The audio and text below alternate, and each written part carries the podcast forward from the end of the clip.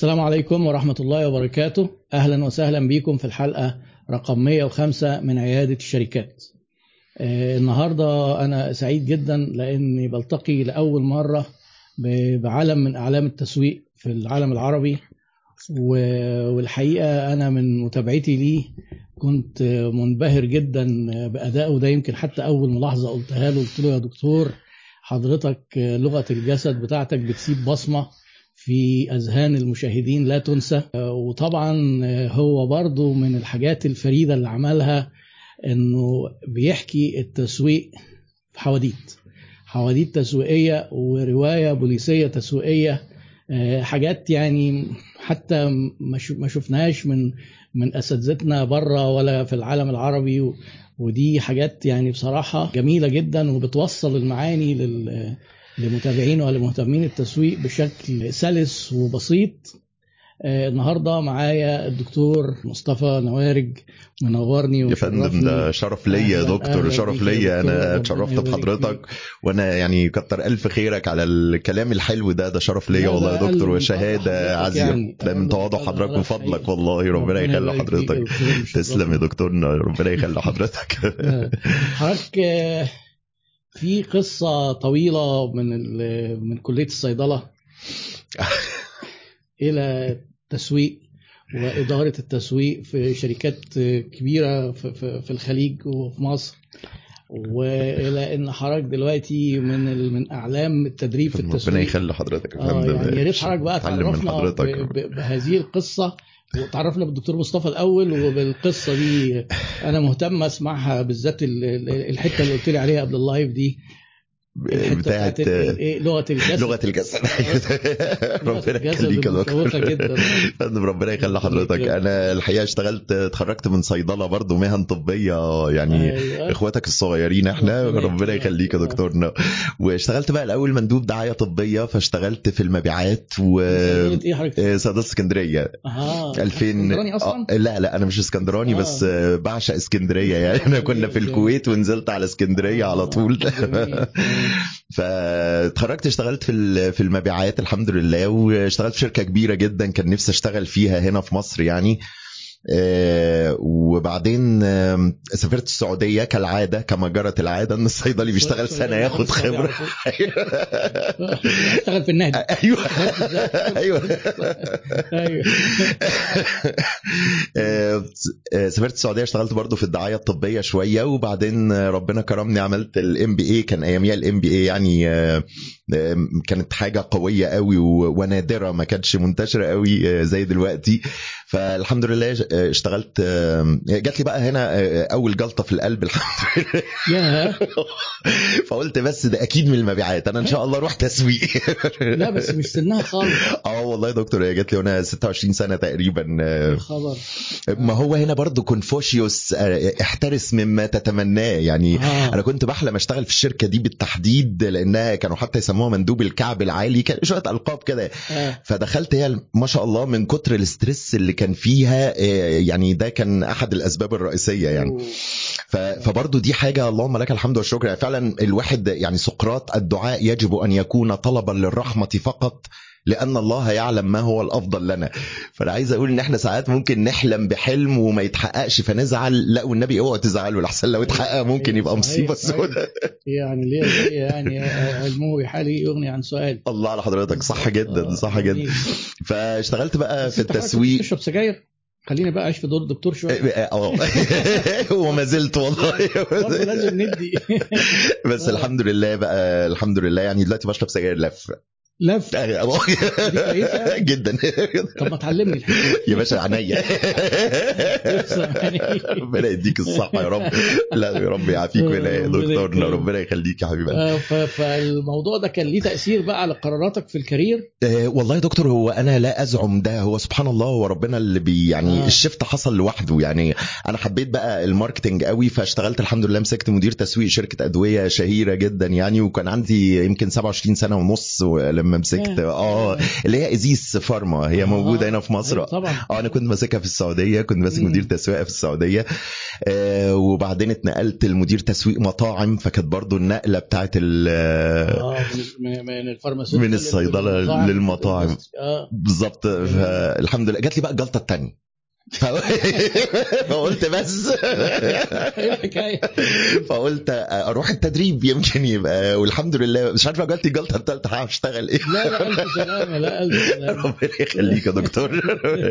فهي سبحان الله هي الشيفت جه لوحده والله. يعني الواحد ما بيبقاش هو الواحد بيجتهد وبيعمل اللي عليه وبيجري.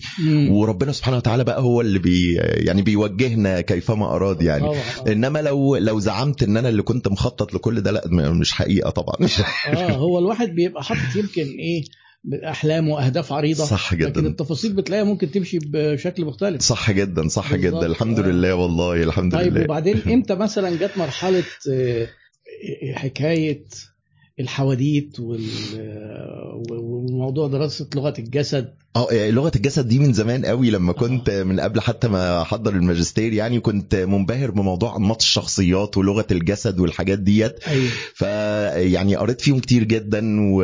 و... وعملت فيهم شوية أبحاث ظريفة وبعدين جات لي الفرصة إن أنا أدرب دربت رجال المباحث في السعودية على لغة الجسد لأنه بقى أسلوب معمول بيه يعني حاليا في كل حتة. إزاي الشخص ده بيكذب لو لمس وشه أو بص فوق يمين أو إزاي إن هو متوتر أو بيخفي معلومات لو خبى صباعه جوه إيده وهو بيتكلم أو حط إيده تحت آه. الكرسي أو تحت الترابيزة أو آه ف... فهي دلوقتي معتمدة في نقدر نقول اللي بيكذبوا خلي بالكم ما تعملوش الحركات دي عشان ما تكشفوش. ج... وأنا كنت بدرس ال... كنت بدرس بتوع المباحث. مباحث ان هم يكشفوا الكذابين أيوه بالظبط. عارف إن في كورس على فكرة ممكن تكسب منه جامد قوي الكذابين إزاي ما يكشفوش. أنا موافق يا باشا أنا موافق. ونبتدي مع الأزواج. بعون الله أي حاجة. على فكرة يعني واحد كان بي- بيكلم واحد صاحبه يقول له أنا أكتر زوج مخلص في الدنيا. قال له إزاي يعني؟ قال له لأن أنا ما اتمسكتش لحد دلوقتي. صح فهو ممكن يبقى خد كورس. ده يبقى برافو عليه والله. ف... واشتغلت بقى في التدريب سبحان الله برضو برضه بالصدفة كنت مقدم سي في في في أحد شركات التدريب آه، اللي في السعودية وبعدين خدوا برنامج تدريبي قوي جدا في المملكة آه، لأكبر سلسلة صيدليات آه، كانت شركة اسمها تداوي الإماراتية نازلة السعودية اشترت 700 صيدلية علشان تاخد التأمين الصحي الشامل. طبعا التأمين. الصحي الشامل ما تنفذش وده برضو حاجة رهيبة جدا من علاقة التسويق بال- بالسياسات وبالقوانين والتشريعات بالظبط.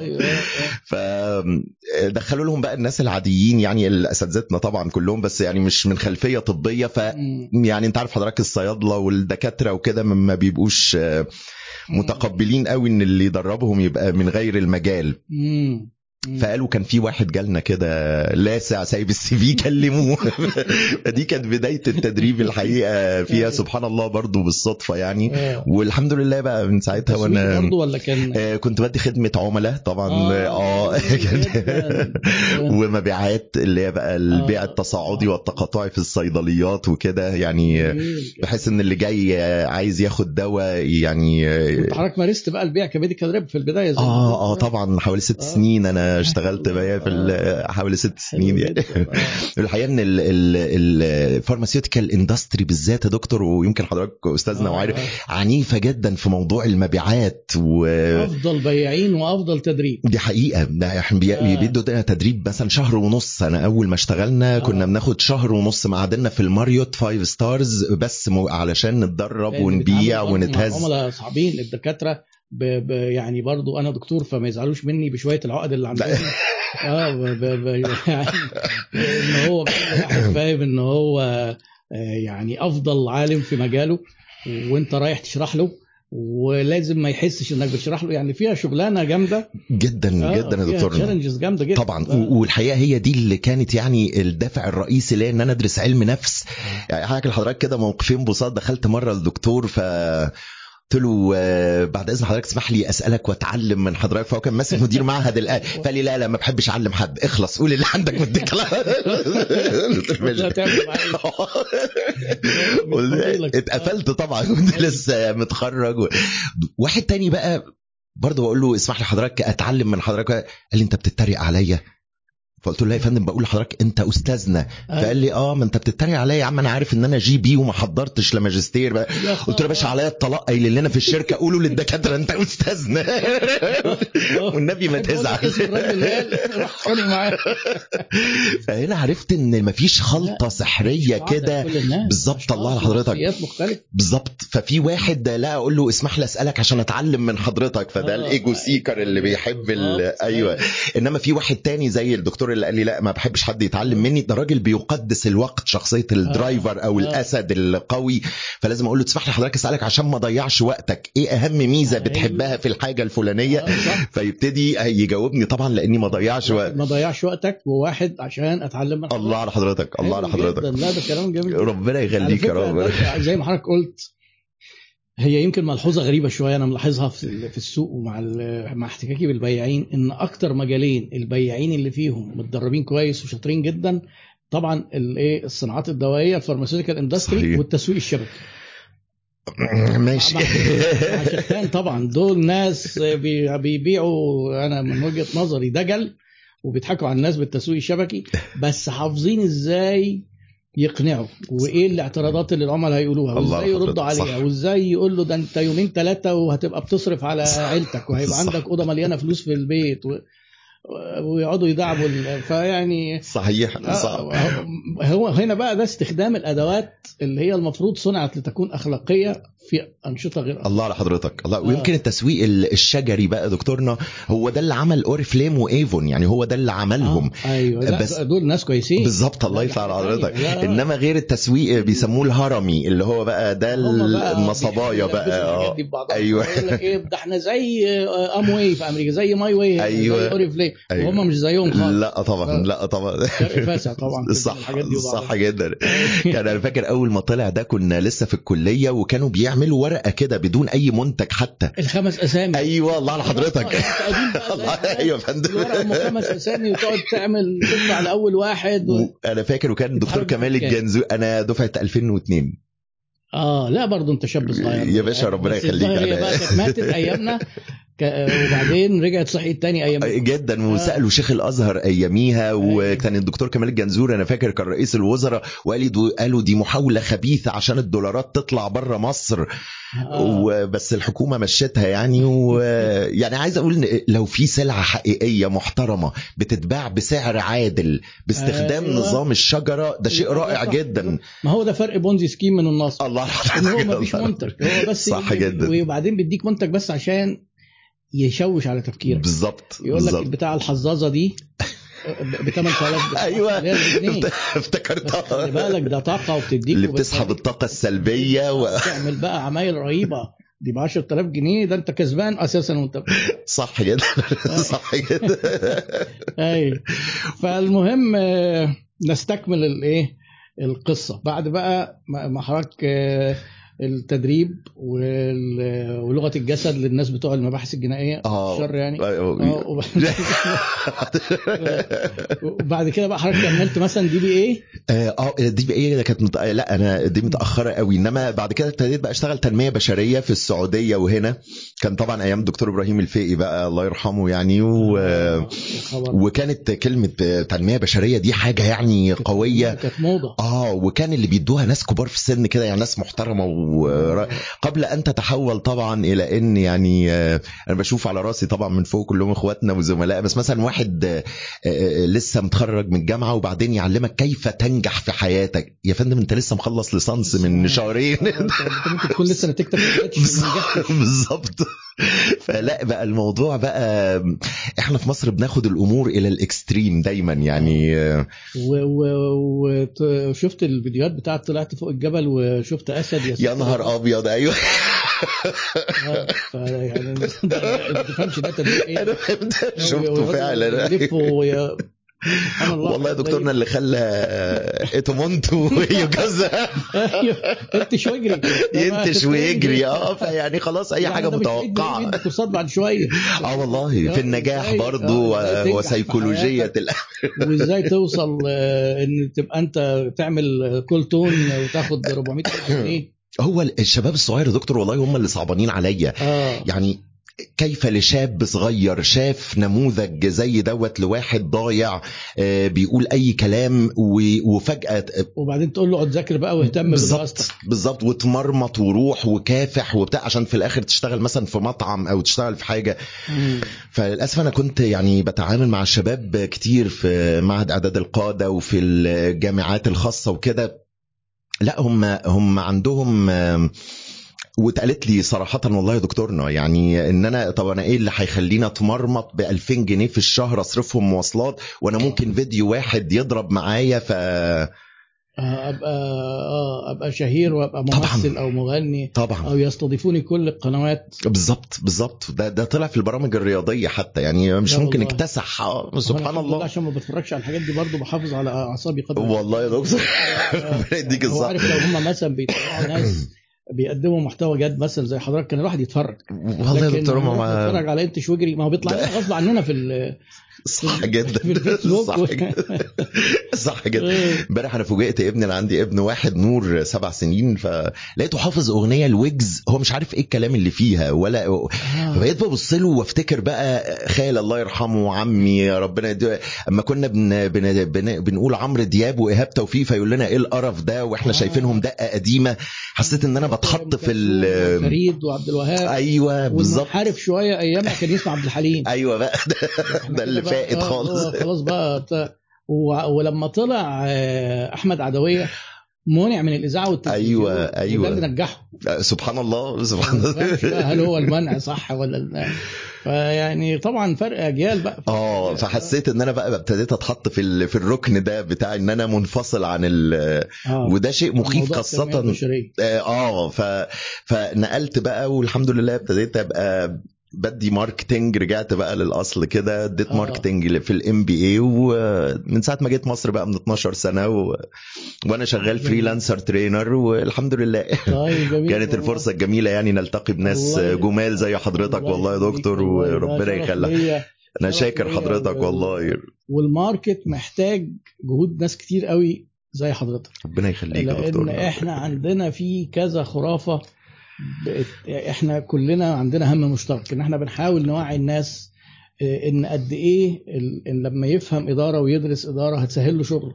وإن مفيش حاجة اسمها إيه الكتب حاجة والتطبيق حاجة. إيه طبعا رأي حضرتك في الجدليات الغريبة اللي بتبرر وترسخ؟ الله على حضرتك. لأن إحنا نقعد كده ما نفهمش ونقعد شغالين كده بمدرسة الحياة. بالظبط بالظبط يا دكتور. هو أبسط حاجة إحنا أنا دايما أقول يا دكتورنا إن إحنا بارعين جدا في إن إحنا يعني نلقي اللوم على أي حاجة إلا نفسي. أنا أنا زي الفل. أيوة. إنما الكورة جت في العارضة. العربية عملت حادثة هي كانت العربية بتتفسح مثلا فعملت حادثة. ما أنا اللي سايقها يا فندم أنا اللي عملت حادثة أنا اللي شطت الكوره غلط جبتها في العارضة. فدايما إحنا بنسعى للتخلص من أي إحساس بيديننا آه. حفاظا على يمكن صورتنا قدام أنفسنا أو صورتنا قدام الآخرين. defense mechanism الله على حضرتك فهي ال defensive mechanism سواء بالإسقاط أو بالإنكار أو بكل الحاجات دي عشان نطلع زي الفل. إنما أنا عايز أقول لدكتورنا وحضرتك طبعا أستاذنا وعارف إن الكتب دي كلها اللي فيها هو جت من تطبيقات واقعية في السوق اتصاغت وات- واتفرمتت على شكل يعني formulated على شكل نظريات علمية. فما فيش حاجة الحقيقة اسمها الكتب حاجة والسوق حاجة؟ آه في modification بيحصل من صناعة لصناعة. آه. في تغيير بيحصل من دولة لدولة على حسب ثقافة الشعوب ومدى تطور التكنولوجيا في هذه. الدولة والحاجات دي. إنما مفيش حاجة اسمها الكتب حاجة وال... والعلم أو العلم حاجة والواقع حاجة. وإلا- بالذات في ال business يعني أنا حتى في ساعات بقول للناس إيه إحنا وإحنا لما كنا بنمارس طب أحيانا تلاقيك مضطر تمارس الطب مختلف عن الكتب شوية. يعني ده موجود في الطب مش موجود في ال business. لأن ممكن مثلا عيان أنت محتاج تشخص له فتبقى في تحاليل مكلفة جدا وهو مش قادر مثلا أو في حاجات ما كانتش موجودة في مصر. طب هنضطر إيه نغير بقى شوية. صح صح. آه، لكن ما فيش عندنا حاجة في البيزنس تخلينا نقول إيه لا ده دي أصلها ما ينفعش تتعمل. هو صح اللي ما بيعرفش حضرتك يعملها. جداً. وعلى فكرة أنا أنا حتى في أول محاضرة عندي في ال... بقول للناس على فكرة الكورس ده وغيره ملوش أي قيمة لأن أنت هتحاول تعمل الحاجات دي مش هتعرف. لأن التطبيق غير إنك تسمع. التطبيق مش سهل. صح جدا. ولازم تبقى فاهم إن إيه إن أنا لما أديك ورقة ومكتوب فيها إزاي تعوم إزاي تركب عجلة الله لحضرتك إزاي تسوق عربية مش هتروح تعوم ولا هتركب ولا هتعمل أي حاجة. فأنت محتاج جدا. لازم إيه؟ تتمر تتمرس وأول مرة صعبة طبعا. وت... وهكذا. هو هنا بقى بتيجي خرافة لما يجي واحد إيه؟ يقرأ حاجة يجي يعملها لا ما تتعملش؟ يقول لك ده كلام كتب. أنا قعدت مصاب بهذه الخرافة سنين وبحاول أوفر السنين دي على الناس. ربنا يكرمك يا رب يا دكتور. لا حضرتك الناس المؤثرين. آه، يعني والحاجات البسيطة عارف حضرتك مثلا لو كنا بنشرح SWOT وتيجي تقول للناس إيه؟ اعمل SWOT. ما يعرفوش يعملوها. فانا ال SWOT دي كانت معقداني وكنت معتبر إنها ما بتعملش. شوف بساطتها؟ هي بسيطة جدا. ده أبسط جداً. tool في صح. ال analysis صح. لكن أنا مريت بال... لأن أنا برضو عشت حياتي في الأول بهبت بقى وبخرف وبعمل وبنشر الجهل وكنت العفو. زي ما بقول للناس الجاهل الجريء. كنت في منتهى الجرأة. وأقعد أعدل على اللي بيقولوا الكلام وأقف أتخانق في الكورسات مع الدكاترة مع إني رايح أتعلم. بس مخي آه، بيقاوم. نقول مثلا حماس واندفاع شوية ولا حضرتك فسرتها بإيه بعد هو كده؟ جرأة الجاهل اللي هو إيه زي ما حضرتك تلاقي مثلا الناس قاعدين بيتفرجوا على الماتش تلاقي كل الشعب المصري مدربين المنتخب. هو ما هوش فاهم في الكورة حاجة. لأنه مش عارف فبيقول لك إيه ده؟ ما تعمل ما ترفع ما تدخل عليه. خش عليه. ويا سلام لو صدفت معاه وجاب مرة صح خلاص. هو آه، ياخدوه مدرب. آه لا كل ما الواحد بيعرف أكتر بيهدى بقى. و... الله لحضرتك وكل ما تفهم في الإدارة وتلاقي إن الموضوع كبير وفيه متغيرات كتير صح جدا. تفهم إن القصة لأ يعني حتى في ناس يجي يقول لك يعني إيه طب طب قول, لنا كده البرشامة الشركة تنجح إزاي؟ السؤال ده أنا كنت أجاوب عليه من 20 سنة، دلوقتي أقول لك لأ يا حبيبي قول لي شركه إيه؟ الله لحضرتك وإيه مشاكلها؟ وتعالى فهمني. عشان كده الناس تقعد تسأل على ال group وطبعا تلاقي في 30 هبداية. إجابات. أدخل أنا اسال اسال كمان اسال فهمنا إيه الموضوع إيه السؤال ده إيه صح؟ صح جدا. عشان نعرف نجاوب. لأن اللي ينفع لشركة ما ينفعش لشركة تانية. بالظبط. يعني شركة معداتها حديثة غير شركة معداتها قديمة. شركة فيها عدد كبير قوي من العمال غير شركة فيها عدد صغير من العمال. آه جميل. فانا دايما كنت أقول يا دكتور إن لو في مطعم في أول الشارع ومطعم في آخر الشارع كل واحد ليه خطة تسويقية مختلفة. طبعا. based على ال internal factors بتاعته يعني. آه فهي أيوه صح. فناس فاكرة إن الموضوع إيه يعني زي رياضيات معادلات. خد البتاع دي صح. خد البرشا برشامه كده خدها وهتمشي في كل حاجة. طيب ده أكيد كانش حد صح. غالب بقى. آه. طيب إيه بقى الموضوع الحواديت؟ آه، والله يا دكتور وأنا يعني حضرتك عارف في وأنا حتى نفسي إن أنا كنت لدرجة إن أنا رحت المدرسة عند ابني وقلت لهم يا جماعة أنا أدرب المدرسين بتوعكم مجانا. إزاي يتعاملوا مع مع الأطفال ومع ال- الشخصيات المختلفة من الطلبة. آه. آه، حضرتك عارف طبعا supporting material الادوات المساندة اللي بت بتقرب المعلومات من الناس اللي هم 2 Qs 2 Ss وال VAT أنا قايل- يعني مختصرهم كده. بقولهم لي بقى دول أنا أول مرة أسمع يا باشا ده حضرتك أستاذنا. ربنا يخلي حضرتك. ربنا ربنا يديك اللي ويكرمك. بتقول مش عارف يا إن أنا فندم بتعلم لحد ربنا يخلي حضرتك. إحنا بنتعلم من حضرتك يا دكتورنا ربنا يخلي two حضرتك. Qs two Ss و VAT ضريبة القيمة المضافة. آه، لا لا. لا. أيوه. حاجة يعني. صح. دي هتعلم علينا. دي دي بتدفع 14% تقول أنا كده اتعلمت. دي هتعلمنا الصبر يا أيوة، دكتور. اتعلم علينا.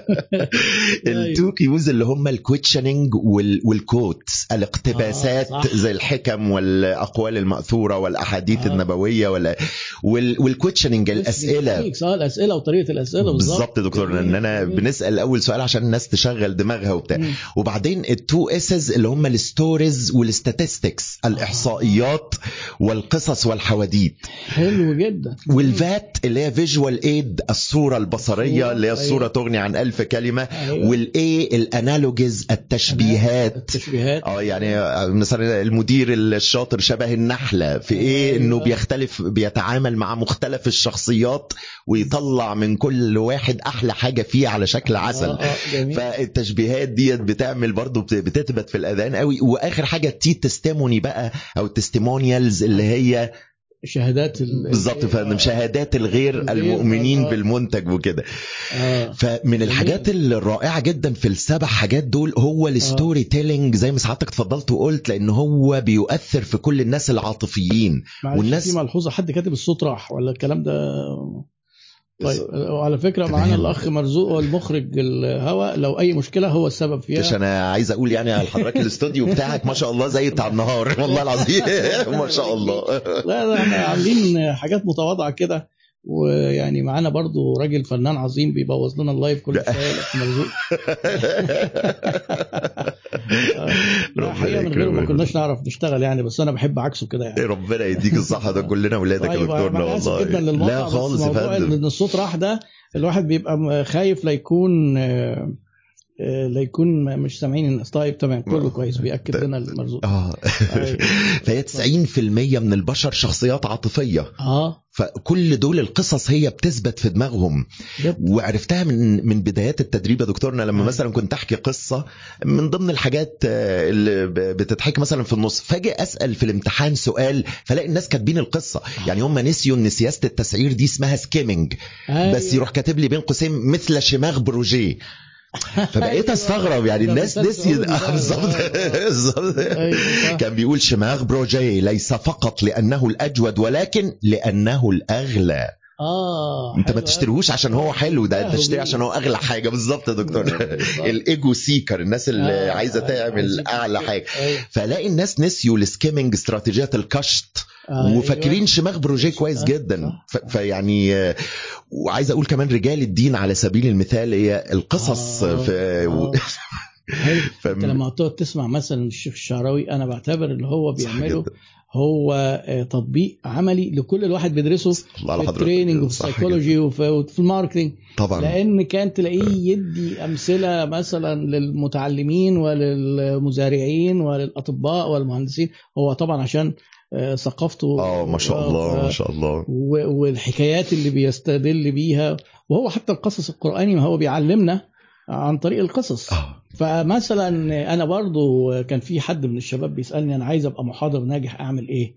قلت له مفهوم إن أنت هتبقى شاطر في اللي أنت هتديه وإنك مطبقه بس احكي حواديت.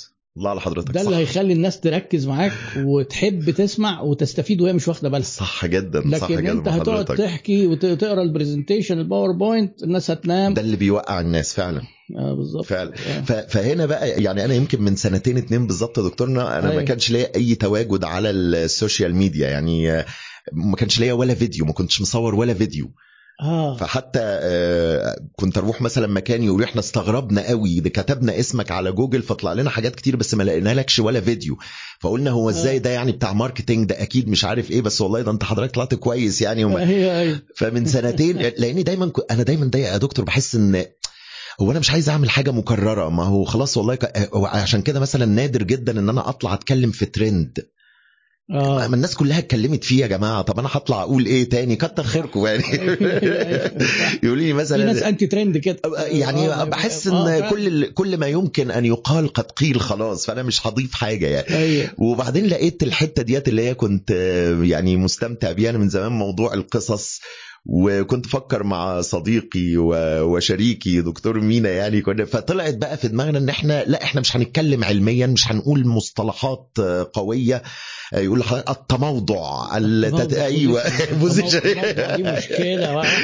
وأنا بشرح قال لي ما هو حضرتك ما- بتقولش التموضع. التموضع ده- دي عايزة ترجمة. دي عايزة التموضع. يا- فقلت نبعد بقى عن المصطلحات الكبيرة دي والهدف إن إحنا نبسط الدنيا. جميل. حتى اللي ملوش في التسويق ممكن الفكرة نفسها ياخدها ويطبقها عنده. آه. من غير ما يعرف إن اسمها التموضع مش مهم الاسم المهم التطبيق يعني. صحيح.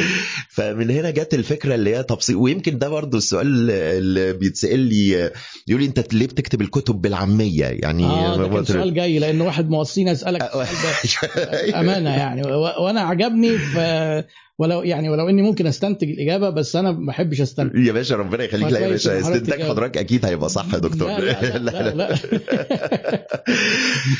هي أنا عايز أقول دي إحصائية موجودة آه. متوسط الكتب التي يقرأها الفرد العربي في السنة ربع كتاب.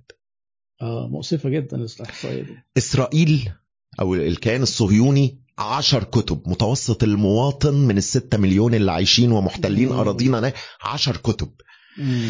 ف... ف يعني شفت بقى إيه أكتر الكتب اللي ب... بتتباع فلقيتها كتب اللي كان أياميها بقى الأستاذ يوسف معاطي والناس اللي هي بتبقى كتب دمها خفيف فيها هزار وضحك الناس برضو مخنوقة آه، زيادة عن آه. اللزوم فمش طالبة معاه وباللغة العامية فقلت لو يعني إحنا لازم نضع نفسنا مكان الآخر بقى في التسويق علشان آه. نقدر نسوي الفكرة فحبيت إن أنا أعملها بال- بالعامية بحيث إن اللي قاعد حتى يبقى حاسس إن هو بيحضر محاضرة يبقى حاسس. إن هو اللغة بسيطة بالنسبة له ما تبقاش معقدة و...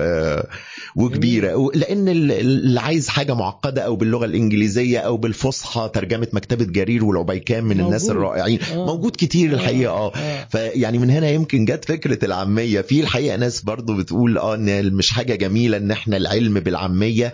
بس الحمد لله يعني ما نثبت القواعد. دي هو برضه صحيح. آه يعني صحيح. يمكن إحنا اتعودنا آه، يعني أجيالنا اتعودت إن دايما ما يقرأ بيكون فصحى.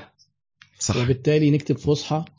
آه، وأنا قعدت سنين آه، برضو كتيرة في المحتوى إن أنا أكتب بوستات بالفصحى بس بدأت أحس إن أنا كده إيه شوية ممكن أبقى غريب بالذات عن الشباب اللي أنا عايز أكلمهم. صح جدا. فبقيت إيه أحيانا قليل أكتب عامية واحيانا أقوم حاطط شوية كلمتين ثلاثة عامية في النص. آه، بحاول ما هو ده نوع من برضه الايه التارجتنج يعني أنت ما دام الله على حضرتك، صح جدا. فيعني طبعا يعني هو هو هو سؤال مش انتقاد بس مفهوم طبعا إن أنت حضرتك لما لأن فعلا ما دام إحنا ما بنحبش نقرأ ما نروح للناس نكلمهم. بلغة أبسط بلغة بسيطة. وباللغة اللي بيتكلموا بيها رجل الشارع العادي. لعل وعسى. والحمد لله يعني الدنيا ما آه، ما شاء الله. أنا شايف إنتاج غزير ربنا يخلي حضرتك يعني، ويسعدك يا رب. يخلي جدا حضرتك. على الهديه يا فندم يعني ربنا يخلي ده دكتور شرف ليا يا دكتور. ده شرف ليا يا يعني غير إن دكتور. هو شرفني بصراحة اهداني مجموعة من الكتب. ويعني في آه، لفتة كريمة والله جدا يا نهار أبيض يا دكتور. ده شرف ليا أنا والله نفسي جدا أقرأ. بقى اللي هي إيه أول رواية بوليسية تسويقية. إيه إيه، احكي لنا كده من غير ما نحرقها عشان الناس يقروها يجيبوها في معرض الكتاب ويقروها آه. والله يا دكتورنا وده كان الحقيقة حلم من زمان جدا أنا كنت آه. عاشق لروايات أدهم صبري والحاجات الحلوة ديت أيوة. ويمكن الجيل بتاعنا كله اتربى الدكتور نبيل فاروق الله يرحمه وبعديه. بقى الدكتور أحمد خالد توفيق وال...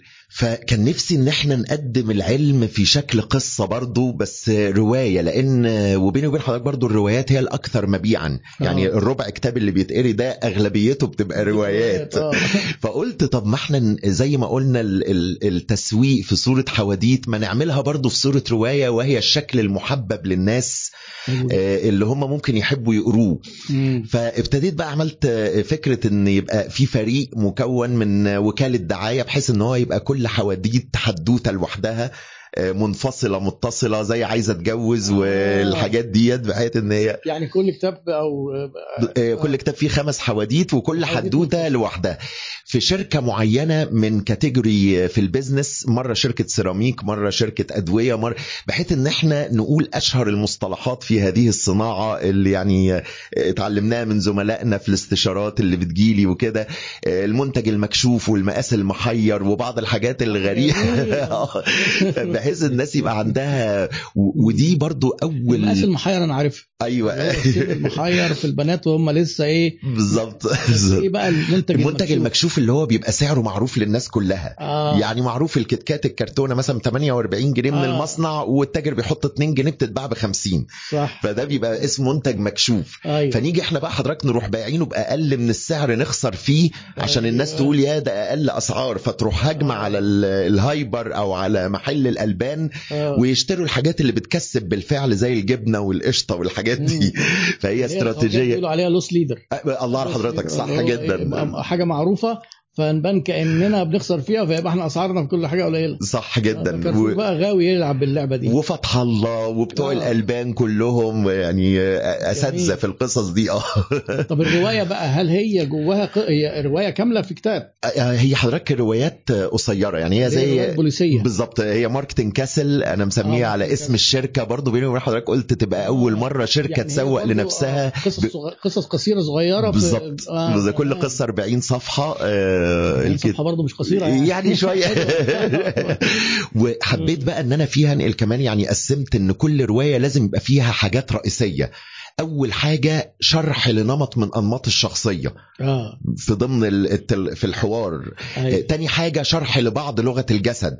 يعني أقول مثلا كان الشخص ده اللي هو مدير الشركة كان قاعد ونظر فلقى أن الراجل وهو كانت ملامح التوتر بادية على وجهه وقاعد ينقر بإصبعه على الكرسي طب تيبنج ما دي كده لغة عربية فصحى. آه، ما أنا ال- الحاجات اللي في النص بقى يعني لغة عربية فصحى هتعجب حضرتك برضه. يعني فيها فصحى وعامية. آه بالمزج يعني. الحوار ال- آه. الحوار بال- بالعامية حوار عامي ولكن ال- الراوي الوصف الله على حضرتك آه. الراوي بيتكلم لغة عربية فصحى برضه حبيت أقول يعني والله يا جماعة بنعرف نكتب. لغة عربية يعني على فكرة أنا في ملحوظة برضو واضحة دلوقتي جدا في ذهني إن كل الإخوة والدكاترة الأفاضل اللي أنا استضفتهم آه، لغتهم قوية وليهم اهتمامات آه، شعرية والناس يعني مثلا كذا حد دكتور خضر دكتور محمود مرزوق آه، كتبوا شعر ما شاء الله ما شاء الله آه، وبرضه الأخ خالد الشافعي أو على الأقل أقوياء جدا في اللغة وبيتذوقوها ويعني ودي على فكرة يعني للأسف يمكن دلوقتي بقت ضعيفة شوية عند الشباب لأن إحنا زمان برضه كان يقول طب إحنا بندرس الكلام ده كله؟ هنعمل بيه إيه؟ ده انت اي حاجة في حياتك محتاجة تواصل والتواصل يعني لغة. الله خصوصا صح. لو انت هتتجه لحاجة مثلا في العلوم الإنسانية زي مثلا إيه؟ التسويق البيع. صح جدا. ده تواصل. طبعا. آه وبعدين لو انت هتتعلم لغة تانية برضو الدراسات لقت بيقول إيه؟ الضعيف في لغته الأولى صعب جدا يبقى قوي في لغته الثانية والله. آه لأنها المخ بيبني على مهارة اللغة. لأن اللغة القوية هي بتديك مهارة. تقدر تبني عليها بعد كده صح جدا ف... فدي حاجة جميلة و... وبرضو ده بيساعد على صناعة المحتوى لما حضرتك بتبدأ الكتاب ده محتوى المقالات محتوى صح. الفيديوهات محتوى فيعني آه، دي برضو حاجة يعني ملفتة جدا للنظر لأنها مش أغلب ده كل سبحان آه الله كلهم آه، يعني ما شاء الله ما شاء الله. آه. آه لا دلوقتي يا دكتور اللي بيتكلم عربي يبقى دي. بيئة دلوقتي. ده دلوقتي علامة الرقي إن إحنا آه. ندخل كلمات انجلش في النص وإن طب إحنا ينفع نشرح التسويق من غير ما نحط English خالص؟ والله يا دكتور أنا هقول لحضرتك إحنا لأ بقى أنا برضو honestly أنا بحط ال أما أنا فبأمانة أستطيع تبا تبا وقعت يا دكتور. فالحقيقة هي مهمة برضو عشان لو هم الناس قاعدين في اجتماع في meeting في حاجة كده مهم برضو ال- ال- اللغة المشتركة. بس دايما لازم يسبقها الترجمة أو يعقبها الترجمة بتاعتها. وإلا الناس بتقع مننا. يعني وحتى الناس مثلا تبقى مكسوفة تسأل بعتذر لهم أقول لهم دي غلطة مم. مني أنا آسف إن أنا ما ترجمتش. مم. الأجانب نفسهم في كلمات عندهم مش شائعة. يعني أيوة. insurmountable مثلا من ال... من الكلمات. في حاجة من كده؟ آه والله. يا دكتور. مستحيلة. هي impossible بس لما آه. ألاقي حد بيتعوج أروح قايل له insur يعني mount يعني هم حتى بيتعو- بيتعوجوا على بعض. أيوه بالظبط. يعني. ده حلو قوي جميلة impossible يعني حتى ال- ال- الأجانب نفسهم في كلام مش مم. مش شائع ما بينهم. فعادي إن إحنا ما نبقاش فاهمين الكلام يا جماعة والله آه، ونسأل ون أنا أعتقد برضو إن إنك أنت إيه، تتجاهل المصطلحات اللي هي الثوابت في في في العلوم اللي عملوها ال- الأجانب بلغتها. يعني مثلا ما ينفعش تيجي تقول مثلا marketing من غير ما تقول four Ps ما هو أربع كلمات بحرف ال P صح. هتقول four Ps وبعدين تقول اللي هي المنتج وال... طب فين ال P بقى؟ حتى فين ال P صح. مش عايزين نقولها four Ps هنترجمها إزاي؟ هتيجي تقول branding طب ال- ال branding دي مشكلة. وزي ما قلنا ال positioning آه. مشكلة برضه. آه آه دي حقيقة. وبعدين إحنا في أمر واقع. وبتوع التسويق دايما هم إحنا يعني إيه لازم نحترم الواقع مش بنغيره. ما هو المجتمع عنصري ما إحنا لازم نبقى عارفين إن في عنصرية ونحترم وجودها. صح. إحنا مبسوطين بيها؟ لا مش مبسوطين. صح. تمام. بس لما نكلم طبقة ما إحنا كده هنتجاهل التانيين. ما هو أيوه فعلا لأن إحنا عايزين نبيع للطبقة دي. إحنا مش عنصريين ولا حاجة بس هو. المجتمع فيه كده. فدلوقتي لما حضرتك مثلا إيه شاب هيدخل و interview وهيقولوا له كلمنا على ال four Ps. يقول له لو سمحت ما تكلمنيش انجليزي أنا هشرح لك اللي ما أعرفش إيه بالعربي. هيطردوه. صح جدا يبقى صح إحنا بنضر الناس. فهو إحنا محتاجين برضو نبقى ماشيين علشان المعرفة بقى للأسف لا ناقه لنا ولا جمل آه. فيها. فهم عاملينها فنفهمها ونترجمها طبعا اللي محتاج ترجمة. بالظبط. يعني طبعا ما في- ما فيش خلاف على إن هي لغتنا آه، يعني إحنا برضو آه، يعني متحيزين ليها وكل حاجة. ولكن لا نفرط آه، ولا ولا نفرط. نفرط. صح آه. جدا. صح مع حضرتك جدا. وسطي يعني. بالظبط. عشان حتى لما يقعد يكلم ناس في شركة مالتي ناشونال أو حاجة آه. آه، ما يتنحش. هو فاهم الحاجة بس عشان مش حافظ الكلمة أو كمصطلح هيبان ان إن هو مش فاهمها بينما هو بيظلم نفسه. فأنا حتى أقول لهم تعالوا يا جماعة نكتبها ونترجم فوقيها أنا مش عايزكم تحفظوا بس غير الحاجات الرئيسية زي ما سعادتك أيوة، تفضلت الكلمات. four Ps positioning segmentation آه. micro marketing آه، عشان تبقى في لغة مشتركة بينهم وبين الآخرين يعني. جميل جميل جدا. طيب فحضرتك بقى إيه لقيت إن ال- ال- الطريقة دي في توصيل المعلومة بالحكي مناسبة إنها تبقى في كتب؟ غير إنك طبعا أكيد متبنيها في في الكورسات صح جدا مش صح كده؟ جدا صح آه. جدا وأعتقد دي من الحاجات اللي هي يعني أنا شايفها إنها تميز حضرتك عن ربنا الآخرين يخلي حضرتك ويسعدك آه يا يعني رب. وهي ربنا ميزة اتعلم منك يا دكتورنا ربنا يبارك ربنا فيك. يخلي سعادتك يعني أنا قريب لسه شايف لحضرتك فيديو حضرتك بتتكلم على إن التسويق كل كتاب مرتبه بشكل ومتفركش وهو الموضوع طلع فيه 360 فكرة رئيسية في التسويق أنا بصراحة ما أعرفش انت حضرتك عديتهم إزاي يعني لما كتبتهم في الخريطة دكتور طلع آه. تحت كده 300 آه. ف... فحتى المقدمة جذابة جدا ربنا يخلي حضرتك وبعدين حضرتك قلت. بقى تعالوا اما إيه نحط الحاجات دي ونشوف الأساسيات دي نفهمها إزاي ونسيبنا من الفركشات اللي بيقعدوا آه، ي- ده, كورس حضرتك بتديه بتهيألي آه آه آه يا دكتورنا هي الحقيقة حتى كوتلر مثلا كوتلر آه. كل سنة تقريبا بينزل كتاب آه والكتب كلها متشابهة بس كل مرة مرتبهم بطريقة مختلفة أيوة. وبعدين مرة يسميه product وفي كتاب تاني يسميه offering العرض آه. آه، اللي هو ومرة يسميه ال value القيمة أيوة. فهو ده يعني أنا شايف إن هو الحقيقة لخبطة هو بيلخبطنا يعني برضو الواحد لما. ابتدى يدرس تسويق من زمان إيه، تحس حضرتك وعايز أقول كمان دكتورنا في حاجات كمان بين العلوم الإدارية آه، مناقضة لبعضها يعني أنا دكاترة الإدارة مثلا ال goal وال objective الغاية. والهدف في. في ال management في أمهات الكتب في في الإدارة يقول لحضرتك آه، آه، ال- الجول هو الهدف العام. وال objective هو ال SMART المحدد بكمية وزمن في الخطة التسويقية بتوع التسويق يعكسوها يقول. لحضرتك ال objective هي الحاجة العامة إنما الجول هي اللي محددة بكمية وزمن آه آه فده تناقض واضح جدا من الحاجات يعني الصريحة. آه آه فمحتاجين توحيد المصطلحات حتى ما بين الإدارة والتسويق وما بين. التسويق وبعض التسويق. وبعض برضو. آه، مثلا البيئة ال- البيئة الخارجية الحميمة اللي هي ال intimate environment. واسمها ال micro environment الإنجليز بقى حاجة والأمريكان والأمريكان حاجة الله لحضرتك آه. الأمريكان عشان كاجوال فيقول لحضرتك task environment بيئة المهام اللي هو آه. المستهلك والمنافسون والمتعاونون أيوة. فيسموها بيئة المهام في ال- البريطانيين يقولوا intimate environment البيئة الحميمة أو اللصيقة على أساس آه. إنها لازقة في الشركة اللي هي المايكرو فتلاقي ده حضرتك كتير جدا كده وبعدين آه. تلاقي مثلا حضرتك الخدمات المجانية في ال positioning يسموها total value propositioning عرض القيمة الكلية. وموجودة في ال promotion تحت اسم ال service في ال sales promotion في. ترويج المبيعات. وموجودة في مستويات المنتج الثلاثه في ال product باسم ال augmented product المستوى. الثالث اللي هو. المنتج المعزز. ال augmented. product. فتلاقي حضرتك نفس ألو... نفس الحاجة في كل فصل ليها اسم مختلف آه. فده بيدخل الدنيا في بعضها فالحقيقة ببقى دايما حريص وإحنا بنتكلم إن إحنا عشان أنا وقعت في الفخ ده زمان آه. يقولوا لي task environment فأنا حافظ كويس قوي إن هي intimate environment بس task environment مش في دماغي. فأقول له لا ما أعرفش والله. أحب برضه أنا زي حضرتك أقول لا والله ما أعرفها. أطلع عارفها في الآخر. بس هو آه متنكرة بالظبط بالظبط يا دكتور. أيوة. محتاجة الحقيقة ربط آه، رهيب جدا. فدي من الحاجات برضو اللي هي عشان بقى الحاجة بجد تبقى مهضومة. وده كان سؤال يمكن بجيبه دايما في امتحانات الماجستير والدكتوراه كده آه، أيوة. تعقيد. يعني هو. آه، 12 جملة على اليمين وعلى الشمال. وصل الحاجة ب... آه. هما الاثنين مصطلحين لكلمة واحدة. لحاجة واحدة وتوصلوهم ببعض. بالظبط. ال task environment حاجات ال intimate بياخدوها في ابتدائي بقى وبتاع يا ريت والله يا دكتور. مكلكوعه جنب لا والله يا دكتور. هي زي ما هي أنا جايبها زي ما هي.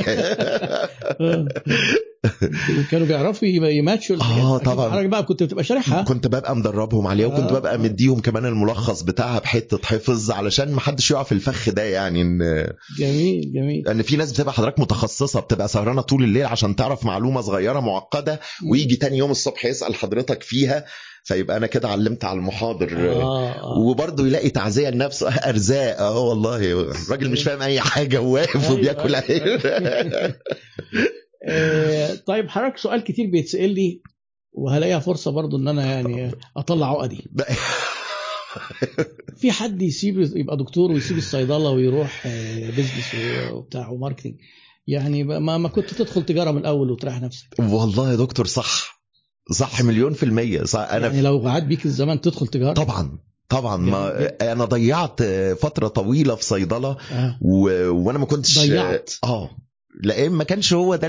بس طبعا أنا مستفيد منها جدا وبحب الأدوية. يعني أنا من. الناس اللي بحب آخد دواء. يعني مثلا ألاقي الشريط فيه حباية واحدة شكلها آه والله العظيم أروح الله كانت افلام مسكن برضه. احتياط يكون عيان ولا لا يا دكتور. نظام بدل ما نرميها. أيوه لا مش. لا يا جماعة يعني لو سمحتوا don't try this at home لا لا أنا معاك. ما حضرتك. تجربوش الحاجات دي في البيت. مفيش داعي تلف تاخد الدواء. الأدوية اللي فاضلة دي. يعني حضرتك ده اللي طلعنا بيه من كلية الصيدلة. آه. وبعدين تجد حضرتك بقى انك انت فعلا ضيعت وقت. ليه؟ أنا مرة كنت فاكر كنا معزومين عند صديق عزيز. أيوه. كنا أربع أصدقاء بزوجاتنا بأسرنا وكده. أيوه. ف... وكانوا عاملين سمك. ففي آه، زوجة أحد الأصدقاء الأعزاء. أيوه. فقالت لي صحيح يا دكتور أنا عندي برد. أكل السمك ولا لأ؟ آه. والله العظيم يا دكتور السبعة اتكلموا. أنا ما لقيتش وقت أتكلم. يقول لا لا لا كبري دماغك. أنت آه. بتصدقي الكلام ده ولا إيه؟ قالت لهم طب والله الحمد لله. وراحت واكلة وأنا واقف. كنت مش فاضي كنت بتاكل أنا لا والله ما لقيتش وقت أتكلم. يا دكتور قلت لهم على فكرة أنا الوحيد اللي ما تجاوبتش على السؤال. زي ما حضرتك بتقول نفس نظرية كورة كده. هو آه. كل واحد شايف برضو إحنا كلنا يعني. شايفين نفسنا إن إحنا دكاترة ومح... كل حاجة. فاهمين كل حاجة. آه. فبيني وبين حضرتك بس إحنا وإحنا في السن ده يا دكتور أنا دايما أقول إحنا مظلومين. آه. إحنا عمرنا ما تربينا إن إحنا ناخد قرار. صح. وإحنا صغيرين عيب ترد على أخوك الكبير طب اخويا الكبير بيقول حاجة غلط مين اللي قال ان عيب ان أنا ارد على اخويا الكبير فعلا. عيب تناقش أبوك عيب آه. تناقش مدرسك أيوه. ونسمع حاجات كتيرة وأنا لا ده ما تبرقش و. آه، إيه؟ نعم. اسمها حاضر يا قليل الأدب مش نعم. أيوه. يجوا يشوفوا دلوقتي. انزل من على وداني. نزلت اي سمعت. ف- ففعلا ما تربناش إن إحنا ناخد قرار. ما تربناش إن إحنا عشان كده لقيت أول ما جيت حتى كنت مذهول جدا إن مثلا أشوف حد فأعمل شخصيته. أنا بقالي 22 سنة في القصة دي فأقول آه والله الشخص ده أسد. فأجي مثلا بقى أقول له أنا فرحان بنفسي برضه وفاكر إن أنا فأقول له آه وحضرتك طبعا قراراتك سريعة. يقول لي لا ما بعرفش أخد قرار. فالأول كنت بقول إن أنا شخصت الشخصية غلط. آه. وبعدين افاجئ مع العشرة لا على النعمة هو كده. هو صح. هو driver هو expressive ال module بتاع ال drive بالظبط. القرار بقى دار بالظبط. فقعدت أفكر فيها كتير جدا لقيت إن إحنا فعليا إحنا ما حدش إدانا الفرصة ناخد قرار. حتى الكلية بتاعتنا مجموعنا اللي بيحددها مكتب آه. التنسيق اللي بيحدد خسارة- لنا. خسارة يبقى أنت جايب مجموع صيدلة ولا بالظبط. بالظبط. وفي الوقت ده الحقيقة ولا كنا نعرف أنا هبقى كويس في صيدلة ولا كنت بحب تجارة برضو. فبيبقى إحنا في سن مبكرة قوي إن إحنا نحكم. نفسها ما كنتش عارف بتوع التجارة بياخدوا إيه.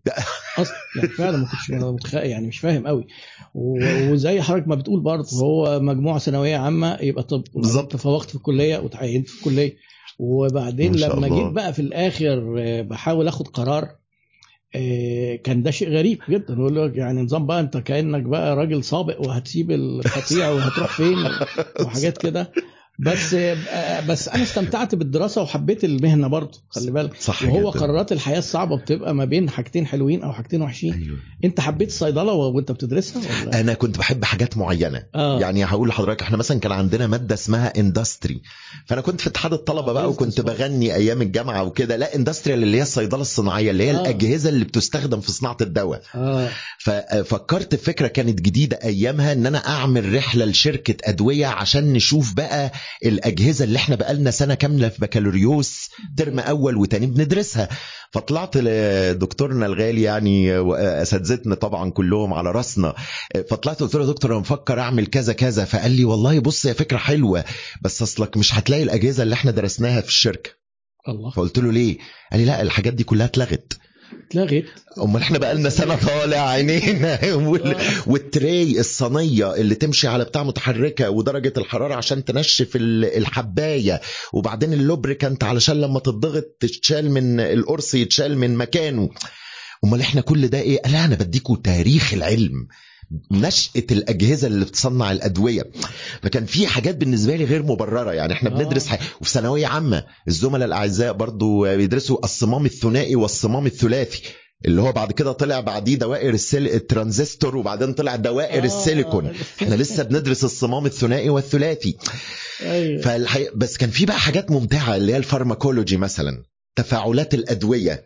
آه. إيه الدواء اللي يزود مفعول دواء معين؟ إيه أيوة. الدواء اللي يقلل مفعول دواء؟ إيه لو بتعمل تحليل ومش عايز يطلع حاجة في الدم تاخد إيه علشان يدوبه فينزل مع ال urine. ويظبط الدنيا؟ ف... فدي كانت بالنسبة لي حاجة ممتعة جدا مع إنها كانت من المواد الصعبة. آه. أنا فاكر أنا نتيجتي في سنة ثالثه صيدلة والله يا دكتور إيهاب كانت ال pharmacology دي أصعب مادة كانت ال pharmacology امتياز بفضل الله آه. ومادتين جيد جدا. ما بين طب آه طبعا لأن هي أساس آه، طبعاً هي الأدوية. آه. آه ومادتين جيد جدا مم. ومادة ساقط ومادة غايب. يعني ما كانش ليا نفسي أروحها فمره واحدة ما كنتش- فهي برضه الواحد آه، في يعني في ناس كده لو حب حاجة يندمج معاها قوي. والحاجة اللي تقيلة على قلبي أنا كده من زمان يعني والحاجة اللي تقيلة على قلبي خلاص ملهاش لازمة يعني ما طب دلوقتي حضرتك واضح من آه، علاقتك بالبزنس إن هي مدخلها التسويق. يعني قد إيه التسويق يعني مقارنة بال- آه، بالعلوم الدوائية؟ في فرق كبير ما بين حبك ليهم وانتمائك صح. ويعني انت انت تحس ان انت جواك صيدلي ولا مسوق؟ والله يا دكتور آه، السؤال صعب جدا. أه أنا لغاية دلوقتي على فكرة يعني آه، شوية شاطر في بعض الحاجات اللي في الأدوية آه. وبحس إن هي لا بتخدم جدا. يعني أنا كنت مثلا بدرس في الإنتاج الحربي كنا أشتغل قعدت أربع سنين مع الأكاديمية البحرية بدرس رؤساء القطاعات في الإنتاج الحربي. فكنت أخلص المحاضرة وناخد بريك وزارة الإنتاج الحربي آه، هم. الأكاديمية البحر غير الأكاديمية العربية للنقل البحري. لا الأكاديمية العربية للنقل البحري هي اللي بتقدم الكورسات لل... آه. لوزارة الإنتاج الحربي. الحربي فأنا كنت أيوة، تبع الأكاديمية بس ممثلهم يعني آه، في وزارة الإدارة. مفهوم، آه،. فكنا بس كل الزملاء بقى أنا كنت ماسك رؤساء القطاعات اللي هم فوق آه، 55 سنة وكده. فطبعا الضغط والسكر والحاجات دي. آه. فكنت أشتغل آه، ال course وبعدين في ال break أقعد أكتب بقى أدوية ضغط ونكتب مش ونحلل آه في ال break صيدلي أيوة. مسوق آه، آه، قبل ال break وبعد ال break. أيوة، لغاية ما يجيبوا. مدرس فرنساوي. فلا هي حاجة ممتعة جدا ومفيده جدا برضو آه. لما يعني في في مواقف كتيرة الحقيقة كانت الصيدلة فيها عظيمة. ومفيدة طبعا. وبرضه حضرتك يا دكتور الطب والصيدلة والهندسة وكل الكليات بس الحاجات دي بتعلم قوي منهجية التفكير صح. وتنظيم الأفكار وإزاي نحفظ بسرعة وإزاي نلخص المعلومة المعقدة في صورة مبسطة. عشان نفتكرها في الامتحان. فأعتقد يعني إن هو كله بيصب في مصلحة بعضه يعني كلها بتنمي الذهن وبتعلم منطقية بس التفكير برضه الحقيقي. لو حضرتك آه، رجع بيك الزمن. أختصر. أختصر السنين دي كلها السنين دي. آه وكنت دخلت تسويق وتجارة من البداية والله. وما كنتش هتلف بقى تكتب أدوية. لا. ما كنت- ما كنتش عايز أقول لحضرتك كمان والله يا دكتورنا آه. وإحنا في السعودية فكان الصيدلي عايز أقول كان مرتب 3000 دينار. وكنت أعرف آه، أحد آه، أصحاب والدي يعني كان في السعودية سنة 80 كان بياخد 3500 ريال. آه. والصيدلي في 2006 و2007 كان بياخد 3000 3500 ريال. برضه. والله العظيم. فتخيل آه. حضرتك ال- الس- في 30 سنة فرق وهو الحاجة ثابتة. ودلوقتي الزملاء الأعزاء. برضو هناك بياخد من 3 ونص بيبقى في بقى بدلات ومش عارف إيه بس هو المينلي 3 ونص. فللأسف الشديد بقت المهنة يعني زاد العرض فيها تحس أكتر من. قوي يا دكتور قوي طب تنصح الصيادلة بقى دلوقتي إيه ده سؤال برضه ناس موصين آه آه إن الصيادلة في مأزق مع زيادة العرض آه فتح صيدلية. أنا بعتبر إن الصيدلية يعني شوية من الأنشطة اللي هي تبدو من بره هلا هلا آه، يعني وبعدين ال- ال- الوظائف المتاحة في شركات الأدوية مش بالحجم وخصوصا الشركات الكبيرة. صح. فدي معضلة على فكرة آه والله يا دكتور معضلة كبيرة جدا الحقيقة تقدر تساعد الصيادلة الشباب حديث التخرج أو اللي داخلين يدرسوا صيدلة تقول لهم إيه؟ آه هقول لحضرتك هو طبعا أنا كنت في لقاء كده من فترة بسيطة مع أحد الإخوة الأعزاء وكانوا الزملاء برضو بس هو صيدلي أصلا والكوميونتي بتاعه كله فكان الزملاء الأعزاء بيسألوا طب نفتح صيدلية دلوقتي ولا نستنى شوية؟ آه مثلا أنا رأيي الشخصي هو حضرتك بتعرف تعمل حاجة تانية غير الصيدلية؟ لا. خلاص افتح صيدلية دلوقتي ودلوقتي مش بكرة لأن ال ال 1000 جنيه أنت هتشطب الصيدلية مم. لو بتشطب الصيدلية دلوقتي ب 1000 جنيه بعد شهر يا عالم هنشطبها بكام. مع انخفاض. المستمر لقيمة الجنيه صح ولسه مم. مم. يعني نقول ولسه ف... فلا أنت طالما ما قدامكش حاجة تانية فما عنديش إيه. رفاهية الرفض مم. فلا هتفتح دلوقتي أحسن ما تفتح بعد شوية تلاقي كل حاجة الأسعار ضربت في اتنين طب اللي ما عندوش الإمكانية المادية ال- فتح الصيدلية آه. برضه الموضوع مش ده آه. محل مثلا تلاقي يقول لك إيه مثلا المتر ب 20000 جنيه آه. آه ده إيه ده ده ينفع صيدليه آه ده ب 100000 جنيه آه بالظبط بالظبط آه. هو اول ما كانوا بس والله أنا بقول لهم حرام عليكم يا جماعة الكلام ده كان زمان. دلوقتي للاسف الموضوع ما بقاش مجزي للدرجه يعني تخيل حضرتك مثلا اعلى ساعه للصيدلي دلوقتي في مصر 600 جنيه ده في الصيدليات. العظمى يعني آه بس حضرتك وضح الساعة دي احسن هيتحسب لا لا من غير ما إيه ده بيشتغل في اليوم 8 ساعات يعني ياخد 5000 جنيه في اليوم لا هي عندنا الساعة هي الساعة آه لكل يوم لمدة 30 يوم. خلي بالكم الساعة يعني 30, 30 ساعة, ساعة بالظبط آه بالظبط. يعني وقفت الساعة بكام؟ ب 8 أغلى جنيه. ساعة. ب 8 جنيه 9 10 جنيه حاجة آه، كده يعني. يقصدوه بقى الصيادله يعني. لا والله. ده تعاطفك لوحده مش كفاية لينا والله. أيوه أنا عارف أنا عارف القصة. آه، يعني آه. البير وغطاء كله إيه، مشكلة كبيرة. صح صح جدا. وبعدين كمان في قرارات يعني آه، في ساعات بتلاقيها بتصعب المهمه على الصيادله لما يقول لك انت هتشتري الدواء القديم بتبيعه بسعر قديم لو زاد مش تيجي تقول طب نعوض بقى؟ لا ده إيه القديم بقديم آه والجديد ولو باع القديم بسعر جديد تلاقي ال- الزباين ممكن يتطاولوا أو يقولوا ده نصاب أو كده. أو ممكن آه. ممكن يحصل له مشكلة جامدة جدا. آه. ما انت فاهم حضرتك بالظبط بالظبط. وكان بتبقى- الزملاء كان اصدقائي اللي فاتحين صيدليات كانوا يس... تخيل حضرتك يخلوا الفاتورة عندهم ويقول له اتفضل ده زاد سعره. يعني بيوروا العملاء الفواتير عشان يصدقوا آه. إن ال... ال... مش بإيده الزيادة ولا هو بيضح... بيضحك عليهم. فهي الحقيقة كل ما الزيادة السكانية زادت مع أعداد الخريجين الرهيبة بدون حساب مع عدم توافر القدرة المادية أو ضعف القدرة المادية عند الناس فكل ال business هيعاني. يعني أي أي مشروع هيعاني. آه، بالنسبة بقى للصيدليات بالتحديد يا دكتورنا هي دلوقتي في مجالات حديثة في الصيدليات يعني دلوقتي. مثلا مصر كلها بتعمل diet آه. يعني آه، آه، كله بيعمل diet. آه. ومحد healthy food بقى والادويه ال healthy food والحاجات الحلوة دي. آه. ففي دلوقتي تخصص في الصيدلة الحديثة nutrition آه إزاي إن إحنا ناخد العناصر كلها عشان بالنسبة للستات ما يأثرش على شعرهم وبشرتهم وضوافرهم وفي نفس الوقت نخس والتحليلات اللي تتعمل وال InBody جهاز ال InBody اللي بيقيس ال body mass index ونسبة أيوة، أيوة أيوة. العضلات ونسبة الدهون آه. وإيه الحاجات اللي بتخنك أنت بالتحديد جسمك وإيه الحاجات اللي ما بتخنش فتخيل حضرتك لو في صيدلي تخصص في حتة ال nutrition دي هيفتح إيه بقى؟ حي... جوه الصيدلية. لا آه، لا هو في الصيدلية آه، جوه يقدرش الصيدلية يفتح آه، مثلا مركز تغذية لا. ممكن برضو يفتح دكتورنا معلوماتي إنه ممكن, ممكن. يفتح مركز تغذية. آه، آه بدليل إن. في ناس ولا دكاترة ولا صيادلة وفاتحين مراكز تغذية كبيره دول مش دليل. ده في ناس مش شغ... مش دارسة أي حاجة وبتفتح أي حاجة. صح. ده- على البركة. البركة دي موجودة في كل حاجة يعني مش آه آه. لكن أنا قصدي هل بموجب الشهادة؟ أصل أنا ليه كنت بسال حضرتك؟ لأن كان السؤال اللي هسأله لك بعد كده. انت ملاحظ ان في صيادلة كتير بيعملوا career ش... career shift آه. ما هو ده ممكن يكون إيه جوه ال career. بالظبط. ال career بدأ يكبر نحاول نشوف فرص تانية غير التقليدية ان أنا ابقى medical rep أو اشتغل في صيدلية ب 600 جنيه في الساعة ب 8 جنيه في الساعة آه. الحقيقة أو أشتغل في أو أمتلك صيدلية وأبويا بقى يبيع اللي وراه واللي قدام آه. آه.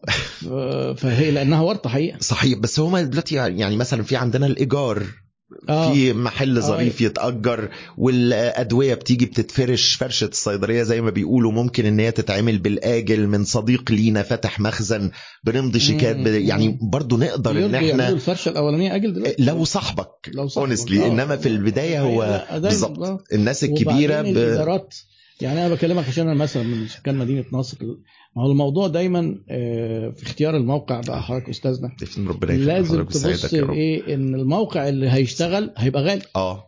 وهتلاقي الأرقام العادية في المواقع اللي هتشتغل دي 30 و40 و50 ألف جنيه في الشهر. صح. فيعني صح جدا. ما ما هيش مش زي ما الناس متخيلة. للأسف اللي بره فاكر إن هو يجي ناس مثلا مش صيادلة خالص. أها. يقول لك عايز أشترك صيدلي ونفتح صيدلية. يا عم. ده هم يعني هم مضطرين ده هم بيهربوا. آه.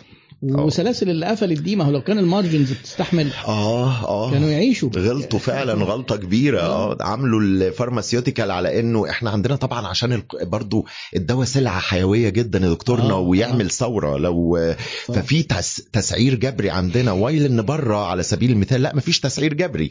يعني آه. الأدوية في السعودية مثلا الأوروبية كل شهر ليها سعر على حسب سعر اليورو. آه. فالدنيا flexible معاهم شوية. لا لا ما عندهمش مشكلة آه. كبيرة في القصة دي آه، بينما مثلا ال pricing في مجال الأدوية في مصر هنا ملوش أي قيمة of course التسعير ملوش قيمة خالص هو كل دواء بينزل. بالظبط كده أيوة. بالظبط وينزل عن اللي قبليه تحتيه لازم 10% وخلاص فما ما فيش تسعير في كان ليا تس صديقي صيدلي كان كان بيحضر معايا في ال MBA فهو كان شغلته وقتها مدير في إدارة تسعير في شركة من الشركات multinational آه قلت له أنتوا بتعملوا إيه؟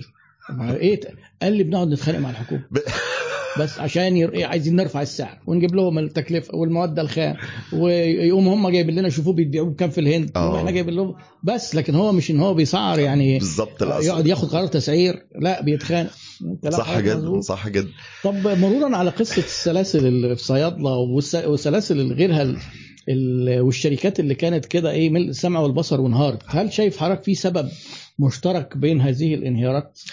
والله يا دكتورنا يعني هو للأسف برضو في- دلوقتي حاجات غريبة في ال business. آه. يعني كنت مرة عامل فيديو اخسر أكتر تكسب أكتر. يعني حضرتك عارف قصص التمويل آه، واللي هي الحاضنات الأعمال آه. ومسرعات الأعمال والسويفل والناس دي.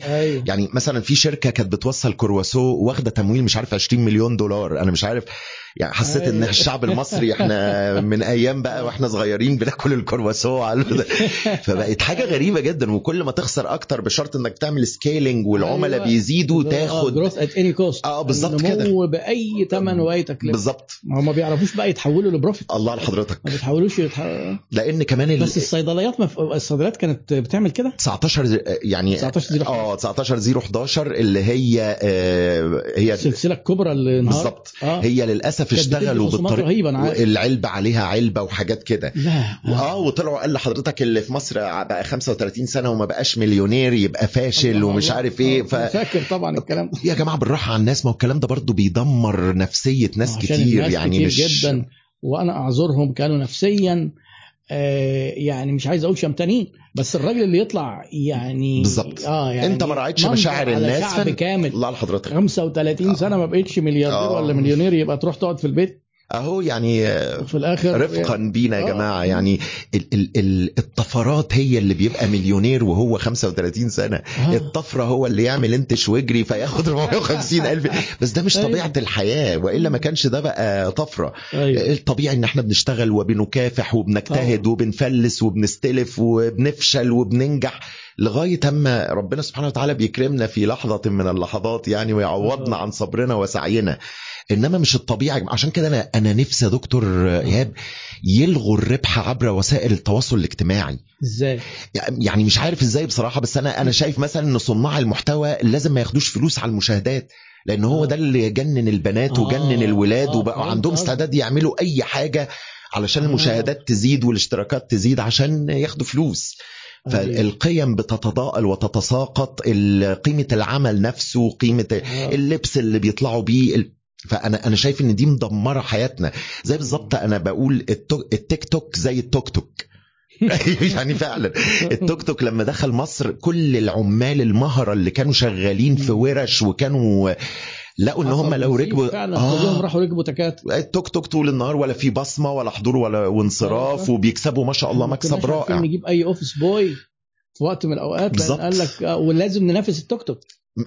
عشان. يجيبوا يقعد في آه. شركة وحضور وانصراف آه، لا يقول لك أنا هركب توك والنقاشين تقعد معاهم يقول لك الصبيان سابونا أيوة. يعني ما عادش في حد صح ده جدا بعض صناعيه كمان راحوا آه. سابوا صناعتهم وركبوا وركبوا التيك فهو زي نزيف الوقت بالظبط. ده ده الشبه اللي آه دلوقتي بقى الت- التيك توك التيك توك كله ساب الشغل الحقيقي اللي بيقدم قيمة اللي بي بيدخل في الإنتاج ويساهم آه. في الاقتصاد القومي وشايف إن هو لو عمل فيديو حلو وخد 5 مليون مشاهدة بخمسة ب 5000 دولار والدنيا زي الفل شغلانة إيه اللي هتجيب له 5000 دولار في آه. في الشهر يعني آه. فده بالإضافة طبعا إن ال- القيم اللي بتطحن في النص وكمجتمع شرقي يعني. آه، فيعني يا ريت يا ريت إن مش عارف يعني يا ريت يلغوا الربح عبر وسائل هو- التواصل هو الاجتماعي ده يعني, يعني هو تمني يعني ولا- أعتقد مش ممكن لأن هي الشركات ده مصدر دخلها من الإعلانات وهم بيحاولوا يقتسموا هذه الإيرادات آه آه. مع صناع المحتوى يشجعوهم يبقى المحتوى ينتشر عشان يتحط عليه إعلانات عشان ف... طب ناخد منهم 70% ضريبة دخل. آه، يعني آه، أصل أنت آه. ما بتعملش حاجة أنت بترقصي قدام الكاميرا فبتاخدي بس بلاش- 5000 دولار بتوع التسويق. لا ده بتاع التسويق غلابة. بتوع التسويق غلابه يا باشا آه، أحسن يجيبوا علينا يقول لك كمان ما أنتوا بتدوا كورسات أونلاين تعالوا ناخد 70% والله يا دكتور يعني. فاكرين؟ آه يا دكتور يعني هو في حضرتك في شغل احتاج مجهود سنين علشان يطلع للنور. وفي شغل ما احتاجش أي مجهود خالص آه. آه، اتعمل بكاميرا في أوضة أنا آسف في أوضة النوم أيوة. معظم الناس بتعمل الفيديوهات من أوضة.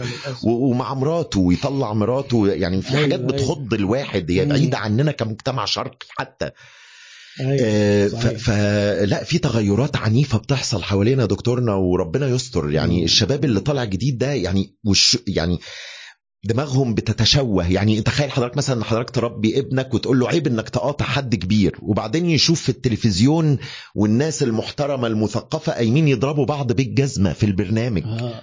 في الاتجاه المعاكس في القناة لياها وفي وعندنا في القنوات. فأنا هنا بشوه نفسية الأطفال دوت. بشوه نفسية صح، الطفل وب... صح. وفي تناقض رهيب هم شايفينه.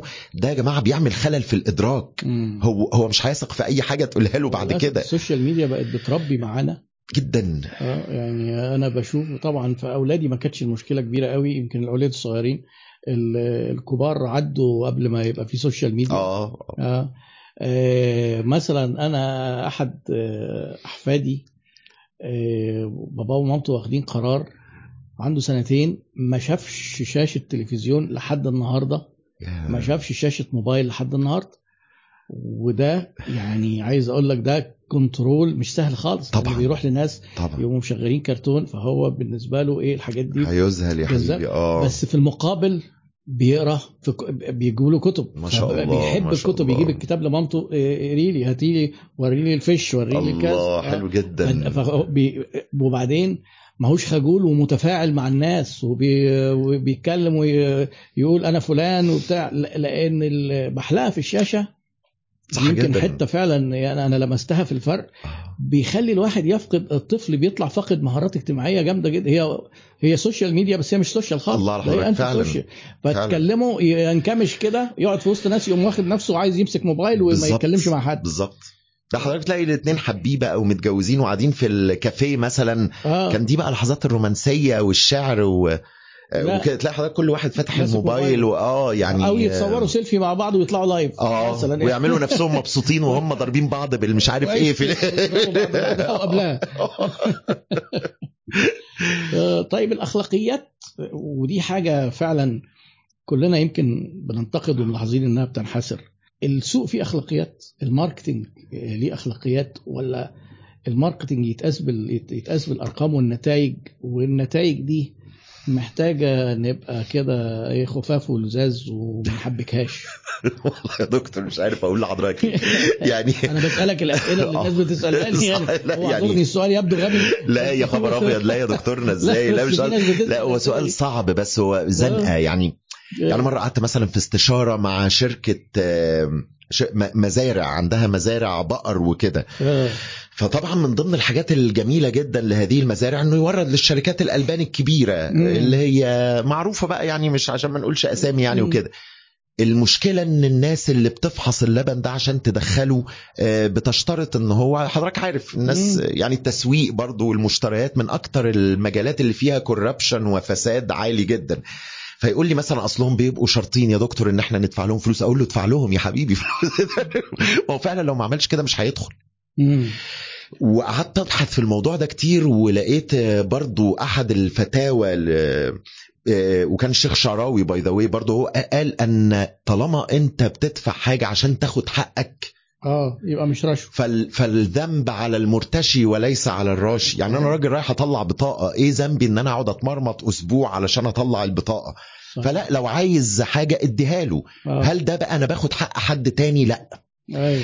وكلنا نذكر آه، آه، شركة جالاكسو في الصين لما تقريبا يعني كان هيتخرب بيتها في الصين في 2008 على ما أتذكر آه، لما اكتشفوا إن هم بيدفعوا بعض الرشاوى للأطباء مم. عشان يكتبوا بالتحديد الاوجمنتن وفوروا team الاوجمنتن كله وجالاكسو بالكامل اتوقفت في الصين في الوقت ده برضو من المجالات اللي فيها في قوانين في الصين بتمنع الكلام؟ آه طبعا طبعا اللي يت- اللي يتمسك بتبقى مشكلة كبيرة طب الدول العربية فيها قوانين شبه كده؟ لا مفيش لا طيب هقول لحضرتك والله في السعودية مؤخرا عملوا حاجة اسمها code of ethics إن آه. مثلا إن بس دي الشركات هي اللي عملتها مش آه، الحكومات. أقل من القانون. آه، بالظبط. أقل فقال لحضرتك لا أنت لو عايز تطلع الدكتور يطلع لوحده مش يطلع مع العيلة. زمان طبعا أنت عارف حضرتك كانت تبقى رحلة. بما اسمها مؤتمرات. هو الاسم بس مؤتمر طب هي الشركات الأدوية هي اللي أفسدت الدكاترة ولا الدكاترة اللي أفسدوا شركات الأدوية؟ والله يا دكتور أنا شايف إن لا شركات الأدوية هي اللي أفسدت الدكاترة. دكتور زمان كان ليه قيمة وقامة. بس كان كان كان شركات أنا أوعى على هذا الزمن. آه. كان الشركات تخاف تعرض على الدكاتره. على الأساتذة والدكاترة نسب. طبعا. خوفا إن هم يتهزقوا. آه طبعا. آه، طبعا. دلوقتي في مندوبين وحضروا معايا كورسات. آه، أحدهم يعني أنا مش عايز بس نبقى بنقول كلام محبط لكن هو ده أمر الواقع وإحنا. بنقول إحنا في التسويق. لا نصنع المشاكل بس هي موجودة في المجتمع. بالظبط. أحدهم كان ماسك منطقة في تخصص معين قال. لي أنا عندي 53 دكتور. 50 بيطلبوا عمولات وثلاثه بس اللي بيطلبوا آه آه. وأنا شايف إن دي جريمة حقيقة. أنا شايف إن يعني- الثلاثه دول هو ما عرفش يسلك معاهم. يعني حتى على راسنا. كلمة آه يعني دي آه غريبة. آه. المشكلة كمان آه، ما بقتش أدوية بس بقت المعامل و... كل حاجة. ده حضرتك دلوقتي في العقارات الزباين بتروح فعارفين إن مندوب العقارات مثلا بياخد ما شاء الله نسبة محترمة من البيع. وياخد. آه. بالظبط. آه. طيب. آه، فبياخدوا منه. يعني تلاقي حضرتك يقول له طب وأنت هتديني كام؟ فياخد كاش باك ودي مشكلة شفتها في كذا شركة عقارية يعني كنت آه. آه. بدربهم. يقول لحضرتك ال- العميل لا ده عارف يقول لك أنت هتاخد 70 ألف جنيه على الوحدة تديني 35 فياخدهم على إنهم خصم. ف... ف يعني العملاء بقوا فاهمين القصة دي. من السهل جدا للأسف المثالية. ما بيبقوش فاهمين. عارف المريض لو بيبقى فاهم لو الدكتور يقول له روح اعمل مثلا إيه اكتب لي الدواء أو يكتب له الدواء ده ويقول لك روح هاته أنا آه، واخد في العلبة 20 جنيه هديك 10 يبقى كويس بس هو ما حدش بيبقى فاهم. لا طبعا ما يقدرش. هو بدأ ما يندعي- يقدرش. يعني بعض يعني المرضى اللي عندهم وعي وعارفين. وإحنا مش عايزين برضو نعمم لأن لو إحنا يعني الثقة في الطبيب لو اتضربت فإحنا ضربنا المهنة في مقص صح. لأن هو العيان بيروح للطبيب ثقة فيه كإنسان وفي علمه طبعاً. ومهاراته طبعا. والاثنين مرتبطين الانتجريتي دي مرتبطة ببعضها بس هو ده للأسف موجود. وإحنا نتمنى إن الموضوع ده يبقى له آه، قوانين رادعة. صح. لأن آه، وبعدين بدا طلع أجيال من الدكاترة بقت بتبرر القصة دي تماما آه. آه. لأن هم دخلوا في تعرف على الوضع ده آه.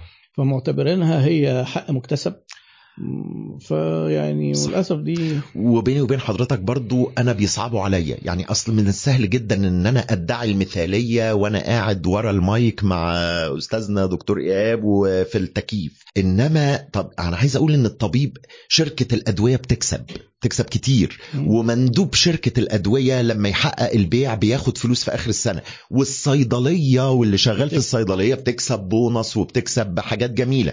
والمريض بيستفيد وبيخف إن شاء الله واللي محرك كل المنظومة دي هو الطبيب. هو بياخد كشف. آه، طب ما حضرتك حق برضه. ما حضرتك هو يعني آه. آه. يعني يا بياخد كشف يا مرتب آه، لو كان شغال في مستشفى في مستشفى أو مرتب كده. يعني. آه آه. لكن آه، أنا أنا مش شايف لها يعني أنا مش شايف لها منطق ولا أساس من الدين ولا الخلق يعني الحقيقة. مم. وكتير أنا حتى يعني ناس بيبعتوا لي ويعني بي- بي- بيلوموني لأن هو معتبرني إن أنا المفروض محسوب على الدكاترة بصفتي إن أنا كنت يعني طبيب. أنا منحاز للدكاترة وبعلنها في حاجات كتير جدا وبحبهم جدا وكمان عارف إن هم يعني يمكن مظلومين. طبعا فعشان طبعاً. كده أنا ببقى قلبي واجعني وأنا بقول الكلام. ده بدل العدوى للدكتور. للظلم الواقع عليهم ظلم. وممكن حضرتك زي ما بتقول شاب مثلا إيه، مثلا فتح عيادة جديد. ما بيجيلوش عيانين غير قليلين. عايز يزود دخله عايز. يتجوز يعني فهو طبعا ال- ال- الأمور فيها ضغوط بدل العدوى حضرتك كان يصح 19 الإنصاف. جنيه الوزارة رفعته ما شاء الله بقى 20 جنيه لا والله أنا كنت هتش... يا جماعة سيبوه زي ما هو يعني أنتوا رفعتوه ليه ليه ما؟ أعرفش والله أعرفش. ده يجيب. سيجارة فرط حضرتك. في حاجات مستفزة. يا جماعة طب فكروا قبل ما تاخدوا قرار. ف... فالناس حاسة بالظلم. الاطباء حاسين إن هم مظلومين. والمرضى بدأوا يعرفوا وحاسين بالظلم. المجتمع بقى فيه مظالم كثيرة جدا وكل واحد حس إن هو مظلوم. و... و... والشعور الظلم زي ما ديكارت قال الظلم لا يولد الثورة الشعور بالظلم هو الذي يولد الثورة. فبقى الدكاترة عشان تحافظ يقول له لا اوعى الصيدلي يديك البديل مع انه هو نفس. المادة الفعالة. كانوا مرة برضه دكتورنا بيقولوا لي بره حضرتك عارف ال- المادة الفعالة الدكتور بيكتب آه، بالمادة الفعالة. فهل ده يقضي على الرشاوى مع الأطباء؟ قلت لهم طبعا ويحول الرشاوى للصيادلة. جميل. آه. هي هي ما خلاص بدل ما كان المندوب بيدفع للدكتور هينزل يدفع للصيدلي عشان يطلع الدواء آه، بتاعه. ما آه. انت كاتب له مثلا بارستامول بالظبط. هيدي بقى بنادول ولا هي هيكتب. اللي في مكسبه فيه فهتتحول لتجارة. دي بالذات ما ينفعش تبقى تجارة. ما ينفعش. لأنها وإحنا مم،. الفقر عندنا يعني 32.5% نزل دلوقتي بيقولوا بقى 28% تحت خط الفقر أقل من دولار وربع في اليوم. ف- فما ينفعش التجارة تبقى في الأساسيات الدواء وال- والسلع الرئيسية مم،. طبعا في آه. منطق إن إحنا مسعرين الدواء ومع- ده ماشي جدا مع ظروفنا الاقتصادية. ومستوى الدخل طبعا وإحنا عندنا من إحنا من أرخص الدول في العالم في في تسعيرة الدواء لما تقارن. نفس البراند بره بس الأمور محتاجة مزيد من الضبط في العلاقة الأخلاقية. صح جدا. طيب صح جداً. أخلاقيات التسويق دي كفة ومهارات التسويق يعني أو السمات الشخصية. أنت حضرتك لو حبينا مثلا نقول إن إيه المهارات اللي المفروض تبقى موجودة عند حد علشان يبقى مسوق ناجح؟ إيه تسلم. إيه, إيه من وجهة نظر حضرتك؟ هقول لحضرتك هو يعني مهارات كتيرة جدا طبعا لو آه، حبينا نقول طبعاً. كلام عارف انشا آه هنقعد نتكلم للظبط بس أنا يمكن كان ليا مقولة كده حبيت أعمل فيلسوف في مرة كده وأكتب حبة مقولات. فقلت لا يتعلق التسويق الناجح بحجم الأموال المنفقة بل آه. هو عمق التحليل وإبداع الحلول. الله. حلو ربنا يخلي حضرتك. أنا محتاج عمق التحليل اللي هي الشخصية التحليلية. الترند في السوق ماشي إزاي؟ أهم حاجة. جدا يا دكتورنا الزتونة. ربنا يخلي حضرتك يا رب. لأن أنا آخر استشارة من يومين آه. كان آه، أحد الأصدقاء الأعزاء مهندس آه، محترم بس طبعا ما يفهمش في التسويق قوي بس هو مهندس جميل. مم. فراح جاب تيل فرامل وحاول يبيعه في مصر ما اتباعش. التجار رفضوا إن هم ياخدوه على الرغم إن أنا بكسبهم أكتر. فأنا بقيت مذهول. فلما. قعدنا بقى في الاستشارة نتكلم بعمق أكتر. اولا التيل الفرامل اللي هو جايبه جايبه صيني ومناسب للسيارات الألماني. قلت له بس ما تكملش. آه. السيات والأودي أنا جايب عربية أودي. هروح أجيب لها. هروح أجيب تيل صيني. ده سانج يونج. حضرتك لو تفتكر العربية دي قعدت مم. سنتين عاملة حملة دعائيه مكثفة جدا. سانج يونج. كوري مش صيني. كوري مش يا عم طب ما تقرفوناش ما تغيروا اسمها وتخلصوا. فسموها تيفولي في الآخر عشان تتباع. ف... فانت جايب آه، تيل تيل فرامل صيني بتبيعه لملاك السيارات الألمانية اللي هي رقم واحد في العالم. طب ما تشوف الجيلي والبي واي دي وكلهم شغالين أوبر وبيهلكوا أكتر. صح. ومئات الآلاف من السيارات موجودة. وده اللي راكب عربية صيني مش هيتعوج على تيل الفرامل الصيني. صح. فهو في حتة عمق التحليل وإبداع الحلول. إن أنا بقى أجيب حل غير تقليدي. يبقى يكون راجل عنده مهارات التفكير أو الاناليتيكال اللي هو مه- المهارات التحليلية الله لحضرتك وتفكير إبداعي. الله لحضرتك صح جدا. كلام آه، كويس جدا. يا آه، ربنا معلش يخلي حضرتك. لا خالص خالص آه. دكتورنا ده. لا حضرتك كنت هتقول حاجة نستكمل المثال بتاع اللي هو الحلول الإبداعية آه فبرضه دكتورنا يعني في حاجات تعدي على الناس كده بس ما تعديش على المسوق ال- الناجح مم. مم. آه، حتى كنت عامل مرة فيديو وكتبت آه، آه، احترفت التسويق بقيت مريض نفسي اني آسف يعني. لأن يعني أنا مرة مثلا كنت آه، واقف كده على البحر فتلاقي حضرتك دماغك بتسرح في حاجات غريبة. آه. لقيت على شاطئ البحر عشرات فرد الشباشب سوري يعني آه. مرمية على البحر. فقلت ده واضح إن الناس اللي بتنزل البحر شباشبها بتضيع. وقعدت أفكر طب هو ممكن يبقى في حل للموضوع ده؟ الحقيقة ما لقيتش حل بصراحة بس يعني يكفينا شرف المحاولة. لفت نظري جدا آه. لفت نظري كمان لما ممثلة شهيرة مسكت ال- ال shoes بتاعها قلعته واتجوزت مع واتصورت مع جوزها ال- ال shoes اللي بال heels اللي أيوة، بالكعب العالي. فده حتى مع الممثلات مع كده مش بس مع الناس العاديين. أيوة، أيوة. لا الموضوع مرهق جدا ومتعب. بالظبط. وفي ناس بقى لازم يلبسوا ده بيعتبر جزء من ال formal. يعني آه. شركات التأمين شركات ال- الأدوية شركات العقارات ده لازم ال heels. فقعدت أدور كتير جدا على الموضوع دوت وقعدت أفكر هو إحنا ليه بدل ما تقلع الجزمه يبقى شكل وحش ما نعمل الكعب بيتشال. آه. كعب أيوة، يتشال أيوة. ويركب وقعدت يا دكتور أدور على النت يعني عدد من الأيام لغاية لقيت شركة واحدة فقط في أوروبا آه. والجزمة عندها الشوز عندها ب 500 دولار. مبلغ رهيب. آه. بس بيجي الجزمة ومعاها كذا هيل واحد جميل. طويل وواحد قصير وليهم مجرى كده. كلام حضرتك معناه إن حضرتك أشرت المهارة مهمة جدا. إن المسوق بيلمح مشاكل الناس الله على حضرتك. و- ونقط الألام اللي عند الله على حضرتك صح جدا. اللي مش عارفة تمشي. بجزمته وهي من هنا بتيجي الفرص التسويقية صح الحقيقيه جدا. لما نعرف نلاقي لها حل. صح جدا آه صح جدا. لكن ال- الحاجات دي تعدي على على ناس تانية. بالظبط. والشركات العملاقة ما تاخدش بالها منها يا دكتورنا آه. يعني أنا كنت مرة في السعودية في مدينة اسمها القريات على حدود الأردن. آه. فنزلت آه، من الفندق الصبح لقيت الناس كلها ماشية في الشارع ماسكة مواسير حديد. الماسوره ماشيين كلهم ماشيين في الشارع ولا في الأوتيل؟ لا لا في الشارع. آه. كل الناس في الشارع وماسكين مواسير حديد وماشيين. فقلت يعني مش فاهم أنا تجاره في المواسير. مثلا. عيد المواسير. سألتهم الحقيقة. آه. فقالوا لي لا إحنا عشان الدنيا برد قوي. فالمية درجة حرارتها لما درجة الحرارة بتبقى تحت الصفر على طول المية تتجمد فحجمها يكبر آه. فتكسر المواسير. المواسير. فالناس تاخد أجازة وتركب مواسير. وده طبيعي يعني هم متخيلين دي طبيعة الحياة عارف حضرتك هذا ما أيوة، وجدنا أيوة. عليه آباؤنا آه، وإحنا. لقيناهم كده أو اباءنا يعني أنا مفعول بيه آه بقى الله على حضرتك بس أنا قلت ألحق نفسي بسرعة. لا، ما كنتش هصلحها. بس أنت لما صلحتها عرفتها. يا باشا ربنا يخليك. أيوة.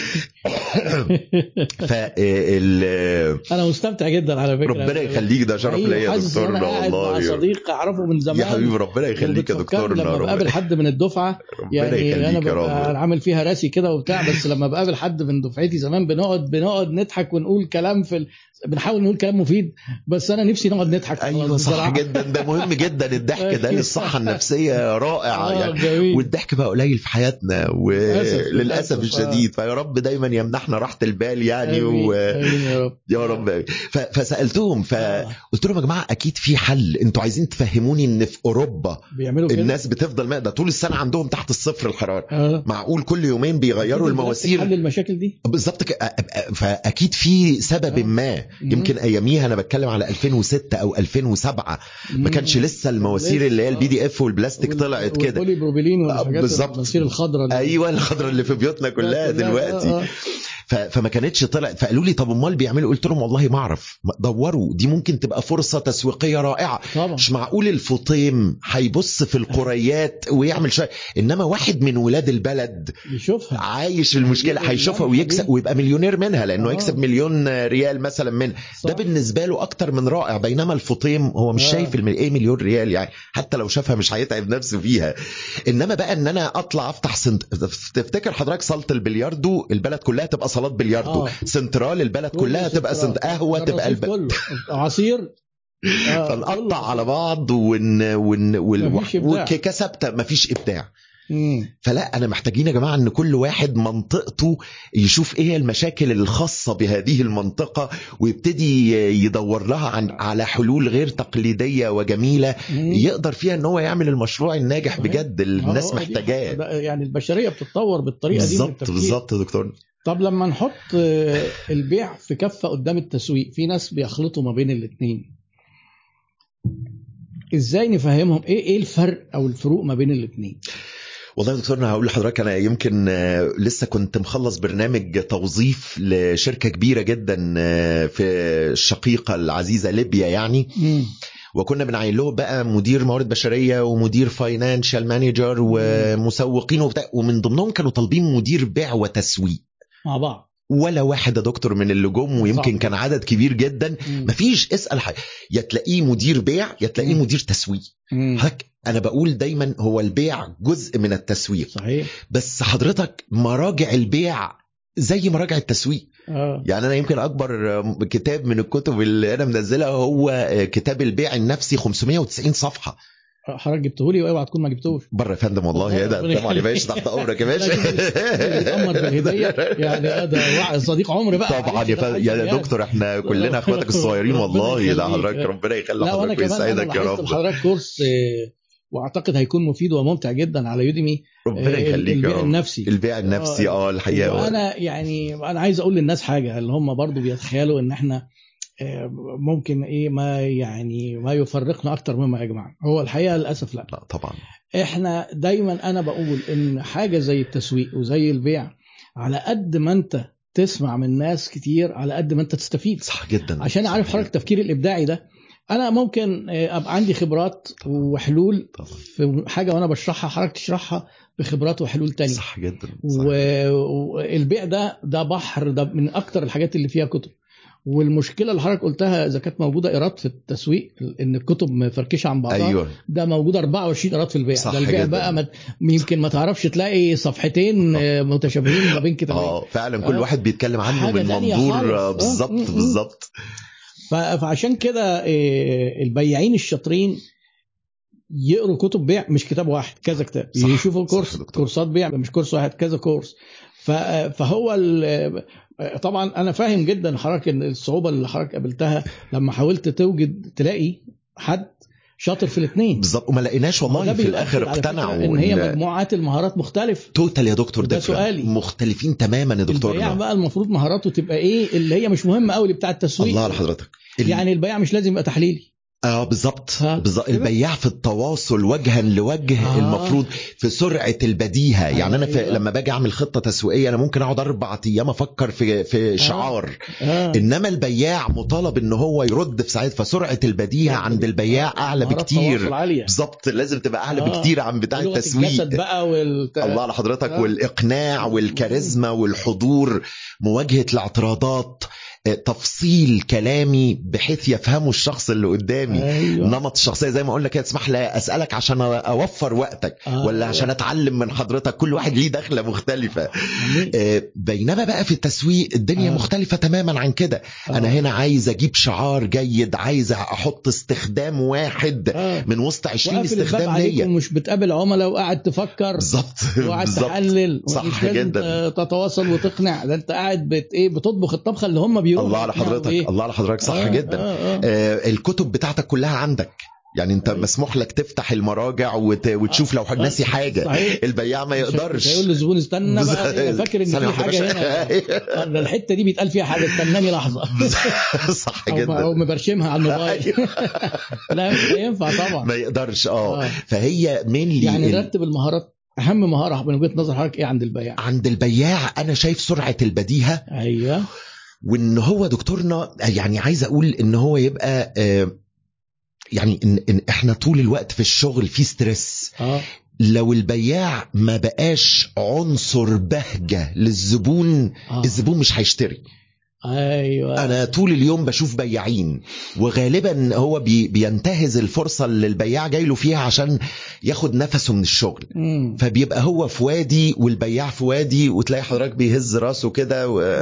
أي كلام هو مش سامع أصلا اللي البياع بيقوله فمهم قوي البياع إن هو يكون الكاريزما الحضور حضور. بالبلد يعني وسرعة البديهة آه. عشان لما يتسأل سؤال جديد عشان لما العميل يعترض عليه يقدر يلعب مهارات. تواصل بالظبط آه ال- مهارات التواصل. صح جدا. جميل. بينما التسويق عنده بقى برضه يبقى زي ما حضرتك بتقول إن هو مثلا إيه، إن إحنا under stress فما يبقاش هو من stress الشغل.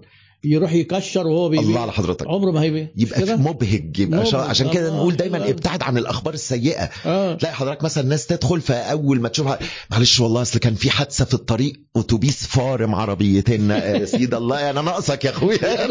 يقول له ده المصلك ما تعرفش أنا لسه شايف إيه؟ يقفله. أيوه يقفل له اليوم. وعلى فكرة نفسيا. المحبط والمكتئب مستحيل ياخد قرار شيء صح جدا. هو صح انت. بوظت البيع الله بالحدوته اللي حضرتك. حكيتها دي. الله على حضرتك صح. وهو في اللي مكفيه يعني إحنا كلنا الحقيقة الضغوط ال- تحديد ال financial في الزمن دوت الضغوط صحيح. الاقتصادية والأسعار اللي عمالة تتقافز قفزات مخيفة فمخلية قرار البيع صعب جدا. قرار الشراء يعني للعميل إنه يطلع فلوس من جيبه في الظروف دي صعب جدا ف ف فلازم نحوطه زي ما بنقول آه، جزء إنساني وجزء عاطفي وجزء إبداعي في الحل وجزء آه، إن أنا متفهم احتياجاته قوي. آه، فالناحية الإنسانية عند البياع لازم تبقى عالية قوي. غير الشخص بتاع التسويق هو مش لازم يكون عنده تعاطف أو ناحية إنسانية أو مجاملات. هو يقدر إن هو بس يبقى بقى ال- الشريحة الجديدة يا دكتورنا. الشريحة الجديدة إزاي يعني أنا آه، هقول لحضرتك دايما آه. كنت بقولها لهم بالأدوية. آه. وشركة جالاكسو آه، ال- الفظيعة يعني أيوه. هي منزلة بنادول للصداع. آه. وأبيمول خفض حرارة. مع إن هي نفس مع إن الاثنين باراستامول أيوة. لا وعملوا بقى بنادول extra والأحمر الله على حضرتك وبنادول joint للمفاصل و cold and flu للبرد و sinusitis للجيوب الأنفية و night للنوم وال... ف... ف... وهي نفس ال... طبعا يا تسويق فندم. 100% من الحاجات مثلا اللي أنا اتضايقت جدا منها إن هم نزلوا بنادول migraine للصداع النصفي. أنا عندي صداع نصفي مزمن من آه. سنين طويلة يعني. فلما جيت الأميجران الوحيد بتاع الصداع النصفي نقص فلقيت بنادول migraine فاشتريته قلت يلا ن- مع مع الباراسيتامول حاجة باراسيتامول معاه كافيين طب ما أنا اشرب كوباية ما قهوة يعملش حاجة خالص ملوش أي دعوة بالصداع النصفي آه. فبرضه دي جزء من أخلاقيات المهنة آه. دكتورنا اللي آه حضرتك كنت طبعاً. لازم تسأل عنها يعني ما أنا ما ينفعش أشتغلك برضه. وأنزل بس آه، آه، هنا بقى الشرائح الجديدة والاستخدام اللي أنا هيتم استخدامي فيه هيبقى إيه. آه، إزاي منتج قديم وقدم يعني أنا أتذكر من أكتر الخطط اللي أنا عملتها واستمتعت بيها كان دواء للبرد يا دكتورنا مم. وكان دواء مكلكع قوي. يعني. هم حبوا يعملوا ميزة تنافسية فيه فبوظوا الدنيا. مم. الأدوية كلها اقراص آه. فعملوه ساشت آه، إكياس فوار. آه. للأسف ما بيدوبش فلازم نعمله ندوبه في ميه سخنة. للأسف طعمه سيء. وهنشرب ميه سخنه ده دي علقة لوحدها. جدا يا دكتور. ما هو كان ضايع. فلما جيت قعدت يعني فعلا ما بقتش عارف أعمل فيه إيه. يعني آه، لما جيت قعدت لقيت إن ال- المكونات بتاعته تمشي قوي مع الشخير آه ضيق أيوة. المجاري التنفسية هو اللي بيطلع الصوت بتاع الشخير آه فنبتدي هنا إن إحنا نعمله كأول منتج في مصر مضاد للشخير no more snore رحت مطلع له إيه ده آه. لا لا غيرت الشعار بتاعه الشعار، آه. الشعار آه، no آه، more آه. خلاص ما أيوة. بقاش للبرد آه. لأن اللي عنده برد هياخد حباية كونجستال أسهل 100 مرة من العك ده كله. لا اللي بيشخر مراته هتشربه مية سخنة. الله على حضرتك. الله. هتشرب مية. سخنة هنا بقى الفرق ما بين ال user آه. ال user وال influencer. الله على حضرتك الله على حضرتك لا ده ده كلام كبير قوي. ربنا يخلي حضرتك. والله جميل فعلا ربنا. يخليه فهو فعلا اللي بيشخر ده هو أصلا مش في الدنيا ولا ولا شخيره مش زعجه في حاجة. آه طبعا. آه فهنا بقى أنا أودي الدواء لمين؟ لمراته. فرحت عامل بوسترات في الصيدليات آه. لواحد نايم ومراته سادة ودانها الاتنين مش عارفة تنام. فهي دي ال buyer هي اللي تشتري زي ما آه. يعني عشان نبسط الموضوع قوي. بنقول البامبرز مثلا والحفاضات آه، الأم. ال user هو الطفل آه. بس مش طفل اللي هيشتري الأم هي اللي هتشتري. آه. عشان كده جهينة لما تيجي تبيع اللبن مثلا تقول كل الصحة جهينة كل الطعم. آه. كل الصحة هي بتخاطب الأم اللي يهمها صحة صح، ولادها. صح. طب ابنها هيقرفها. آه. كل الطعم. الطعم هو اللي يهم الطفل. صح. فلازم دايما أبقى أنا محوط على متخذي القرار. أيوه. في جميل. ال influencer في ال initiator. ده ال... كمل لي الحدوتة بتاعت آه، snore no more دي آه no more snore فابتدينا بقى إن إحنا آه. نبيعها للشخير آه. ونبيعها للستات هي اللي تشتريها لأزواجها آه. مش للرجالة اللي بتشخر. آه. فالحمد لله عمل شغل كويس جدا. أحسن 100 مرة. والله طبعا أحسن 100 مرة من إن هو كان- بيبيع في البرد وما بيتباعش. ما كانش بيتباع خالص آه، فعلا أيوة، يعني. أيوة، صح. جميل. فده اللي بيقولوا جاي كحالها عماها. يعني هو عايز يبتكر آه. حاجة جديدة فيبوظ الدنيا. مستحيل حد كان يعرفها غير صيدلي اولا. صح جدا. لأن أنت حضرتك. عارف المكونات وهتلاقي في حاجة بتعمل decongestion ب- أيوه بالظبط يا فندم. آه. سودو إفيدرين دي pseudo- congestant أيوة. آه مع chlorpheniramine maleate. يكون فاهم تسويق كويس؟ وإنه يكون عنده مهارة التحليل والتفكير الإبداعي. ما دي ما نفعتش ليه؟ عشان الميه سخنة. طب إيه ما هو ميه سخنة أنا مش هاخدها بمزاجي. الله على حضرتك. وفاهم ال culture الله على حضرتك صح فاهم جدا. ال culture بتاعتنا وفاهم علاقة الراجل ومراته وبتاع. أنا أنا على فكرة يعني أعترف لك اعتراف أنا بشخر بالليل. بس أنا يعني يعني أنا حتى بقول حاجة أنا مش ممكن أعمل عملية شخير. آه، المتضايق يعمل عملية في ودانه كان بالنسبة لي بشخر يعني لا مش هتعرض مش هتعرض والله دي للمخاطر حاجات عائلية أنا ماليش دعوة بيها. لا ما أنا مش هقول لك الرد بقى اللي بيتقال. بص يعني معلش. لا لا بلاش من ربنا ستار يعني. أنا يعني عايز أشكر حضرتك دكتورنا بجد ودي أنا عايز أقولها من الأول والله بس الكلام مع حضرتك ممتع فنسانا. يعني يا جماعة دكتور إيهاب مستضيفنا في بيته مش في شركته. مع إن. شركته جنب البيت فدي في حد ذاتها حاجة يعني آه، لا ده ده ده بجد كتر يعني الف خير آه، حضرتك يعني دي واتمنى آه، على فكرة يبقى اتصال وتواصل بعد كده طبعا يا فندم آه، طبعا ده يعني- شرف ليا والله ده شرف يعني ليا. أنا ف- بقالي فترة طويلة وإحنا friends بس آه، إيه اتأخرت قوي في إن إحنا آه، إن إحنا نتواصل يا فندم ربنا. يخليك ده معلش نعوضها بقى ده أنا ما صدقت إن. حضرتك بعت لي والله يعني كنت. سعيد جدا والله ربنا ربنا يديك الصحة. ويخليك يا رب والحاجة التانية إن حضرتك يعني ربنا. يكرمك يعني مش عارف أقول إيه بس زي ما حضرتك وصفتها أنه قد يفسر الناس أن هناك بعض التنافس في ما بين والزملاء اللي حضرتك استضفتهم كلهم طبعا كلهم قامات وأعلام على رأسي يعني وأصدقاء أعزاء معظمهم يعني. إنما أنا عايز أقول برضه دكتورنا إن في حاجة في التسويق أو حضرتك أستاذنا التحالف بين المنافسين. آه جدا. يعني تترا باك كانت أول حاجة تعملها في التسعينيات صحتك في العلبة دي. أيوة. ودايما بحب أحكي القصة دي ده. لما تترا باك كل الشركات اللي بتعبي تترا باك. الله على حضرتك. دي. آه. علشان يزودوا مبيعات اللبن المبستر آه. versus اللبن السايب اللي بيطلع القشطة الحلوة بتاعتنا ديت. آه، فيتحالفوا مع بعض. آه، شركات الاتصالات لما اتصالات طلعت بوظت السوق. أيوة. لما عملوا الدقيقة ب 14 قرش والشركات الثانية ب 35 قرش.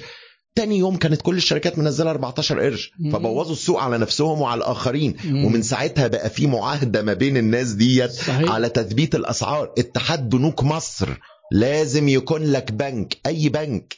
آه. فحتى المنافسين جميل جدا. بي- بيتحالفوا مع في بعض. تحالف حتى في الترويج ويعملوا إعلان مع بعض. آه. بالظبط بالظبط يا دكتورنا و- ال co-branding وعلى فكرة أنا كمان بقول للناس أنا بروح خطوة أبعد شوية وبقول للناس حبوا منافسينكم. وما تتمناش الشر لمنافسك لأن هيلطك الله- الشر. الله على حضرتك. آه، الله صح يعني والله أنا وأنا مرة لما كنت حتى مستضيف المهندس محمد البز قلت له أنا صاحب مصلحة مباشرة بدون مداري إن أعمل business كأكاديمية اونلاين تنجح. الله. لأن نجاح الكورسات اونلاين ده هيبقى يسمع ايجابا على أي حد بيعمل كورسات. أونلاين في مصر عارف لما يجي يقول لك ده بتوع الأونلاين ده أي كلام وده أيوة. بيقولوا أي كلام ومش مفيد وبتاع كله بيتأذي كله بيتأذي صح صح لما يجي يقول لك ده. بتوع ال- اللي دكتور واللي صيدلي وعاملين نفسهم بتوع تسويق وبيقولوا لنا بيقعدوا يضحكوا علينا بأي كلام عشان ياخدوا فلوسنا كلنا هنتأذي صح جدا صح وفي جدا الحقيقة إحنا بنحاول مخلصين نقدم قيمة وجزء منها مجاني وجزء مدفوع وده ده منطقي لأن ده البيزنس بتاعنا آه، طبعا. آه ف آه، وكلنا بنستفيد من بعض أنا يعني صح جدا وأنا. أعلنها أنا ما يعني ما بداريش خالص إن أنا ما زلت بتعلم من كل اللي موجودين في السوق وأنا في كل الاستضافات اللي حصلت كنت قاعد آه، مستمتع ان بستفيد وبسأل لأن بسأل. معظم الأسئلة لأن عايز أعرف فعلا. فده, شيء آه، يعني ده شيء جميل وإحنا عايزين كمان نفسنا نبقى مثل قدام الشباب اللي هو إيه. فاكر إن هو مثلا علشان شغال في الحاجة الفلانية ده إيه رأيك فلان بيدي كورس كذا لا ده سيبك منه ده أي كلام طب فلان ده أي كلام طب هو مين كويس مفيش غيري أيوه ليه؟ على أساس إيه يعني أيوه أنا أساس إيه؟ الزعيم مين يعني؟ إيه؟ آه وحتى أنا من زمان يعني في على جروب عيادة الشركات ناس كتير بيدخلوا ويسألوا مين بيدي كذا مين استشارات يعني عمر ما بدخل آه، أزكي نفسي وب- وبأكد وبرشح ناس تانيين. ويعني الحمد لله يعني مش رب. حابب أتكلم في القصة دي كتير. لا إزاي يا دكتور لا لكن- بالعكس ده حاجة جميلة إن إحنا كلنا نتعلمها والله يا آه. دكتور أنا دايما أقول لهم بدأ كل واحد يدي لنفسه لقب يعني كل واحد بيمنح نفسه لقب ويحطوا هاشتاج في كل الع... أنا دايما أقول يا جماعة خلي الناس هي اللي تشكر فينا مش آه. إحنا اللي مش أنت تشكر في انت يعني ما ينفعش ما ملهاش. مصداقية أصلا لا، ما ملهاش بالظبط آه. فلا تزكي آه. أنف... فلا تزكوا أنفسكم فهو إن الناس هي اللي تقول عليك آه، كده يبقى كتر خيرهم وده مصداقية عالية إنما للأسف الناس وحضرتك قلت حاجة جميلة جدا لما. يشوطوا في الكورسات الأونلاين كل الناس دي هتتأذي. كلنا هنضر بالظبط وأمثلة كتير قدامنا صح جدا. عقارات تقع تأثر. الله على حضرتك. سلسله صيدليات تلاقي الصيدلي يقول لك آه أصل ده بيغسلوا كلهم بيغسلوا اموال بالظبط. آه، من المقولات الجميلة قوي دكتور اللي بحبها قوي يظن الناس أنه لا يوجد على القمة إلا مكان واحد خطأ. خطأ. على القمة متسع للجميع. آه حلو جدا. يعني آه، إحنا يا. فندم ما فيش حد التسويق نفسه تخصصاته دقيقة جدا. مم. يعني في ناس أد... يعني وحضرتك أستاذنا طبعا معايا في شركات كاملة إعلان تلفزيوني بس, بس آه. وفي شركات كاملة إعلانات الراديو بس آه. وشركات إعلانات الديجيتال بس وشركات تنظ... بس. الله حضرتك آه. تنظيم المؤتمرات بس بس آه. وفي شركات. كاملة فالتسويق نفسه ما فيش. حد فاهم كل حاجة في. التسويق ولا تلاقي حضرتك دايما في حتة كده كل واحد يعني بيحبها أو مميز فيها أو خبرته فيها ف... فدي من الحاجات الجميلة قوي إن المفروض يعني, يعني الناس تفهمها يعني. إيه بقى في التسويق؟ التسويق الاستراتيجي آه آه أنا وده يمكن أضخم مرجع عامله كنت عامله كان 700 صفحة لدرجة إن هو كان بيتقطع في الطبعة الأولى فعدلته في الطبعة الثانية والثالثه خليته جزئين آه آه في أنا جايب لحضرتك الجزء الثاني بتاعه أنا آسف الجزء الأول خلص. لا ما شاء الله ده- ربنا يخلي حضرتك. ده ده على فكرة ومترجم. للإنجليزية الحمد لله برضو. آه الحمد لله على تنتقل- يعني الكتب دي يعني يعني تخرج بال المنتج اللي في كتب ده من إمتى؟ آه، من سنة ونص بالظبط ما شاء الله كان جات لي نفسي كده ربنا يخليك. ويسعدك يا دكتور أغبطك على والحقيقة. ما يعني برضه ما كنتش أقدر أعمل ده لوحدي آه. صديقي العزيز دكتور مينا وهو شريكي كمان. والله. وكتر خيره يعني هو بيتولى بقى التواصل مع. دور النشر والمطاب لأن في ناس كتيرة جاية طبعا طبعا آه، يعني آه. مجموعة كبيرة جدا كتر ألف خيرهم من غيرهم ما كانش يطلع هذا الإنتاج. يا سلام يا باشا ده إحنا عنينا يا دكتور ده عينيا. طبعا عينيا يا دكتور عينيا. بس هو يظل المجهود الأكبر عليه على حضرتك. الخبرة بقى الطو... طبعا ال- يعني الكلام بتاعك ده يتحط على ورق ده والحواديت. والقيم يعني الحمد لله يعني ال ال الأمثلة اللي موجودة أنا والله يا دكتور بحاول إن أنا ما أخدش من بره لأن أنا أول ما بدأت أدرس تسويق أنا كنت بقرأ كلام أنا مش فاهمه. يعني الأمثلة اللي المفروض إنها تفهمني أنا مش هيقول لحضرتك والسر في نجاح تاكو بيل هو كلب الشيواوا. أنا مش فاهم أي حاجة في أي كلب الشيواوا. الناس بقى اللي عايشين؟ بره. آه طبعا ما أنا بقى كنت اقعد أدور بقى. كلب الشيواوا كلب. الشيواوا ده كلب صغنون كده فغني ف- فغالي قوي. آه. فتاكو بيل استخدمت كلب الشيواوا دوت فاستهدفت الطبقة الغنية اللي بيحبوا الحاجات ال elite آه. آه. علشان تبقى elite. فكثقافه عربية أنا لا أعرف تاكو بيل ده إيه. ما أعرفش إنه مطعم آه. ولا أعرف كلب الشيواوا طبعا إحنا عندنا الكلاب البلدي حبيبتنا طبعا صعب نستخدمها دي الكلاب البلدي دي في آه. فالأمثلة ال- ديت وبفضل ربنا فيها برضه حاجات آه، يعني مثلا ال SWOT analysis وأنا بشرح آه. حضرتك حضرتك قلت ده تحليل مبدئي آه. عايز أقول لحضرتك ده تاني أكبر كتاب عندي الكتاب ده 490 صفحة SWOT analysis SWOT؟ analysis والله يا دكتور ما شاء الله. لأن عظيمة جداً. 22 عنصر. أيوه. 6 Ms و4 Ps و3 Cs و PESTEL آه. وال PESTEL جزء من ال SWOT لأنه جزء من البيئة الخارجية. بينما دايما أشوف في الكتب يقول لحضرتك زي هناك تحليلين تحليل SWOT وتحليل PESTEL غلط هو بس الجزء من جزء من ال SWOT بالظبط يا دكتور كده، أيوة. بالظبط طبعا آه. فيعني فلا حتى الحاجات اللي تبدو بسيطة لو حضرتك تع... اللي يتعمق فيها لا هيلاقيها دنيا تانية كده الواحد كل ما بيعرف كل ما. إيه أعصابه بقى بتهدى أيوه ويبطل يفتح صدره بالظبط ويقول لك أنا أبو العريف ده أنا كنت ده أنا من عشر سنين فاكر ده أنا كنت عارف وأنا كنت عارف ثلاث صفحات طب ده أنا قريت في الموضوع ده 200 صفحة وبيقول لك إيه لمزيد مع ادخل أيوه إيه؟ مراجع نبقى نهدى بقى نه- نهدى كده صح جدا. ده كان اسمه آه. تقريبا تأثير دانيال كروجر أو حاجة كده اللي هو إن الشخص آه بالظبط. مجرد ما بيعرف كام حاجة بيبقى في قمة الزهو والفخر وكل ما يزداد علما أيوة. يهدى وكده أيوة. لغاية ما يعرف إنه قدامه كتير جدا جدا جدا اسمه اسمه دانين كروجر أيوه حاجة. كده أنا كنت قريته مرة هو الاكثر الناس ثقة في أنفسهم أشدهم جهل بالظبط وبعدين بيجي له تاني مرحلة إن هو يتصدم كده يفتكر يحس إنه جاهل فثقته تنهار. بالظبط ويبدأ بقى يقعد يتعلم يتعلم وثقته على ما. يهدى شوية. أيوه. وعمرها ما بتوصل لثقته في في نفسه زي ثقة الجاهل. بالظبط بالظبط آه، صح جدا يا دكتور. يعني- صح جدا. آه ففي حتى بيسموا في حاجة اسمها imposter syndrome اللي هو متلازمة المخادع إن هو يبقى فاهم وشاطر وحاسس إن أنا لو إن هو لو اتكلم يبقى كأنه بيضحك على الناس لأنه لسه مش فاهمها قوي وتوزنه جنب واحد تاني أيوة. من اللي بيطلع ملء السمع والبصر أيوه تلاقي ده عارف 100 ضعف. الله. على حضرتك. بس مش عايز يتكلم لأن حاسس إن في حتة خايف. أيوه أيوه. صح جدا صح طب جدا. ال strategic marketing بقى اللي حضرتك بتحبه. آه. احكيه لنا كده إيه في, في ممكن تلخصه لنا في زيتونة؟ أنا عارف إن ده سؤال صعب. جدا. لا يا فندم تحت أمرك. دايما الواحد لما بيبقى يعني بيحب حاجة صح. بتلاقي بيقدر يبسطها قوي صح صح جدا آه. صح جدا. علشان الناس تفهم أصل إيه هو إحنا خلصنا من ال marketing لما تقولوا لنا كمان strategic marketing هو ده هو ده إيه وده إيه ويعني لو ممكن توضح لنا تحت أمرك طبعا. يعني أنا آه. شايف إن ال strategic marketing هو كلمة السر في ال- في الأزمة اللي هي كثرة المنافسين دلوقتي أيوه آه، لأن أنا عشان أتميز عن المنافس قدامي حاجة من الاثنين يطور المنتج وده طبعا تكلفة كبيرة جدا سواء في ال- العقلية اللي هتبتكر تسلا سيارة كهربائية مم. آيفون مم. الحاجات دي تكلف فياجرا الحاجات دي مم. اتكلفت مليارات عشان تطلع للنور مم. الشركات الصغيره ما عندهاش هذه الرفاهية يا إما تطوير السوق إن أنا ألاقي شريحة جديدة من العملاء محدش واخد باله منهم. مم. فأنا يمكن ابتديت ال- القصة ديت بحد سميته الأصلع الوسيم ده راجل وسيم زي كده بس ما عندوش شعر خالص. فبقول ده كان عنده شعر أبيض وأسود. آه. أمال إيه اللي خلاه بطاطس؟ إنه خطب اتنين واحدة عندها 40 سنة وواحده عندها 20 سنة. آه. ولا سمح الله مش قصدنا ان الستات بتطير الشعر يعني. انما. أيوه. حاجة فيها ستات كويس عايزين ناكل عيش. وبعدين إحنا المسدس في ظهرنا أنت عارف إحنا في البيت. أيوه في البيت دكتور. فمفيش داعي. اتفضل. أنا كان نفسي نبقى في الشركة عشان أعرف. اشرح لا ما هو اللايف سعادتك بيتشاف وبيتفرغ. الله الله. بيتفرغ وبعدين بيبقى في محضر بعدها استجواب وكده وغرف تعذيب فمفيش داعي.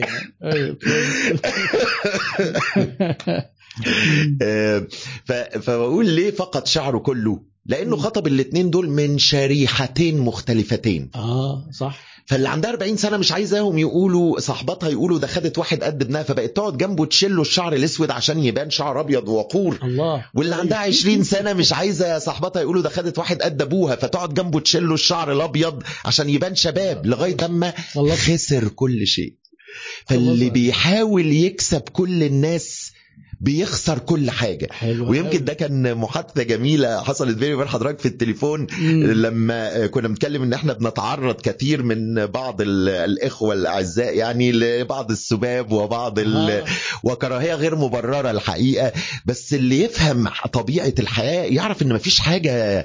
يعني أنا دايما بقول لهم أستغفر الله العظيم يعني ربنا سبحانه وتعالى لم يجمع عليه البشر. آه طبعا. في ناس بتعبد البقر وفي ناس بتعبد النار وفي ناس مم. فانت مين انت علشان كل الناس تحبك يعني.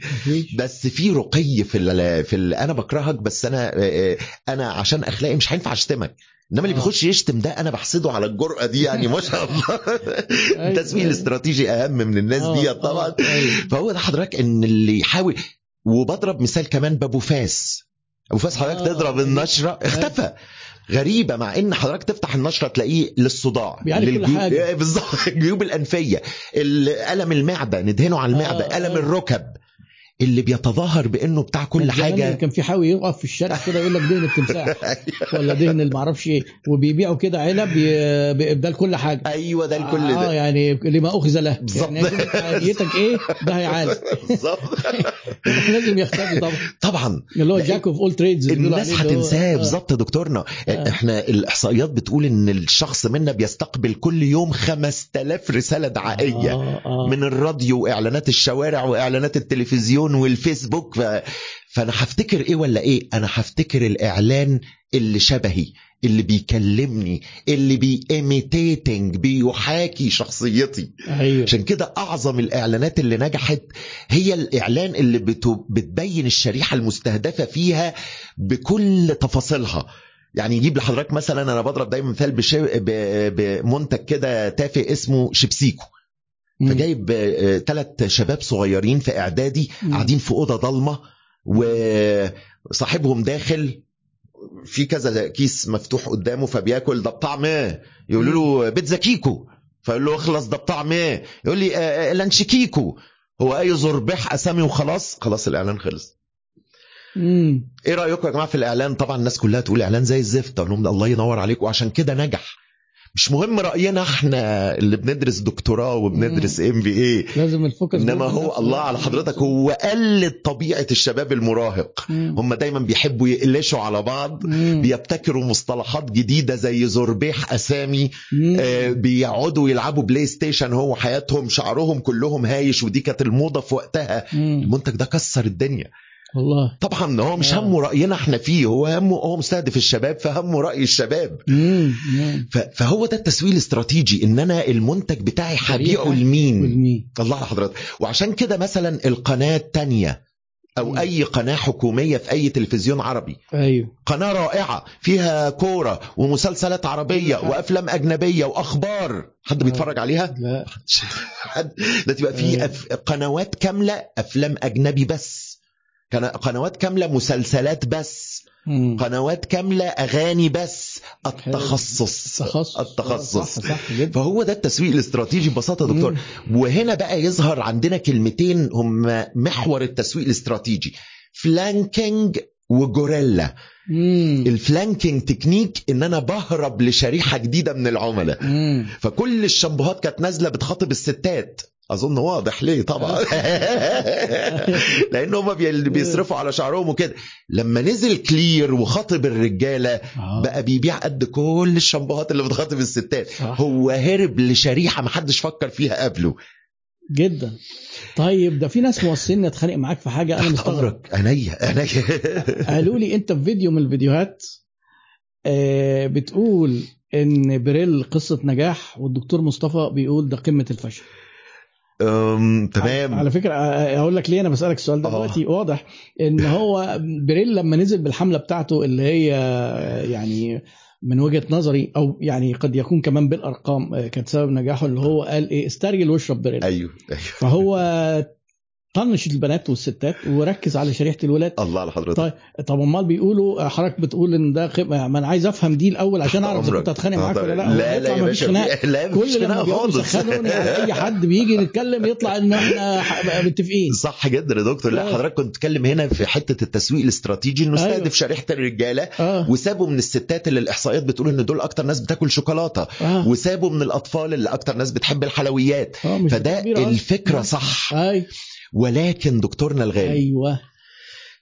تعال نقارن حضرتك بين stock بريل و stock فيروز في أي ثلاجه أي سوبر ماركت تلاقي حضرتك إن stock فيروز أكتر بكتير. أكتر. مش كده؟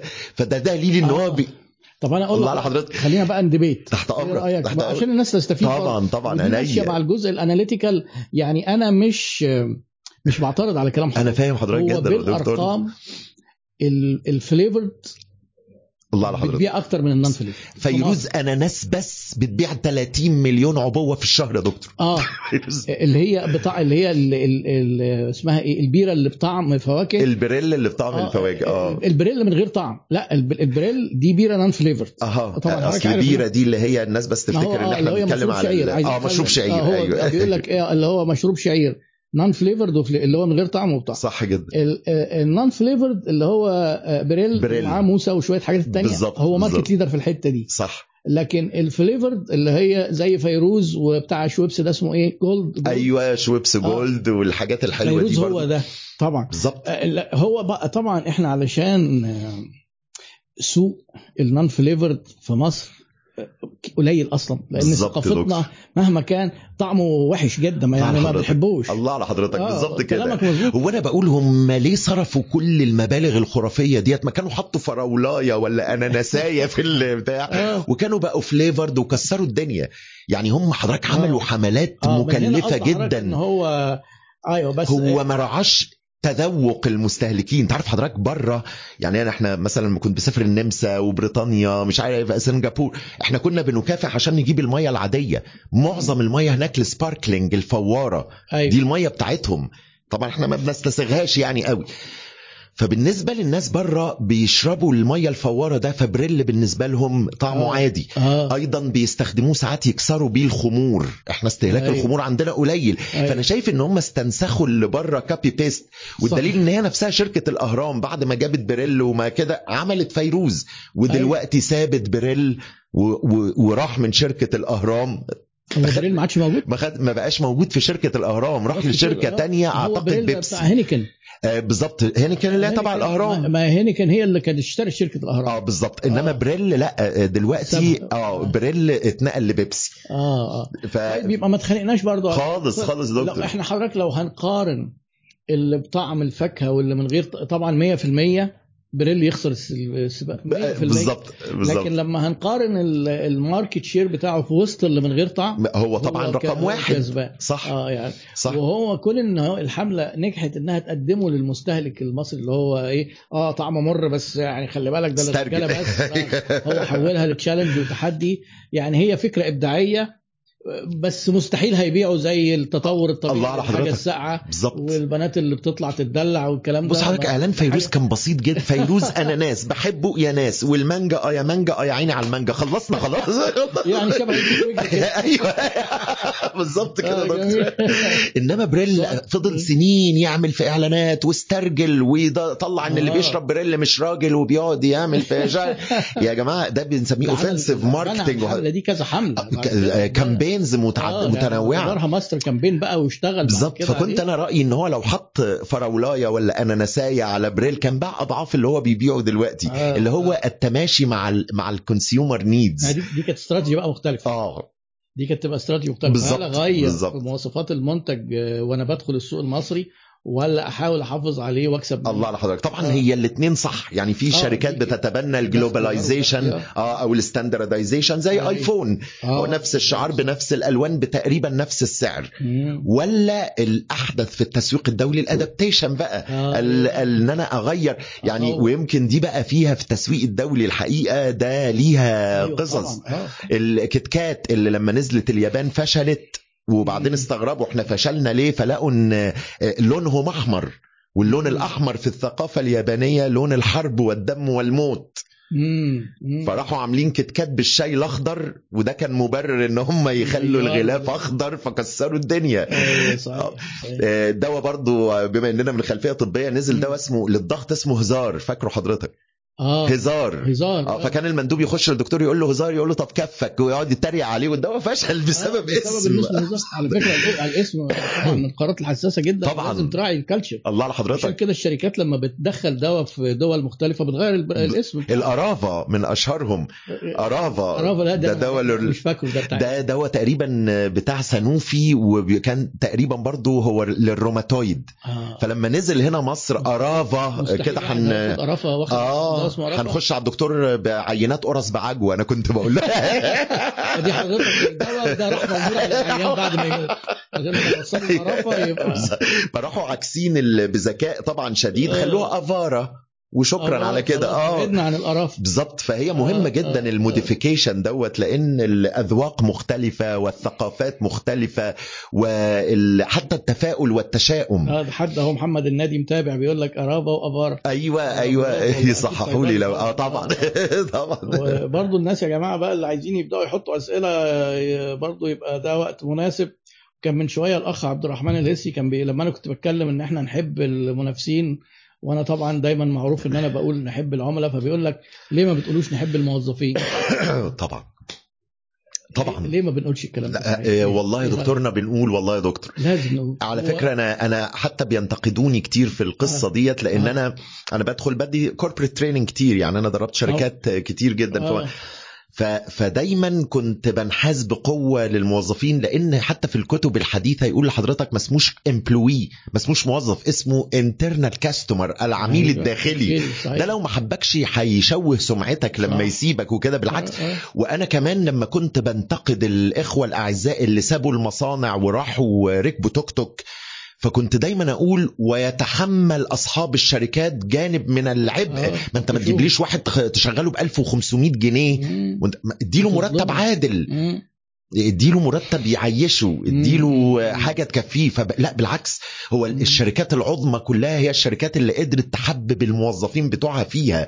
وإذا كان العميل الخارجي بيشتري مني علبة فالموظف الداخلي بيبيع 100 علبة فأنا شايف إن الموظف أهم من العميل أنا آسف. لا مش آسف. آه يعني ليه المو... تحطهم في مقارنة مع بعض؟ صح جدا. أنا مع حضرتك. من غير موظفين؟ آه، هو أنا يمكن بقول كده ليه؟ آه، علشان يعني لو أنا مثلا عميل وموظف في صراع أنا شايف إن أنا أنصر الموظف بتاعي ما لم يخطئ طب طبعا ويقل إن هي حرب؟ هي مش حرب يا دكتورنا بس ساعات مثلا معناها هزيمة لطرف آه آه، حضرتك فاكر الفيديوهات اللي طلعت مش عارف في فودافون والموظف بيضرب. العميل آه. وط... طبعا دي مقاسي يعني بس طيب. هل في شيء يبرر إن تلاقي طبعا الفيديو مجتزأ وإحنا مش عارفين قبله إيه آه بالظبط بالظبط لكن أنا من وجهة نظري عشان أنا منحاز للعملاء وشايف إن ده نجاح للموظفين ونجاح آه. للشركات آه،. ونجاح لتفتيح أرباحها وإحنا على فكرة متفقين عايز عايز أفهم حضرتك لأن أنا. فاهم كويس جدا حضرتك تقصد إيه. ربنا يخليك تسلم. آه، أنا ب- ب- بتكلم من وجهة نظر العميل إن إحنا لما نشوف الموقف المجتزأ ده ونلاقي بيقول لك إيه عميل بيتضرب ما إحنا ما نعرفش عمل إيه. صح. أوكي؟ طيب هل في شيء ما يبرر إن موظف خدمة عملاء يضرب عميل؟ لا طبعا. مهما كان. لا طبعا. لا؟ طبعا. مع حضرتك مليون في بتقول أنا بدي كورس خدمة عملاء. طبعا. طب آه، إيه رأي حضرتك في مستوى عشان عشان نخرج بقى إيه للع... للشكل صح. العملي في السوق لأن هي حقيقة ما فيش بيننا خلاف إن طبعاً. الموظف لأن مش ممكن موظف غير راضي هيوصل هيوصل عميل إنه يبقى راضي صح جدا صح جدا إيه راي حضرتك في مستوى خدمة العملاء في مصر وبعض الدول العربية خلينا ندي مثال بالعراق تحديدا. الجزائر. يعني دول الخليج اختلفت شوية. آه طبعا. إيه إيه رأي حضرتك في المستوى ده؟ هل ده أفضل حاجة نقدر نوصل لها؟ والله يا هل دكتورنا نستسلم لكده؟ لا، ولا نحاول؟ يعني أنا أنا بتفق مع حضرتك إحنا من أسوأ الدول في أنا يعني لفيت 13 دولة واشتغلت في 13 دولة حول العالم. أسوأ دولة على الإطلاق في خدمة العملاء أنا آسف ويا رب آه، ما حدش يزعل مننا ده يعني. ده لازم نعرف ده- ده. بجد.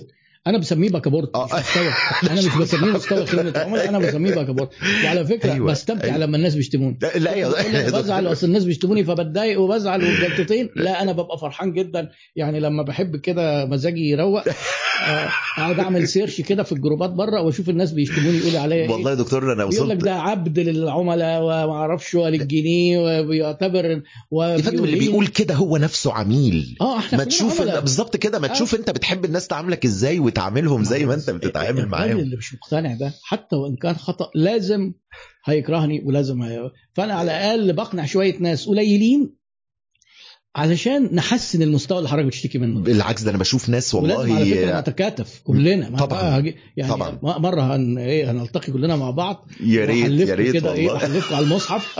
ما حدش في الكورس يقعد يقول العميل مش على آه وهعزمكم على الغدا برضه. لا إيه إيه خلاص يبقى العميل على حق. يعني برضه مش إحنا كنا بنقول بتوع التسويق آه، ممكن رشوة عادي. أيوه ما إحنا لازم ما نبدأ كانش ده. بقى حالنا يا دكتور. هنبيع نفسنا عشان أيوة. عشان عميل ما يساويش لا أنا فاهم حضرتك يا دكتور برضه فاهم آه. كويس جدا حضرتك بت بتقول إيه فإن علشان تغير ثقافة الناس لازم تحدفهم أيوه وتصدمهم. فينتقلوا ي... لو ما انتقلوش إلى خدمة مميزة على الأقل ينتقلوا إلى المرحلة. خطوتين ثلاث مش لازم. يوصلوا طبعاً. هارون كوفمان قال لك ست على فكرة أنا باكابورت دي مش اختراعي. باكابورت دي مسميها رون كوفمان وأنا إن شاء الله مرتب ال interview هطلع معاه live آه قريب ما شاء الله. رون كوفمان مسميها criminal level of customer service المستوى الإجرامي. آه، من الأباء الروحيين لخدمة العملاء في العالم. فعشان يعرفوا بس العالم بيتكلم في إيه آه بيتكلم في إيه. آه. هنا بيقول لك إيه يعني نضرب يا ترى العميل نضربه بالشبشب ولا على وشه ولا على قفاه؟ يعني إحنا بقى- ده الاختيارات. فهو بيقول لك أسوأ مستوى إنك تعامل العميل بإهانة وهو حتى بيستبعد يقول لك طبعا ما فيش شركات في ما أنا هجيبه بقى أقول له إيه تعالى بقى تعالى افهمك إحنا عندنا بيحصل إيه علشان أنت بتقول ما فيش الكلام ده. لا في الكلام ده. أنا عايز أقول لحضرتك يا دكتور كلام حضرتك ده حتى على المستوى الوطني. آه. إحنا إحنا من أسوأ الدول في خدمة السواح. جدا. ما هم دول عملاء. طبعا. بننصب عليهم وب- وبناخد فلوسهم وفي ساعات بيبقى في تحرش صح جدا. ده صح ده جدا. جر... عندنا جرائم. وبعدين يجي يقول لك إيه السياحة. آه آه. وشوف بقى لما بيجوا الناس دول يعملوا فيديوهات ويقول لك ما تروحش مصر تاني ده حصل معايا كذا يا خبر أبيض. آه، ما هو ده ال voice of customer هو ده صوت العميل طبعا. إحنا دلوقتي لازم نحترمه. وبعدين بن- بنشتكي دلوقتي وطالع عينينا علشان إن الدولارات اللي عشان آه القسط الدولارات ما بتاع ما- في طبعا. عندنا الإير- عندنا مشكلة في الميزان المدفوعات طبعا. إن طبعا. بسبب السياحه هي الحاجات بتسمع في بعضها. أيوه يا دكتور أيوه. كان في توجه قومي ووزارة السياحة بتعمل وبرامج وإعلانات وتيجي في السي إن إن وبتاع وبعدين يجي يعمل بهذا الشكل. صح. وبعدين يركب تاكسي مثلا الراجل يقول له إيه 100 دولار. أه. وبعدين يكتشف من واحد مصري ولا في الأوتيل يقول له مم. إيه ده ده ضحك عليك ده كده ده المشوار ده ب 5 دولار ولا آه 10. آه خلاص يبقى هي, هي دي المشكلة فهو الراجل قال لك إيه ست مستويات بنبدأ بالمستوى اللي هو الكريمنال كريمنال آه هو إيه وبعد كده بقى إيه عامل بقى كذا حاجة. بيزك واكسبكتد وديزايرد وسربرايزنج وانبليفبل في الآخر هو إيه مستحيل تصدق آه، إن ده آه. يحصل معاك اللي هو هو بقى بيقول لك إحنا بنطمح نوصل لدي. أيوه. بس هو نفسه بيقول يا سيدي إيه لو أنت في ال surprising حلو جدا. حلو يعني أنا طبعاً، نفسي نبقى كده. مش طبعاً. لازم نبقى unbelievable unbelievable اللي هو لما مثلا امازون يبعتوا لك حاجة ومن أمريكا مثلا تقول لهم الحاجة دي طلعت مش مظبوطة يقول لك احتفظ بيها هدية. وأنا بعت وادي فلوسك. صح جدا. وادي فلوسك. إيه ده؟ طب هل هل تفكر تشتري من حد تاني؟ لا طبعا. هو لا طبعاً. انبليفبل طبعا. تتكلم هنا في مصر يقول لك أيوه إيه. اصل دول أمازون آه آه وطبعا دي مردود عليها ما هو لو ما عملوش كده ما كانوش بقوا أمازون الله آه، ما هو النقطة إيه البيضة ولا الفرخ؟ نعمل أيوة. كده عشان نكبر ولا نكبر الأول عشان نعمل كده؟ يعني نقعد ندي العملاء بالجزمة ونستنى نكبر؟ مش هيحصل. لا طبعا لا طبعا بس أنا يمكن آه، آه، كوتلر عايز دكتورنا ف... لا لا خالص خالص عايز أقول لحضرتك إن إحنا. وأنا في الأردن آه مع إحدى الشركات أنا استشاري ل 12 شركة في الأردن الحمد لله ربنا يخليك. ف يعني أنا ما غلطتش لما قلت بقى علم من اعلام التسويق يا يا فندم. ربنا يخليك آه، والله يا آه، دكتور بنتعلم يعني. من حضرتك ربنا يخلي. حضرتك يا آه، رب. آه، ففي في الأردن إحنا تخ... مع إحدى الشركات تخلصنا من أكبر عملاء عندهم أكبر عملاء أكبر عملاء عندهم كانوا بي... يا فندم أكيد أقل ربحية. طبعا الله على حضرتك أيوة،. بيطلبوا كميات كبيرة فبياخدوا أعلى خصم وبيتأخروا في الدفع ومحدش يقدر يزعلهم ده أنا أكبر عميل عندك. لا يا فندم. لا يا فندم تخلص منهم كوتلر بيقول ليرهقوا المنافسين. العميل اللي انت تلاقيه بيخسرك وبيخترق ال policy بتاعتك وبي. ما تبصلوش ان هو ده ال 20 80 بتاع باريتو اللي هم 20% يجيبوا 80% لا كنسل العميل ده وسيبه للمنافس يرهقه ويمتص طيب. فلوسه وياخد اديني مثال تخلصت من منهم إزاي؟ يعني أو إيه الطريقة؟ آه، لا آه، آه، إحنا حضرتك هندفع كاش حلو جدا. مش عايز تدفع كاش لا والله مش شغالين. أنا عايزه يروح بس للمنافس خلاص كويس. هو وحط مكانه ثلاثة صغيرين يسحبوا أكتر منه ببونص أقل منه. آه. يمكن دي في استشارات كتير الناس اللي إنتاجهم قليل ما يبيعش لتاجر جملة. أنت ليه بتبيع لتاجر جملة يا فندم؟ ده حضرتك عندك يا لسه ما دوبك تقدرش. بالظبط نص طن فضة. ده كانت استشارة في مصنع آه. فضة. أنت بتعمل نص طن بتبيعه لاتنين تجار جملة. ليه؟ ما هو ده بياخد منك كمية كبيرة وأنت أصلا إنتاجك صغير فبياخد خصم عالي جدا. جدا يضغط عليك. وتسهيلات سداد عالية جدا. ده استراتيجيك ماركت الله على حضرتك الله على حضرتك. هنطلع قدام شوية ولا؟ بس وقتها انت بتغير ال offering بتاعك. يعني طبعاً. أنا عامل فيديو أربع حالات العميل فيهم مش على حق. مش من حق العميل يغير ال offering لو أنا قلت كاش يا كاش يا بلاش. الله على حضرتك. الله على حضرتك. صح أنا جدا. عامل سعر مش ما يجيش من حق العميل يقول لك أنا عايز خصم 5% لا ما فيش خصم 5% صح جدا. بنعتذر بس بذوق. طبعا لكن أنت طبعا. عارف حضرتك اللي بيحصل إيه لما بيحبوا هنا يتخل... يقوم عامل للعميل مثلا block أو يرد عليه حتى قبل ما يشتري يقول له هو أنت البعيد ما شفتش التفاصيل ما أنا حاططها له، أنت داخل تضيع وقت ولا واحد مثلا إيه حد عامل إعلان على ال social media والرسائل بتكلف. واحد دخل يسأل ابعت لي كده المواصفات أو الأسعار وبعدين ما ردش عليه آه. هو ما دام أنت مش جد بتبعت رسائل ليه؟ يعني آه، لو انت آه. تكلفونا وخلاص ويعمل له block. هي ما هو في فرق ما بين خدمة العملاء وإن أنت تنقي العملاء. الله كاستمر سelection حاجة وانك تدي العميل بالجزمة وتقول ده خسرته مكسب لا مليون في داهيه لا طبعا ما عملوش عدو. أيوة. يعني ما خلقش منه عدو. آه. وتعامله بود وخلق وإنسانية. يعني تعرف أنا في أحد كتب خدمة العملاء وده ما جاء يعني ده شغفي واغلب قراءاتي. الراجل في مقدمة الكتاب بيعتذر. بيقول أنا عزيزي القارئ المهتم بخدمة العملاء أحب أقول لك معلومة إن كل اللي هتقراه في الكتاب ده هتلاقيه common sense يعني إيه؟ صح جدا. يعني الله على هتلاقيه حضرتك. صح هتلاقيه جدا. كله حاجات بديهية مش محتاج اشرحها وهتلاقي لو أنت راجل حسن الخلق وبتحب تعامل الناس بأخلاق كويسة الله هتلاقي إن. الكتاب ده مفيش جديد بس أنا للأسف مضطر أكتبه ليه؟ لأن ال common sense is not common أو common sense is not common. practice يقول لك آه. الحاجات البديهية دي للأسف صح. الناس بتتوه فبتتوه منها يعني حتى بره اللي إحنا بنقول ده هم أعلى خالص صح جدا فهو صح أنا. حتى بقول للناس أنت يكفيك إنك تكون حسن الخلق الله على حضرتك وترجع. للموق... للأساس الفريم ورك اللي بتحرك فيه الإطار الديني. الله على حضرتك. سمحا إذا باع سمحا إذا اشترى. أنا قال مسلما بيعته. يعني ما... تبسمك في وجه. هو في بياعين بيبتسموا وبعدين يجي يقول لك إيه أصل لما بيجي يدخل يشتم يبقى مش معاه. يا حبيبي إحنا مالكش سيبك من اللي بيشتم. بالظبط الله عايز تضربه. بالجزمة اضربه. بالظبط هو غلطان طبعا. طبعا. بس اتكلمنا على اللي بيتعامل بأخلاق. الله على حضرتك. ولما تخلص دي أنصحك بقى بيني يعني نصيحة أخ شوف اللي بيشتم ده شتم ليه. هتلاقي ما بادرش هو بالخطأ خالص. هتلاقي واحد دخل بدأ يستفز بدأ ي... يعني أنا قريب كنت نازل ف- يعني داخل فندق خمس نجوم حاجز أونلاين رحت قالوا لي الأوضة اللي حضرتك حاجزها مش موجودة. آه. حلو قوي قلت لهم بس حبا... حبايبي قلبي حبايب قلبي بقى تعالوا لي. عملت بقى معاهم كل أحلى الألعاب. تفاوض يا باشا. آه، أحلى تفاوض. بس في الآخر عملوا إيه؟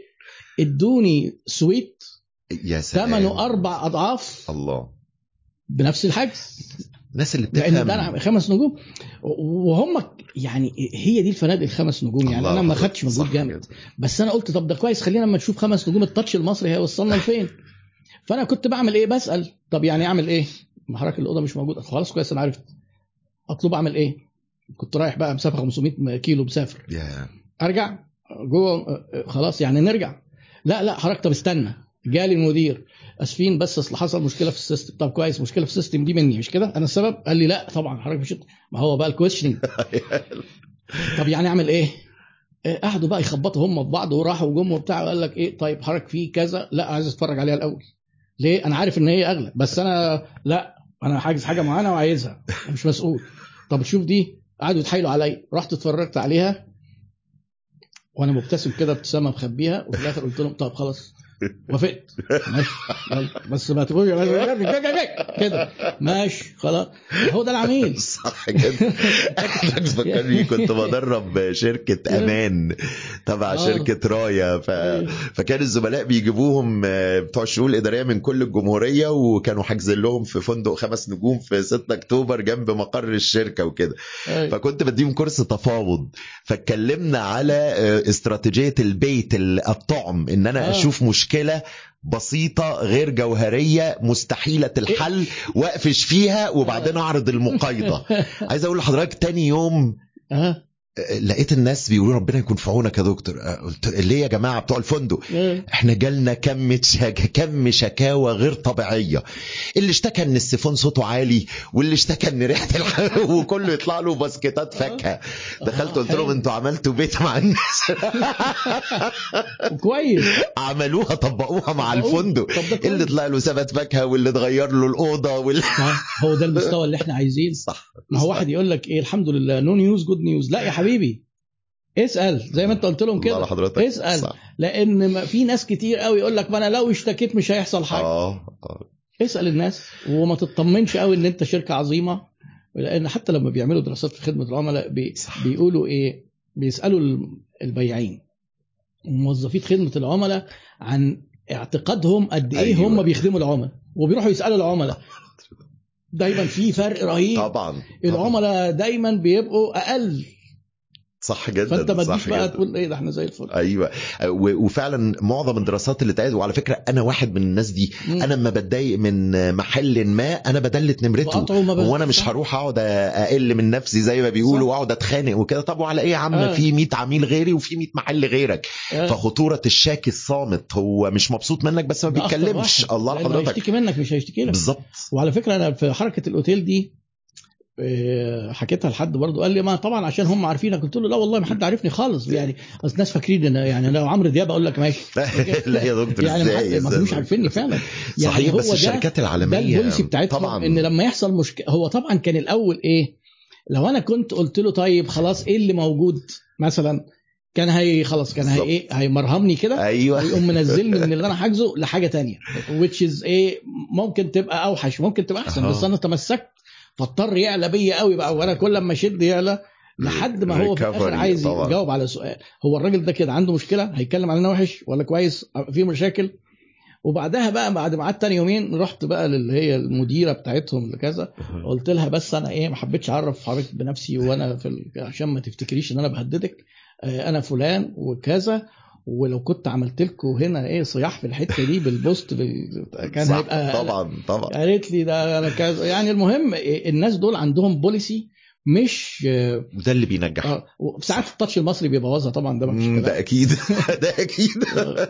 تعرف حضرتك من ال يعني آه، تماشيا مع كلام حضرتك بتقول إن الراجل بيقول ده common sense يا جماعة ف sorry إنكم مش هتلاقوا حاجة جديدة. آه. أنا لسه مخلص training مع مجموعة صيدليات في السعودية اسمها الكزير آه، فكنت بقول لهم أنا نفسي مرة اطلب أدخل أطلب آه، دواء الضغط أو القلب اللي أنا وحد يعبرني ويقول لي سلامتك. يعني أبسط قواعد الإنسانية. أنا بقالي 15 سنة. ولا واحد. آه، آه، إيه كونكور. اتفضل يا فندم اتفضل. ده إذا قال اتفضل يبقى كتر خيره قوي. فبينما هي فعلا أبسط قواعد الإنسانية وأنا بحط بس ألف سلامة على حضرتك. أنا مش عايز أكتر من كده. اهي دي ان دي unbelievable. يا سيدي خليها surprise مثلا. آه صح جدا. جدا. صح جدا. فإحنا بنتكلم في الحاجات اللي هي معظمها على فكرة معظمها free الله على ابتسامه حضرتك صح. مجاملة. صح. يعني م- من ضمن ال policies في في خدمة العملاء في الأوتيلات وهم كانوا بيعملوها في الأوتيل ده 100% مهم. عميل قرب منك مسافة آه، أكتر من آه، بيسموها هم بيقولوا 12 فيت بالأمريكاني يعني أها. 4 متر لازم تبتسم في وشه وتحييه بايماءه من إيه؟ شخصية ليه. الله.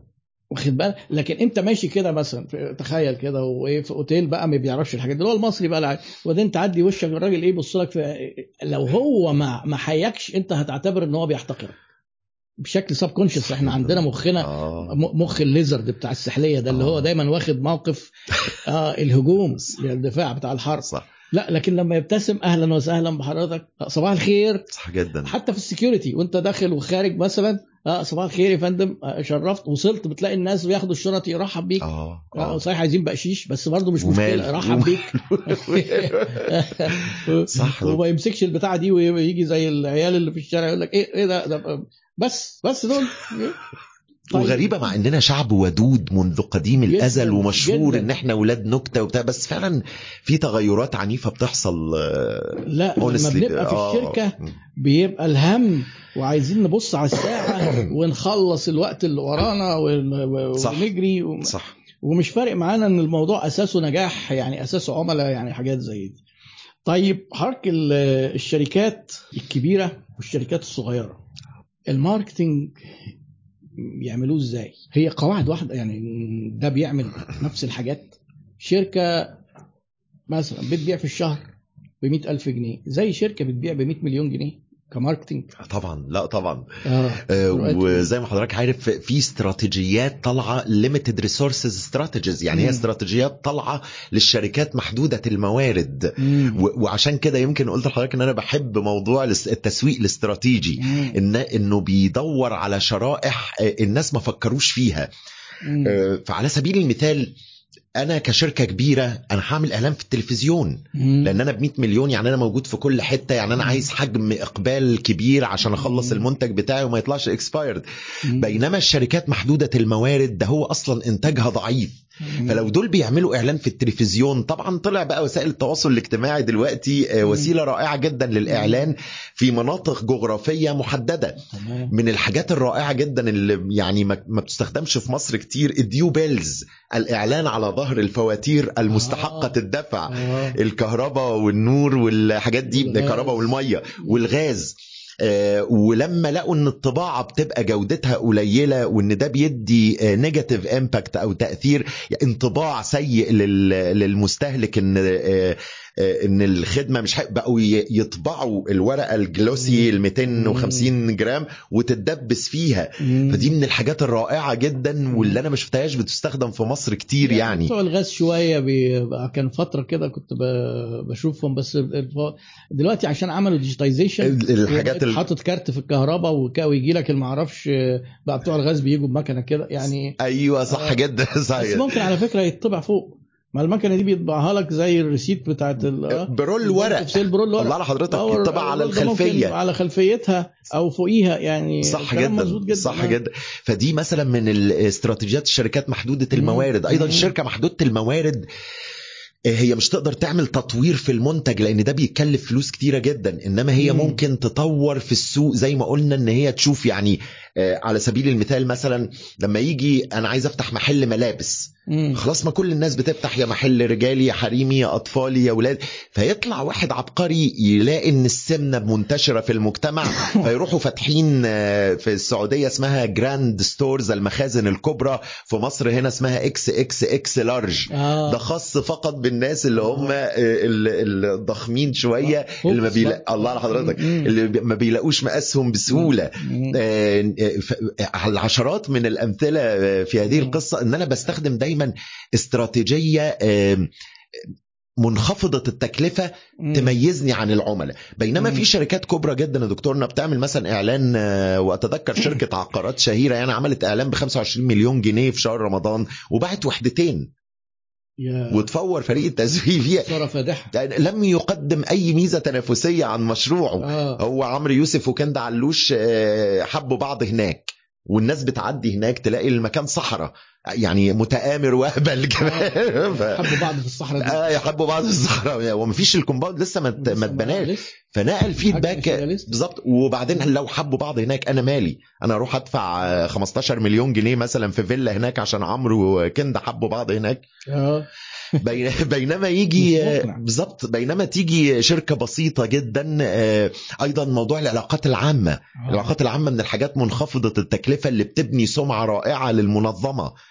فاللي هي ال educational booklet الحاجات البسيطة ال reminder الرسائل بقى في خدمة العملاء عبر ال CRM والحاجات الحلوة ديت الرسائل النصية القصيرة في عيد ميلاده 20% خصم بيكون ليها مفعول السحر. جميل. غير الشركات الكبرى اللي مضطرة إن هي تعمل حملات بملايين عشان توصل للناس كلها. مم. آه، حضرتك كده يعني إحنا عدينا على أهم نقط في الاستراتيجية. آه، وأنا عارف طبعا إن يعني موضوع الاستراتيجي فيه كلام أكتر من كده. لكن من ضمن الحاجات اللي بتبقى ملتبسة واللي هي شبه إنك تدي لواحد ورقة وتقول له إيه كده دي الطريقة اللي تلعب بيها كاراتيه دي الطريقة اللي تسوق عجلة دي الطريقة اللي تعمل بيها خطة تسويقية. تبقى حوسة. صح. اتفضل أدي الطريقة. وواحد يقول لك إيه طب اديني وريني خطة تسويقية كده معمولة هعمل زيها. تديله تبقى وموجود تبلت طبعا على طبعا بالهبل يعني. مليانة آه. آه فيقوم جايبها حاططها كده. وفشل ذريع في إنه يقدر يعملها ال- الزتونة فين هنا؟ الزتونة ماشي. هنبوظ الكورس؟ لا خالص لا بالعكس ده أنا بس بحاول امينيمايز الخطوات. آه الزتونة يعني يعني آه بالظبط. آه يعني إن يعني ببساطة شديدة هي خطوات الخطة التسويقية. آه. أنا لازم الأول أفهم الدنيا ماشية إزاي كويس جدا. أيوه. وبعدين أخش بالظبط. جوه شركتي. آه. ما ابتديش يعني ببتدي من بره بره لجوه. لجوه. ف وباخدها دوائر واسعة دكتورنا من- أول حاجة market analysis أنا. market overview زي ما بنسميه. آه، نظرة عامة على السوق. مم. وبعدين السوق ده فيه منافسين. competitors overview. ال competitors دول بيبيعوا المستهلكين. customer overview حلو جدا. وبعدين المنتج بقى اللي أنا عايز أسوق له product overview ادي اول اربعه overview آه ادرس السوق الأول أشوف آه. السوق ده ماشي إزاي آه، الدفع فيه كاش ولا نقدي مين اكبر players موجودين فيه آه، ارباحه اخبارها إيه بيستخدم اعلانات التلفزيون بتجيب مع الناس ولا ماشيين هيقول لك بتعرفوا الحاجات دي منين؟ والله يعني دكتور ما هنا بقى منافس وادرسه وشوف بيصرف كام. أنا هاش عرفني آه، أجيب الحاجات. أنتوا بتقعدوا تقولوا كلام غريب بقى بصراحة بتوع التسويق دول يقول لك إيه جيب وادرس المنافسين وشوف بيبيعوا بكام وشوف أنت هتاخد بقى market shares قد إيه. آه، أنا بسألك الأسئلة اللي بيسألوها. طبعا طبعا يا دكتور يعني طبعا. إيه؟ لا لا طبعا ربنا يكون في عونهم وفي عوننا. آه لا، هي أسئلة منطقية صح صح جدا حضرتك بترد على الاسئله دي إزاي؟ هو طبعا أنا بعرف آه، آه، آه، المعلومات منين إحنا أيوة. بنقول حاجتين أيوه ال secondary information المعلومات الثانوية الله عليك يعني ثانوية يعني إيه أنا بقول بقول لهم ده يعني أنا ثاني واحد شفتهم مش. trivial مش. آه أيوة صح. أنا تاني واحد شفتها فمثلا أنا عايز أشوف طب أنا هستهدف الرجالة ولا الستات مم. فممكن جدا إن أنا أشوف الإحصائيات السكانية اللي وزارة الصحة عاملاها فلاقي إن نسبة. ال sex ratio نسبه الجنس في مصر إن مش كل راجل قدامه أربعة ستات زي ال... تخيل والله أنا دايما بسأل الناس في الكورس علشان وإحنا بندرس ال demographic اللي لازم. البيئه السكانيه بالظبط. طب يا جماعة آه، قولوا لي كده إحنا في مصر الستات أكبر ولا الرجالة؟ الستات طبعا. طيب النسبة قد إيه؟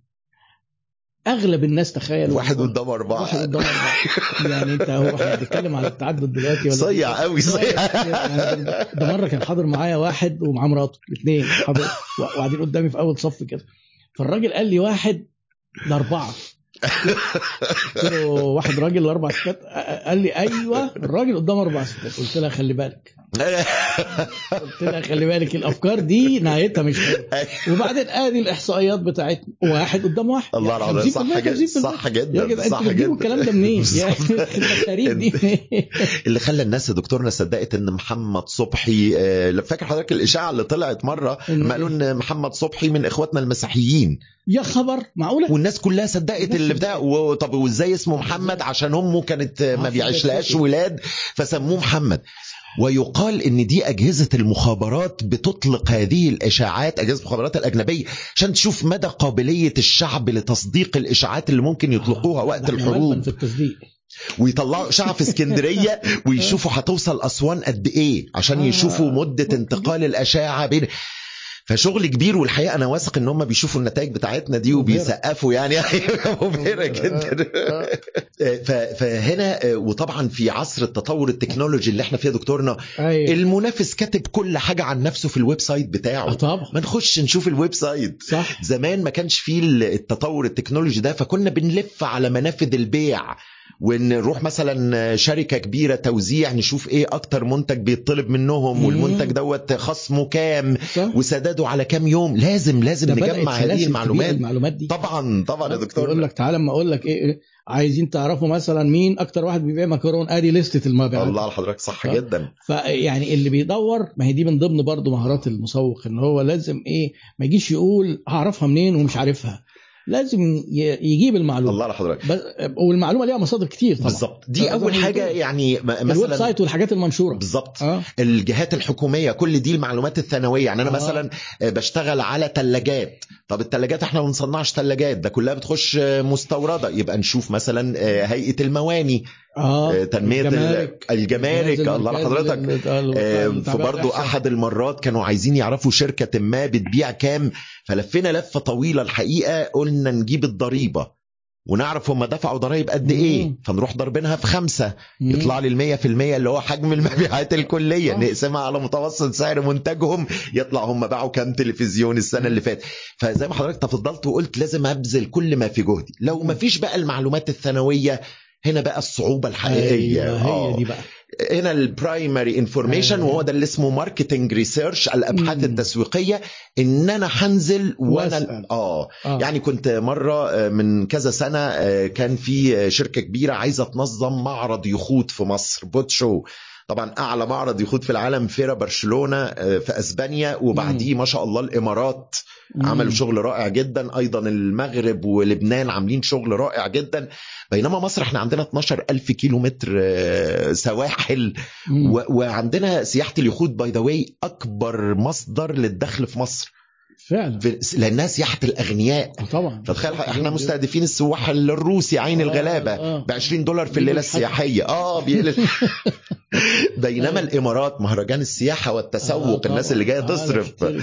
وال boat show بقى من أعلى ال فكانت عايزة تعمل boat show. مفيش أي إحصائيات في الدولة عن ال عن ال اليخوت اللي موجودة في مصر إيه. آه. فنضطر بقى هنا لأ لازم نشوف شركة أبحاث تسويقية. أيوه. ونبتدي ندرس بقى طب هي تصنيع اليخوت ده بيتم فين؟ آه. فنلاقي عدد اليخوت. طب ال marina اللي في مصر موجودة فين؟ ال- ال marinas اللي هي.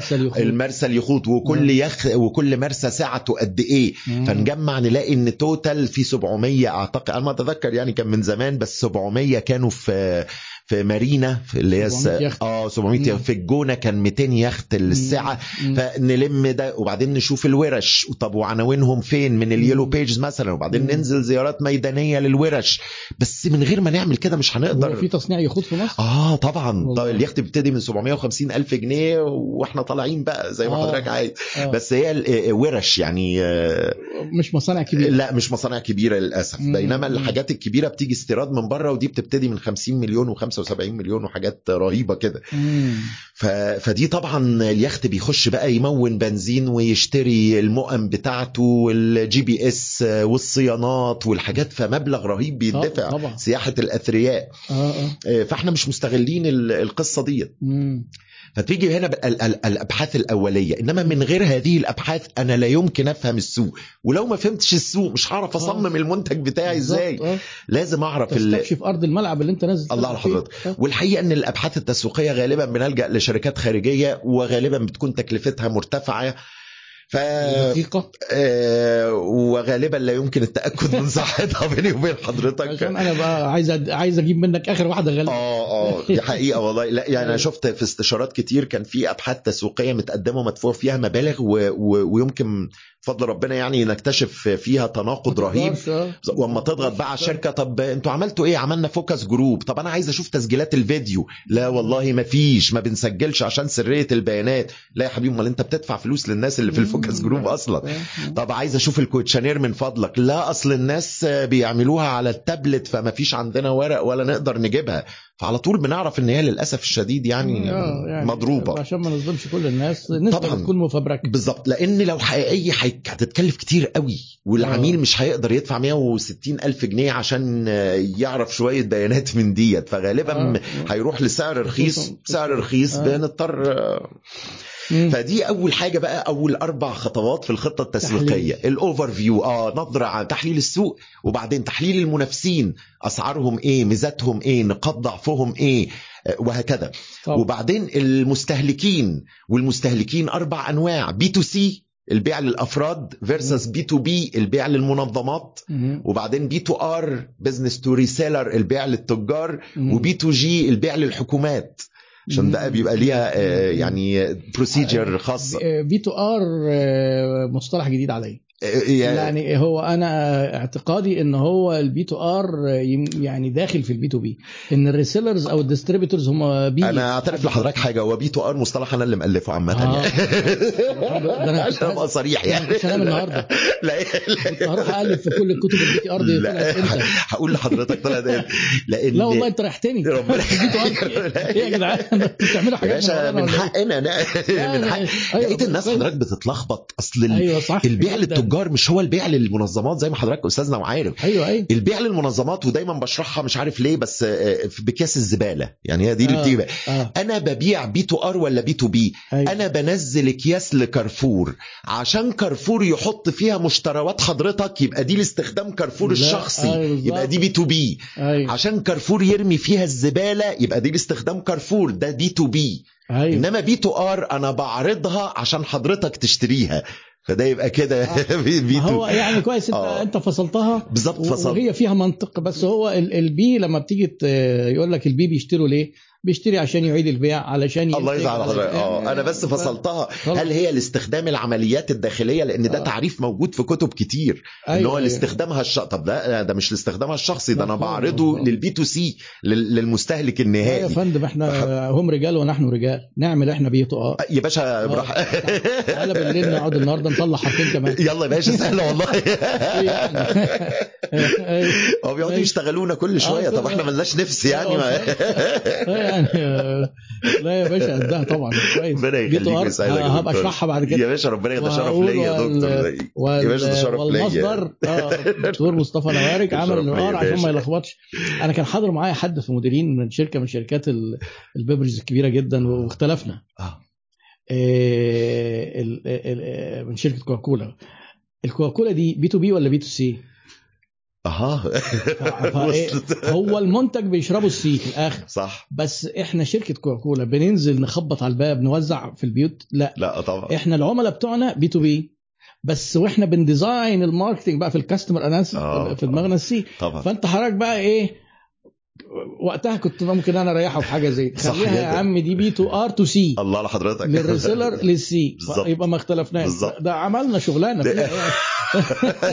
من ضمن الحاجات آه. برضه أنا فاكر اللي عملنا شغلانة فيها تعرف حضرتك برضه من ضمن الحاجات اللي بنقول إن في يعني اختلاف في الرؤى أو في الشرح ال SWOT analysis التافه جدا ده برضه آه ده في كمية اختلافات بين الناس في. يقول لحضرتك ال opportunity وال threats الفرص والمخاطر. المفروض إن في الكتب الت... في كتب الإدارة إن ديت البيئة الخارجية اللي هي. الحاجات اللي مش فيه بينما في علم ال PMP إدارة المشروعات يقول لحضرتك ده الحاجة المستقبلية المتوقعة.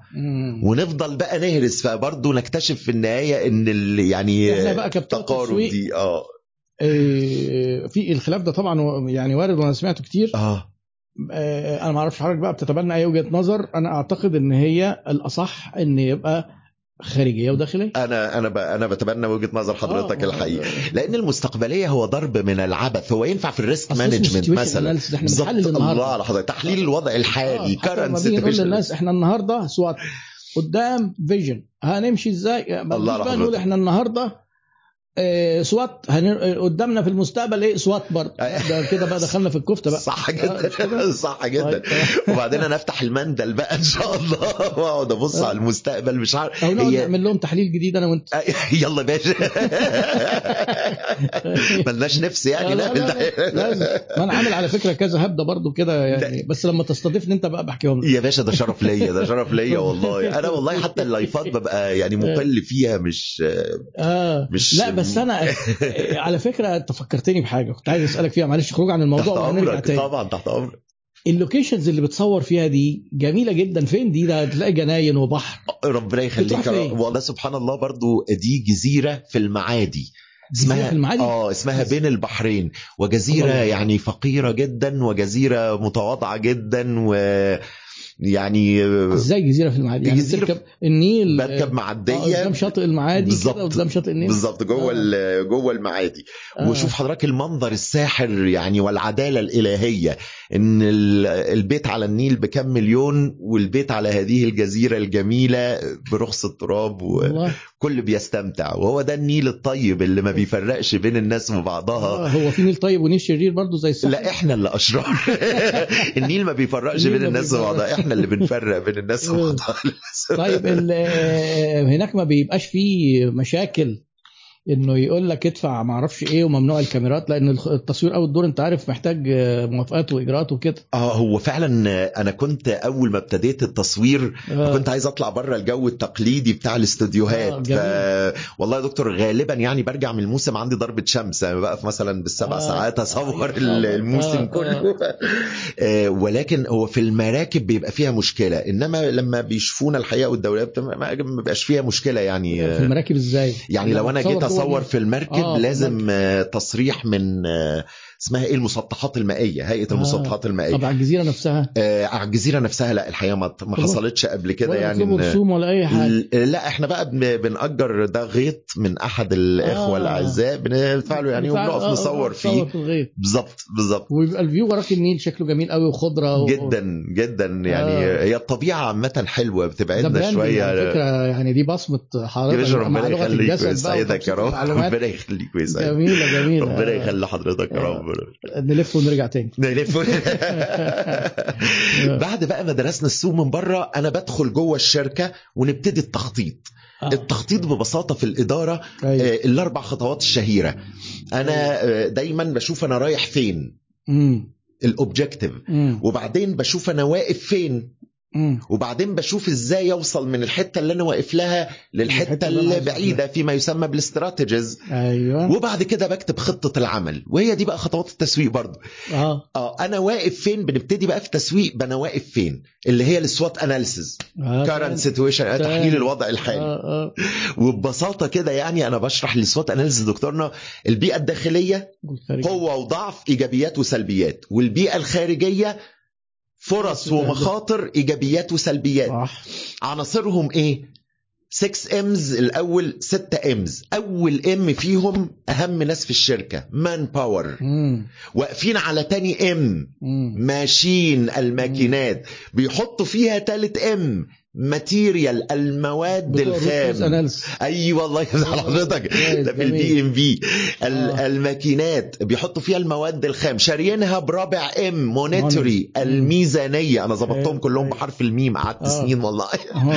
الميزانية within المدة الزمنية minutes ويحكمهم methodology منظومة العمل. أو management أيوه حلو. هو ال management. بنعتبرها من منظومة العمل جوه هي برضو آه، الشهيرة والمعروفة 5 M بس حضرتك زودت عليها ال time بال minutes دي. بالظبط. هم 6 Ms آه. آه.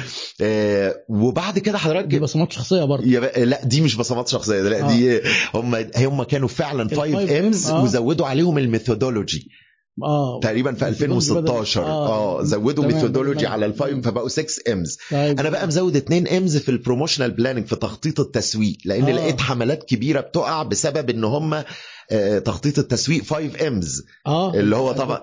بالظبط ال advertising آه. آه. بالظبط اللي هو أول حاجة ال mission المهمة بتاعتي إيه؟ آه. طب ال message اللي أنا هقولها إيه؟ طب ال monetary اللي معايا الفلوس اللي معايا. كام؟ عشان أختار الميديا بناء عليها وبعدين أعمل measurement تقييم فعالية الحملة الدعائية بعد ما أخلص. فزودت. أنا 2 Ms آه. ال market أنا رايح لأنهي آه. شريحة أيوة. ستات ولا رجالة ما عشان أقدر أصيغ ال message آه. صح لازم أعرف ال market و- وأختار الميديا بناء على ال market الله على حضرتك آه وال minutes ال- التوقيت اللي هعمل فيه الإعلان آه لو هم آه، لو مثلا ده دباديب يبقى عيد الحب جميل. لو أجهزة كهربائية يبقى عيد الأم أو يوم الأم بقى زي. ف آه، فدول ال ال SWOT analysis نشوف بقى ال SWOT analysis 6 Ms آه. 6 Ms دول شغالين عشان يطلعوا ال four Ps product المنتج يلزقوا عليه price. ال price بيتباع في ال place الناس تعرفه من promotion آه. طيب المنتج ده رايح فين؟ يطلع البيئة الخارجية رايح لل three Cs consumer المستهلكين بيتخانق معايا عشان يخطفوهم مني. competitors المنافسون بيساعدني عشان أغلب المنافسين collaborators المتعاونون. حلو جدا. وبعدين ال PEST ال analysis اللي هي البيئة الواسعة. البيئة الخارجية. آه. بعد ما ادرس ال SWOT analysis كويس جدا بحط ال goals وال objective آه. الفرق ببساطة طبعا آه، آه. زي ما الإخوة الأعزاء عارفين الجول بقول والله عايز أفتح عملاء جداد. آه. طيب ال objective آه عايز أفتح مين العملاء الجداد؟ يبقى أنا هستهدف شريحة الأطفال دول بيخرجوا في نهاية الأسبوع أزود مبيعاتي بنسبة 33% ليهم مثلا على سبيل المثال. ال SMART بقى الله على حضرتك. محددة بالايه بالخمس مواصفات. بالظبط يا. فندم بالظبط. فالجول جميل. وال objective وبعد كده ال strategies اللي هي البدائل هم بيسموها strategies أيوه. في الكتب. آه، بتتفصل بقى في التسويق اللي هي التسويق الاستراتيجي strategic marketing اللي هي STP segmentation targeting positioning وبعدين ال tactical marketing هعمل إيه بقى في البرودكت والبرايس والبليس والبروموشن أيوه. بعد ما بخلص ال strategies بكتب خطة العمل اللي بتلخص الدنيا دي كلها وهي دي. خطوات الخطة التسويقية. جميل جدا. يعني- فعلا. جميلة آه، وبسيطة ربنا يخلي حضرتك يا رب. جميلة جميل. جميلة وبسيطة و... آه، حضرتك قلت ال four Ps اللي إحنا متربيين عليهم. في ناس بقى شطحت وجت قالت لك 7 Ps و12 Ps و... ومرة لقينا 44 Ps إيه ده؟ آه والله موجود بس ده في واحد كده يعني الظاهر كان شارب آه يا عيني آه، معلش. جاب جاب dictionary وشاف حرف ال P وقام لامي لامم كل آه، كوتلر نفسه حضرتك في 2005 كان منزل كتاب فحط حاجة اسمها public opinion الرأي العام. أيوه. 2006 في الطبعة الجديدة شالها. آه، يعني في أيوة، فعلا بيحصل. في آه flexibility وال American marketing association في الآخر هم ال four Ps أيوه. في ناس بيوزنوا بال Ps. يقول لك انت شرحت لنا أربعة بس ده هم 17 آه، عايز الفرق. يعني وراح وزن بره. مره 17 هو. الناس عقلت بعد ما لفوا لفة طويلة وكل شوية حد يجي وبتاع يغير لكن صح. آه، هي السهل الممتنع اللي أيوة، اتعمل في الستينات ده. ما- أيوه ما صح جدا يا دكتور. الحقيقة أنا ليا وجهة نظر بسيطة في في القصة آه، ديت. آه يعني آه، هو حضرتك ال goods وال services أيوة. البضائع والخدمات أيوه خدمات يعني حلاق بنك آه، آه، حاجات غير استشارات. حاجات غير ملموسة آه. والبضائع أي حاجة ملموسة البضائع 4 Ps الخدمات 7 Ps آه لأن أنا عندي في الخدمات لا يمكن فصل الخدمة عن مزود الخدمة وده من أحد مواصفات ال service مم. اللي هي آه، عدم الانفصال. inseparability آه، حضرتك يا. فندم. فهي أول حاجة اللي هو ال people الشخص اللي بيقدم مم. الخدمة مم. وال process مم. إن إحنا دخلنا بالطابور فنقف بالطابور مم. فمحدش يدخل قبل حد ال process. وال physical evidence إن أنا. ألاقي البنك ما ما اجيش أقعد على كرسي فلاقي في مسمار قطع لي ال-. فدي الفرق بينما ال goods أنا ما بشوفش المصنع اللي أنا بشتري منه أصلا آه خالص آه، ف- الإنتاج في حتة والاستهلاك بالظبط. بالظبط آه. فأنا رأيي إن ال four Ps هي للبضائع ال seven Ps للخدمات إنما زي ما حضرتك تفضلت وقلت ما فيش حاجة اسمها كانوا four Ps بقوا seven Ps. هم four Ps وزي ما هم four Ps إنما ال seven Ps للخدمات. آه، على فكرة في بعض كتب بتزودها ال seven في الخدمات. آه. وأعتقد برضو مرة على حضرتك أحيانا إنك بتلاقي برضو ال four Ps شغال. آه آه طبعا طبعا. يعني وبتلاقي فيها تخريجات كده إن إن ال evidence ده ممكن آه، تحطه مع ال product. دليل على ال product quality أها. يعني في ليها شوية آه، بالظبط آه. عشان كده بقول لحضرتك يا جت علينا ما نزود إحنا كمان هو كل واحد بيكتب كتاب وبيكتب اللي هو لا عايزه إحنا نقعد يوم كده نجيب حضرتك يوم من أوله يا سلام يا دكتور ده شرف ليا بقى بتاعنا من أول ده. شرف ليا يا دكتور ده والله أنت عارف أنا سألت كان آلان ديب اللي هو مؤلف كتاب One Page Marketing Plan. عملت معاه video video interview كده من آه، ما شاء. الله ما شاء الله آه، ما شاء الله له إيه إيه رأيك في الناس اللي بتقول ده التسويق ده علم أمريكاني وإحنا هنا بلادنا وثقافتنا مختلفة ولما تبقوا تعملوا لنا التسويق بتاعنا نبقى ندرس تسويق لكن مش هندرس العلوم الغربية الدخيله أنا ما سألتهوش بالقسوه دي يعني. آه طبعا. فالراجل جاوب إجابة ظريفة جدا قال لك التسويق قايم على الأرقام وعلم النفس ودي حاجات عالمية ما يختلفش فيها الأجناس هو أسترالي أصلا. أها. وبيقول لك أمريكا أستراليا آه، آسيا. كذا انت عايز بتتكلم علم نفس إيه اللي يرضيك وايه اللي احلامك؟ واتكلم بقى على حاجات ال emotions بتاعت ال marketing أها. آه وبعدين إحنا بقى كشركات إيه ارباحنا؟ وهنكلف كام؟ وهنبيع بكام؟ وهنكسب كام؟ وبتاع. فقال لك ده ما بيختلفش كتير. طبعاً. والت- والتسويق زي ما حضرتك فاهم برضو في ال... في البستل طبعاً. لما تيجي تقول السوشيال مثلا إيه طب ما إحنا ب... يعني آه، يعني إحنا صحيح أنا بقول إيه بنهزر نقعد نعمل التسويق بتاعنا بس مش هنلاقي غير الحاجات اللي للأسف. الحاجات اللي عملوها صح جدا لأن هم. حطوا فيها إزاي نحترم الفرق الثقافات وفرق العادات. وفرق الدول وفرق طبعاً. اللغات طبعا هو بيقول آه، إرضاء احتياج العميل مم. هو العنوان الرئيسي ينطبق أيوة، على أي ثقافة. هم بقى احتياجاتهم غير احتياجاتنا. هنتكلم آه، فيها آه بالظبط إنما.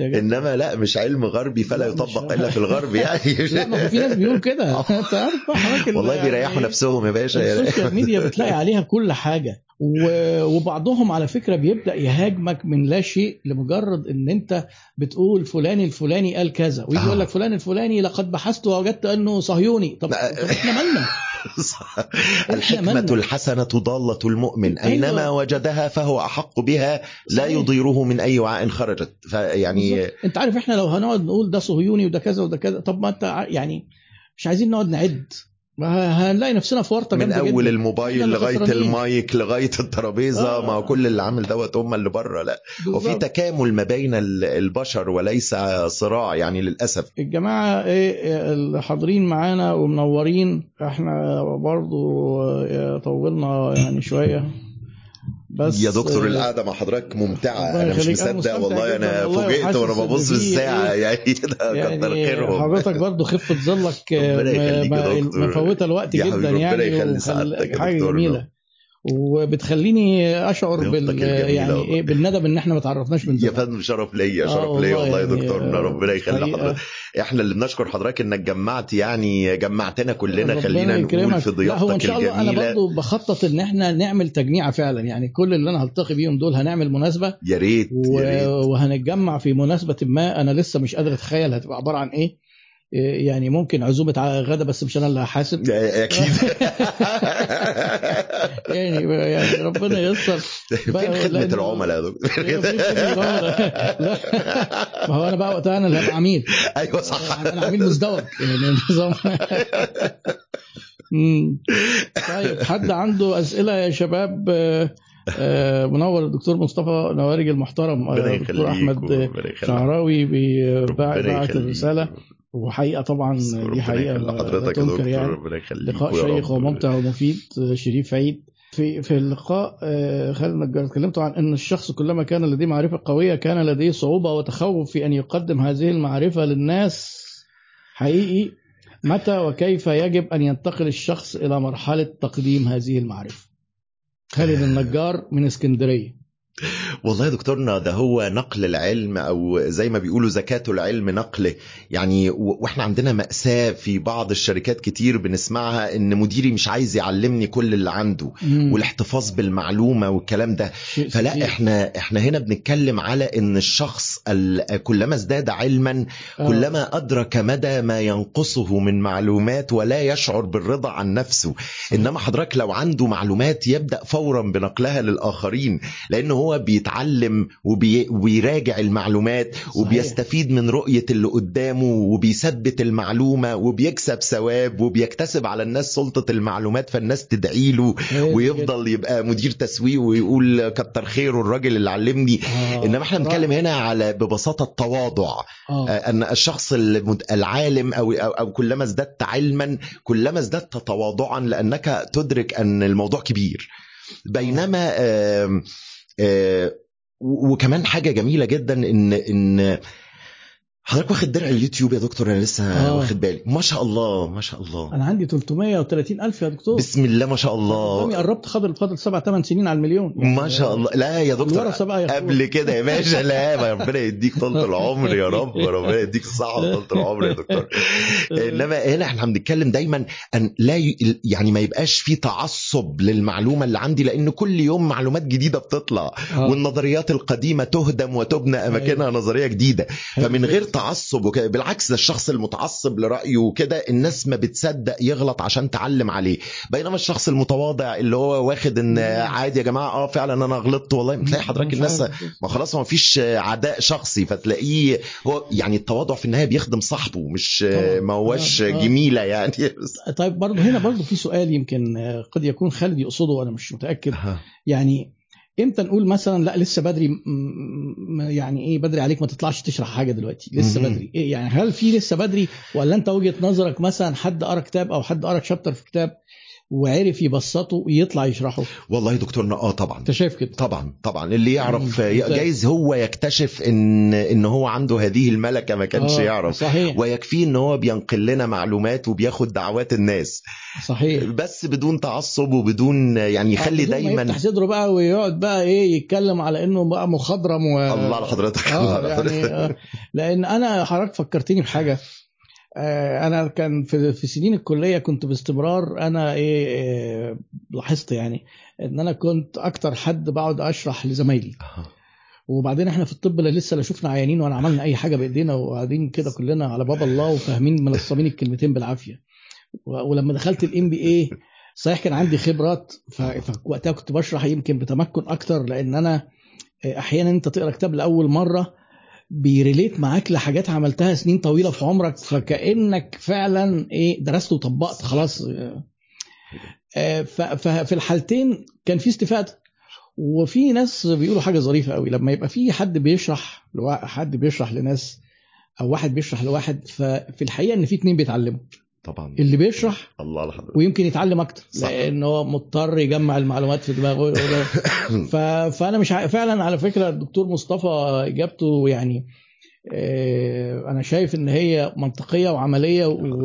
وتخلينا ما نقولش لا لسه ما نخافش من ال- اللي هو الإمبوستر سندروم اللي قلنا عليه صح. إن أنا هطلع هخدع الناس أنا ما أعرفش حاجة لا على قد ما عرفت اشرح وهتتعلم وتك... زيادة حضرتك. وتستفيد بخبرات وتطبق صح جدا. آه على فكرة اللي بي- متبني القصة دي كل المنصات بتاعت الكورسات الأونلاين. آه ويقعدوا يقنعوا الناس إن هو يعمل passive income آه هو. آه، الدخل السلبي إن أنت هتحط الكورس فممكن يتباع ويجيب لك دخل. آه وأكيد أنت ما دام بتعمل حاجة في حياتك بقالك فترة أكيد عندك شيء تنقله للناس. وأنا مقتنع جدا بالكلام صح ده. جدا. آه. بس هو حضرتك سنين خايف. أنا برضو قعدت سنين خايف. آه. يعني ودارس وعامل وخايف وبعدين كنت أقارن نفسي مثلا بأساتذتنا الدكتور طلعت أسعد. يعني أنا هقف كده زي ما الدكتور طلعت كان بيقف كده. وأقعد أقول كده الكلام ده. لا لا أنا هروح فين لا ده ده ده بصراحة يبقى نصب. وبيجي لي أحيانا الكلام ده يعني بيجي لي أحيانا هذا الإحساس. لما يجي مثلا إيه حد يسألني أقرأ كتب تسويق إيه أقول له كتاب الدكتور طلعت أسعد يقول لي مين الدكتور طلعت أسعد؟ ببقى ببقى مكسوف جدا إن هو عارفني ومش عارف الدكتور طلعت. أستاذ أستاذ أستاذ اساتذتي وربنا طبعا يديله طبعا الصحة. ربنا يديله الصحة آه، يا رب طبعا التسويق آه، بيكتب في في- التسويق من الثمانينيات يعني. آه، ما- طبعا. حضرت له في أوائل أيوه. طبعا. آه، يعني ده راجل آه، يعني الواحد بقى حل المعضلة دي إنك تشتغل وتبقى على قدك وما تروحش برضه تقول ده إيه ده ده زي اللي أنا حكيت لحضرتك عليها. أيوه. اللي قالت لك اديني أي PowerPoint بعون. الله أنا داخله شرحها فتحة الصدر دي مش حلوة يا جماعة بصراحة. دي قاتلة يعني آه. في أسئلة كتيرة شغال في منتج شعبي هل ممكن يبقى في ميزة تنافسية بعيدة عن السعر آه، آه، بصراحة مش باين مين اللي سأل السؤال ده. لأن هو السؤال أنا جبته من رد حد عليه. إيه رأي حضرتك والله دكتورنا. آه المنتج الشعبي آه هو ممكن يبقى فيه الميزة الرئيسية فيه طبعا هتبقى السعر. آه. بس المنتج الشعبي ما هو على حسب اسم المنتج إيه.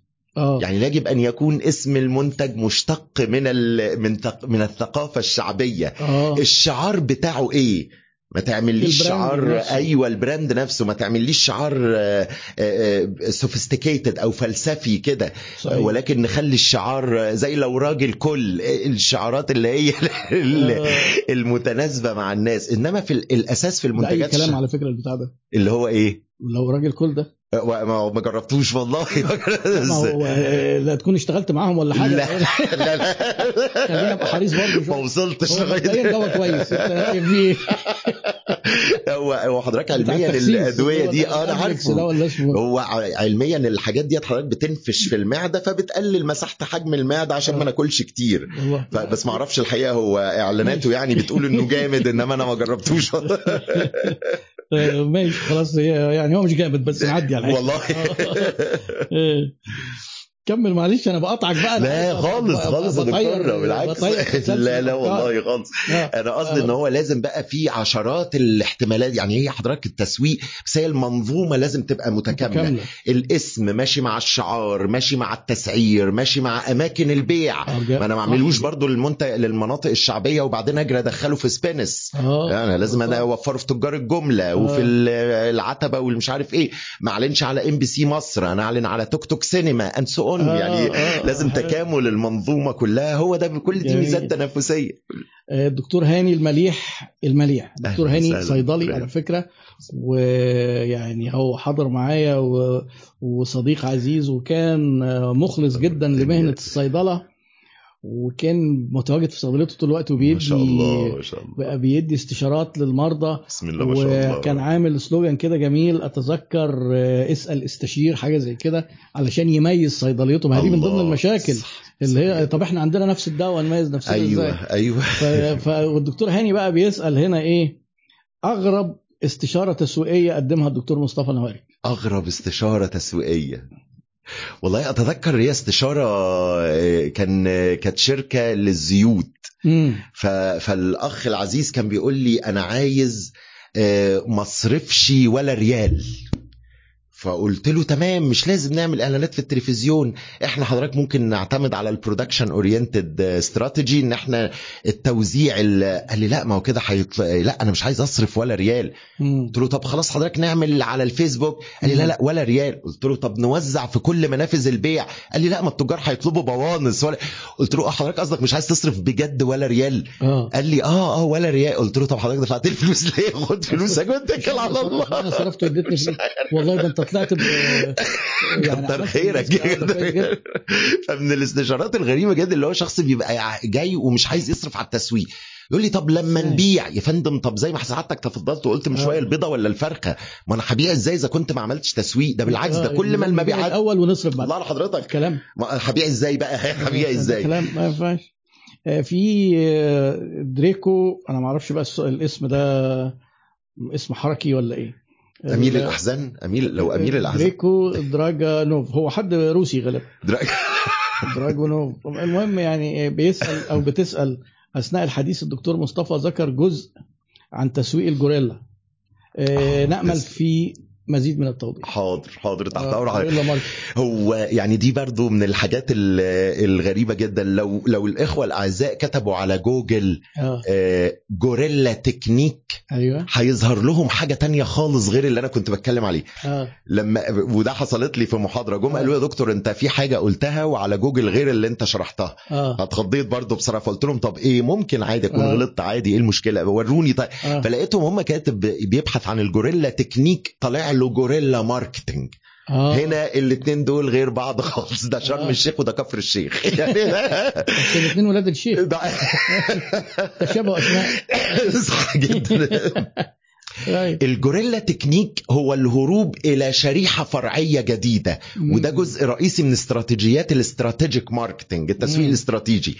يعني مثلا إن أنا أروح آه، زي برضو كلير لما راح للرجل الرياضي. أو. صانسيلك لما راح للسيدات المحجبات. طالما. كلمتين يبقى دي مش شريحة دي شريحة فرعية. sub شريحة. آه sub شريحة. اللي هي أيوة. ال niche. أيوة. اللي الناس برضو خطأ فاهمين يا دكتورنا إن ال niche هو الناس الأغنياء. آه، لا ال niche لا. ال niche هي أي sub أي شريحة أي شريحة. شريحة فرعية. الله على آه، حضرتك فده ال guerrilla technique تقنية الميليشيات. غير ال guerrilla marketing تسويق الميليشيات. آه. تسويق الميليشيات ده استراتيجية في ال promotion في الدعاية. أيوه. آه. في ال promotion وهو ببساطة شديدة أجمل تعريف أنا آه، لقيته لها أيوه untraditional advertisement أيوه. إعلان غير تقليدي. صح. الإعلان غير التقليدي دوت أنا جمعت يعني قعدت فترة طويلة أجمع في استراتيجياته ووصلت لحوالي 10 11 نوع.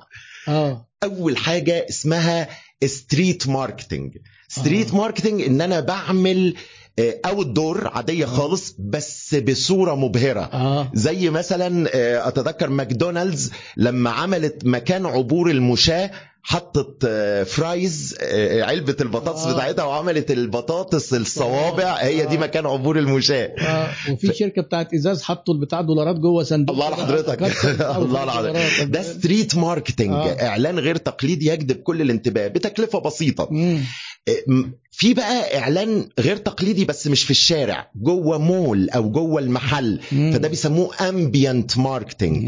ambient marketing هنا في مثلا في كايرو فيستيفال. محل ألماظ عامل جمجمة كبيرة بالالماز أو بالإزاز يعني بس لازم حضرتك وأنت معدي تذهل وتبص على آه. شكلها محل لعب أطفال عامل آه، هالك 3 متر آه. برضه حضرتك وانت ماشي لا اراديا. أي طفل مستحيل هيتعب. بالظبط.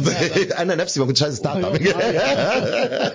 أيضا أيوة. برونشيكم نزلوا في الصيدليات. دواء كحة آه. شهير. نزل في الصيدليات آه، إزازة الدواء كبيرة كده. قدام باب الصيدلية. آه. آه. فده يسموه ambient marketing هو آه، برضو إعلان غير تقليدي بس مش حلو. في الشارع جوه الصيدلية. وعشان الناس تحفظها street و ambient شبهها بقى الاثنين اللي جايين. الاثنين اللي جايين stealth marketing التسويق المختلس. آه. stealth marketing التسويق المختلس بمعنى إيه؟ آه، مثلا جاكي شان من أوائل الناس اللي عملوا الشغل ده لما كان مثلا يطلع في الفيلم كل. المطاردات بعربيات بيجو. آه، روبنسون كروزو لما لقى إن دي إتش إل وصلت بالطيارة شحنة للجزيرة النائية المنعزلة اللي هو كان فيها مم. تفتح حضرتك ال- ال website تلاقي إعلان فوق على اليمين في اسم بينور ويطفي ده بيخاطب اللاوعي. أنا هنا بشوف الفيلم انطبعت في ذهني إن عربيات بيجو أو آه. ميتسوبيشي أو كده يا جامدة جدا كده آه. بالظبط. stealth marketing الايه بقى التانية ambush marketing وده من الحاجات اللي أنا بعشقها. ambush marketing استغلال أحداث المنافس وتسويقه علشان أسيطر عليه. بمعنى كان ابل منزلة التليفون الجديد وأبل طبعا زي ما حضرتك عارف بعد سنة بيبتدي الشحن بتاعه يبقى سيء جدا عشان الناس تشتري المنتج الجديد. فراحت هواوي ولاد اللعيبة عاملين power bank حاطين عليه اسم هواوي وراحوا موزعينه على كل الناس اللي واقفين طابور مستنيين المتجر يفتح عشان يشتروا آبل. مم. آبل. وكاتبين هواوي you will need سوف تحتاج إليه. آه. فيعلموا عليه. جميل. تيجي شركة تحط آه، مثلا outdoor فتروح الشركة الثانية حاطة فوقيها ال outdoor بتاع. آه. اللي انتشر مؤخرا جدا يا دكتورنا لما ماكدونالدز أنا أحبه وجه آه، شركة برجر حطت لو كان بيحبك ما كانش غلى عليك اللي بيحبك أيوة، بجد أيوة، آخر أيوة. الشارع فده اسمه صح. ambush marketing آه، أنا بشوف آه. المنافس بيعمل إيه وببرشط عليه آخد و- ال credit ليا برضه مين آيفون لما سامسونج نزلت لهم إعلان لما يبقى بي fold ابقوا كلمونا لما أيوه نزلوا أيوه الله لحضرتك لما لو- على أساس إن هم عاملين ال Z Fold بالظبط بالظبط.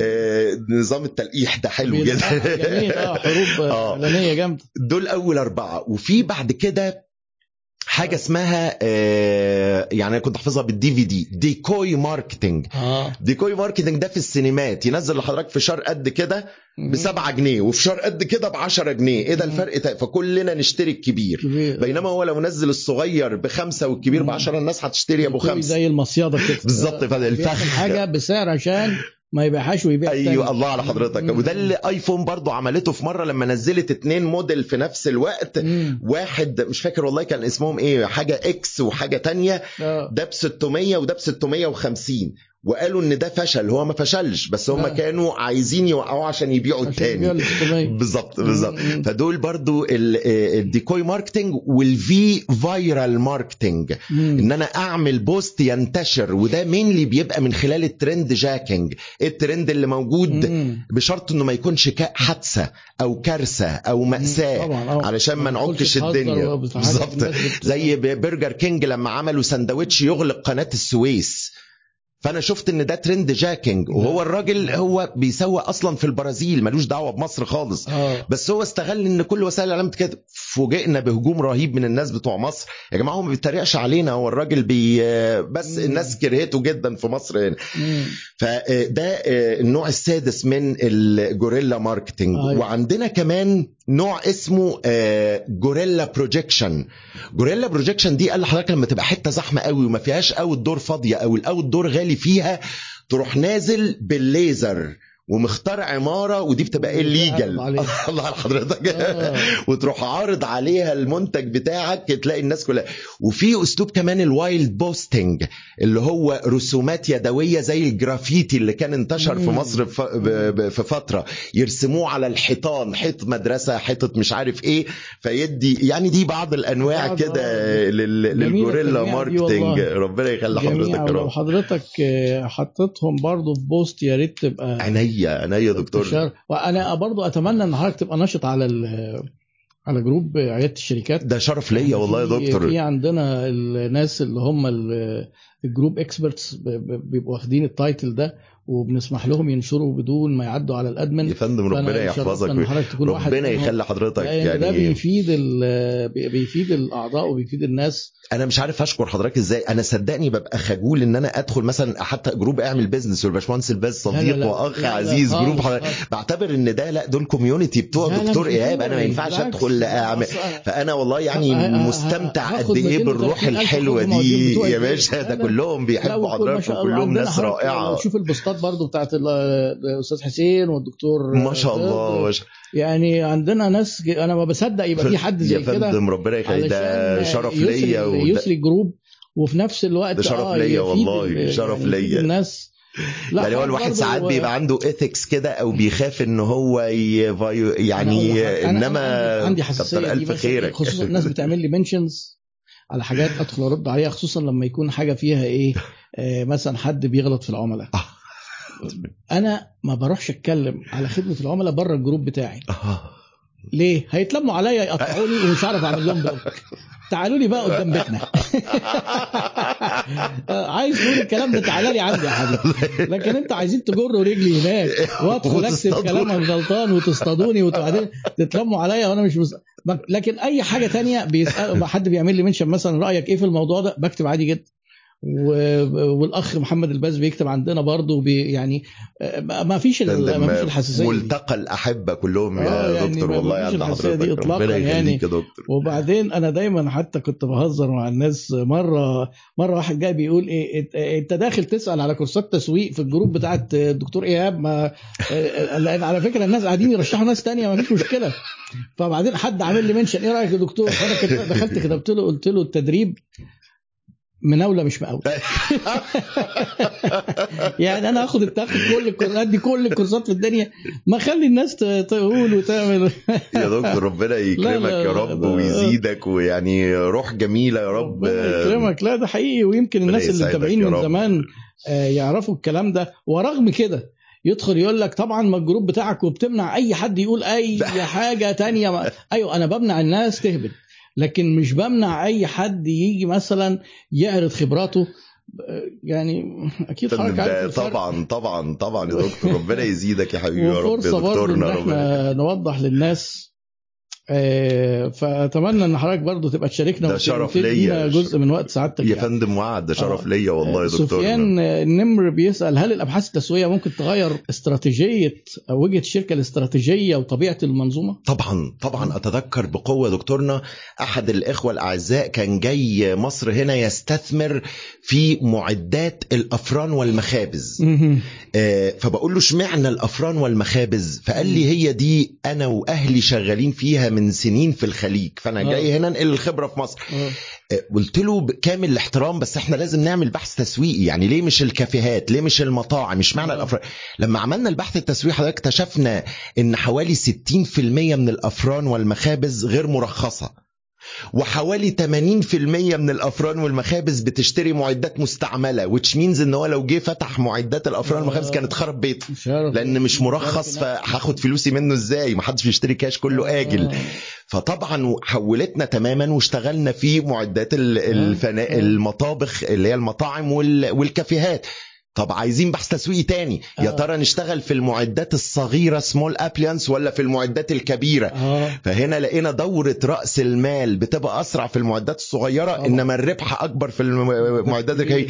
فلو الراجل ده ميزانيته كبيرة يشتغل في المعدات الكبيرة. مم. إنما لو ميزانيته صغيرة يشتغل في المعدات الصغيرة عشان يدورها أكتر من مرة. فطبعا أخي سفيان ده هو الأساس. أبحاث طبعاً. التسويق هي لازم- اللي بتوجهنا. لازم- وعلى فكرة الأخ حسين لما برضه كان معايا قال برضه قالها بطريقة جميلة هو بيدي كورسات في دراسة الجدوى. آه وبيقول طبعاً. للناس انزلوا بيدوهم واجب. آه. انت آه، هتعمل دراسة جدوى بنفسك؟ طب اسأل على الموضوع ده. انزل اسأل اقعد مع التجار شوف السوق. الله. قال لك بعد الواجب ده 50% بيغيروا وجهة الله نظر حضرتك صح يا إما. بيصرفوا نظر يا إما بيروحوا ل project تاني. لأن الناس. فاكرين إن ال business ده هياخدنا بالحضن وأي حد بيشتغل أي حاجة. هيكسب مش محتاج يفهم مش محتاج يدرس يدرس مشروعه ويدرس يعني إيه business يعني طبعا دراسة طبعا. آه أن يكون إيه أن يدرس وأن يكون. دارسا للعلم نفسه ما كانش 60% من المشروعات الناشئه بتغلق أبوابها خلال 18 شهر آه، يعني آه، لو طبعاً. كل حاجة بتنجح يعني الأخ خالد الطوارق بي آه، من ليبيا آه، بيسأل آه، كيف نصنع موظف مبيعات ناجح أقصد هنا أفضل تحفيز نفسي ممكن يكون آه، يمكن تقديمه للموظف. يعني إزاي يبقى آه نعمل بياع ناجح إزاي؟ آه، يعني أنا مش هتكلم بقى في هرم ماسلو للاحتياجات الإنسانية آه. ولا في تطوير هذه النظرية اللي بقت 8 S's ثمان حاجات بيبتدوا بحرف ال S ومدخلين فيها ال spiritual saturation الإشباع الروحي ومدخلين حاجات عظيمة جدا. الحاجات الناقصة عند مصر. آه آه الحاجات اللي هم ماسلو كان خمسة زودوا عليهم ثلاثة ال success وال... جميل. فمش هتكلم الكلام النظري ده يمكن ده ينفع طبعا مع كل الموظفين ولكن مم. البيع بالذات يا دكتورنا ولأنه مهنة stressful جدا جدا. مهنة فيها ضغط رهيب المتابعة والجري. والمشاكل والحاجات دي فالتحفيز الرئيسي بتاعه الفلوس. أما كسبك تكسبني. مم. ولازم يبقى في نظام عمولات محترم وبدون حد أقصى. طبعا. الشركات اللي بتتذاكى وتقول لحضرتك بعد ال 110 مش هتقبض عمولة. لا. حضرتك الراجل جه عند طبعا. 110 ووقف. يقول لك عشان ما. اعملش over stock على السنة الجديدة. طبعا. فنظام العمولات أخي العزيز. أنا أنت بتكسبني لازم أنا أكسبك. ويكون تصاعدي أفضل. في ناس بتعملها تنازلي لا لازم يعني. طبعا طبعا غلط. عيب يعني يعني. انت كل ما تكسبني. أيوه يا فندم أنا عارف طبعا طبعا لا هو كل ما المندوب كسبني لازم لازم اكسبه يكسب معاك بالظبط يعني هو حضرتك شايف إن أهم حاجة تحفز هو التحفيز المادي بنظام عمولات تصاعدي عادل الله على حضرتك بالتحديد في مجال البيع في البيع قد نتحدث بقى البيع. آه الموظفين الآخرين لا آه. هنا لازم بقى نتكلم على ال success الرغبة في. النجاح ال self actualization آه. تحقيق الذات إن هو من. خلالي بيحقق ذاته ال strength الوعود بالترقية وتفويض السلطة مم. إنما البياعين عمولات مادية جميل عشان نبقى صراحة يعني. طبعا هو ده معروف وهو دايما ممكن جدا يبقى دخل البياع أكتر من دخل مثلا مدير الحسابات صح جدا صح وده جدا اللي بيجيب اجوان الله على حضرتك آه، الله على حضرتك. محمد صلاح بياخد فلوس أكيد أكتر من آه، اسمه إيه كلاب. يورجن كلوب صح جدا صح؟ جدا. آه، بحاول أدي أمثلة بالكرة قال يعني أنا ليا فيها. لا حضرتك حتى لابس القميص أبيض وجرافته حمراء عشان ما حدش يزعل مننا. كمان يا خبر. آه. آه، ده هم قالوا لي النهارده في ماتش الأهلي ولو سمحت خلي بالك من ميعاد الماتش أنا ما اهتمتش أسأل على ميعاد الماتش أنا ماليش في أنا القصة ضايع برضه أنا في القصة دي لا لا ماليش في الكورة على فكره. ده يجمع ما بين كل الناس برضه اللي استضفتهم والله. آه كورة لا مش مركزين في. في حاجات أهم كتير في الحياة في حاجات أهم صح جدا، فعلا صح جدا. ربنا أولى بيها آه، أماني الشاعر بتسأل نصائح للبيع العقاري في ظل السوق الحالي إيه تحليل حضرتك خلينا نحط سؤال قبل ده إيه رأي حضرتك في وضع السوق العقاري؟ وبعدين نصائح بقى اللي هي الأماني بتسأل عليها. أه والله يا دكتورنا هو زي ما كنا بنقول برضه من شوية الزملاء الأعزاء في السوق العقاري اعتادوا لسنوات طويلة جدا إن إحنا بنبيع العقارات للمستثمرين. والدليل على كده إن إحنا كنا نلاقي مثلا لما كانت نسبة آه، البيع في التجمع الخامس 80% كانت نسبة الإشغال 35% مم. في 2015 كانت الإشغال كان كل الوحدات متباعة تقريبا اللي مبنيه والإشغال 35% ده دليل على إن الناس واخداها استثمار آه. وليس سكن. فلغاية دلوقتي الإخوة الأعزاء في معظم الشركات بيبحثوا في البيع عن المستثمر وده حضرتك كان بيجبرنا نعمل حاجة ويمكن كنت بقولها بكل صراحة للزملاء في التريننج في البيع العقاري. يجي يقولوا يا دكتور البيع بيقف وإحنا كل شهر بنزود ال- أسعار. الأسعار. فأقول لهم أمرنا لله. الكلام ده كان كنت بقوله زمان. آه. ليه؟ أنا دلوقتي لازم حضرتك إن أنا أشوف فايدة البنك كام؟ كانت 9% فلازم أحط 9% زي البنك. طيب والتضخم كام؟ مم. 4% فأربعة وتسعة يبقى أنا لازم أزود أسعاري 13% فكل شهر نزود سعر الوحدة 1% عشان أقنع المستثمر إن أنا استثمار أحسن من البنك وبغطي لك نسبة التضخم. مم. والناس كانت بتشتري ومتقبلة كده. لغاية ما حصلت طفرة في سوق العقارات الحقيقة سبيشالي مع بناء العاصمة الإدارية الجديدة. بالإضافة لل 12 مدينة جديدة اللي اتبنوا في مصر ودي حاجة مهمة جدا طبعا من الإنجازات يعني الحقيقة آه، لأن الزيادة السكانية عندنا كبيرة ف والمدن القديمة بتاعتنا خلاص يعني الزقازيق كانت بقت أسعارها رهيبة جدا لأن ما فيهاش توسع تاني. طنطا بنها منصورة كل ال- المناطق كانت كده. بقى, بقى في المنصورة الجديدة من ضمن المدن بالظبط. بالظبط آه. منصورة بقت اتعملت بقى وده يعني يمكن تطوير الصح. لمحور التعمير بتاع الدكتور الباز اللي كان طرحه من سنين طويلة آه. يعني آه. اللي هو المحور الموازي لنهر النيل العظيم ف ف لغاية دلوقتي يا دكتورنا الفكر ده. إن إحنا لازم نعلي وبالتالي الناس اللي اشترت مش عارفة تبيع زمان كان ال- القسط maximum على أربع سنين دلوقتي. في قسط على 10 وعلى 12 سنة وعلى 14 سنة دي آه. أول مرة فأنا إيه اللي هيخليني آجي أشتري من حضرتك كاش وأنا ممكن أسدد على 14 سنة والشركات العقارية بقت ذكية جدا بقت. بتبيع دلوقتي بسعر بكرة عشان لما تيجي تفتح ال phase الجديدة ال- القدام ما يقطعوش عليها. المستثمر اللي كان شاري ما يبيعش أرخص. آه، الله على حضرتك. منافس ليه؟ هو نفس المطور بالظبط. اللي اشترى منه. الله على حضرتك. بالظبط جدا. مم. فالسوق العقاري هيكليته اتغيرت. فيجب ان إن الناس تبتدي تعدل استراتيجياتها. شركات العقارات لغاية دلوقتي بتضع أسعار غير منطقية للوحدات. بتحط أسعار مبالغ فيها وكأنها تستهدف المستثمرين بتتكلم على إن العقار أفضل استثمار آمن. اللي عايز يبيع دلوقتي يا دكتورنا يشتغل على الفيرست هوم الناس اللي عايزة تسكن. والناس اللي عايزة تسكن عددهم رهيب جدا لأن الإيجار الجديد منتشر جدا. والإيجار الجديد إحنا كمان 20 سنة كل الناس اللي قاعدة في إيجار جديد هتطلع معاش تقريبا فهيبقى خراب بيوت. ما حدش هيقدر يدفع 8000 جنيه في الشهر إيجار و6000 و10000 فدي هتبقى كارثة. زي بالظبط موضوع الإيجار الجديد أول ما طلع لو حضرتك تتذكر في سنة 2000 آه للأسف الشديد هذا الجيل بالكامل الأهالي البنات اللي كانوا رافضين يعني إيه تاخد بنتي في إيجار جديد؟ عدد الآنسات التي تجاوزن سن الخامسة والثلاثين دون أن يسبق لهن الزواج في مصر 11 ونص مليون بنت. 35 ده الجيل اللي اتخرج سنة 2000 ففي مصيبة تانية لا قدر الله هتحصل كمان 15 إلى 20 سنة لما الناس اللي سكنوا في إيجار جديد يطلعوا معاش. مش هيقدر معاشهم يغطي لهم الإيجار الجديد. فلازم بسرعة والدولة الحقيقة حاولت وعملت مشروع التمويل العقاري الذي فشل للأسف الشديد بسبب تعنت البنوك. آه، البنوك وحتى والله يا دكتورنا البياعين بيطلبوا ضمانات جامدة جدا. بالظبط البنوك بتطلب ضمانات جامدة والبياعين يقول لك لا وأنا إيه اللي هيضمن لي ويضمن لي إن البنك هيصرف لي الشيك؟ آه آه. وبالإضافة إن هم طالبين ورق الأرض ومعظم الناس ما عندهاش آه، ورق. آه، في حاطين قيود جامدة. بالظبط.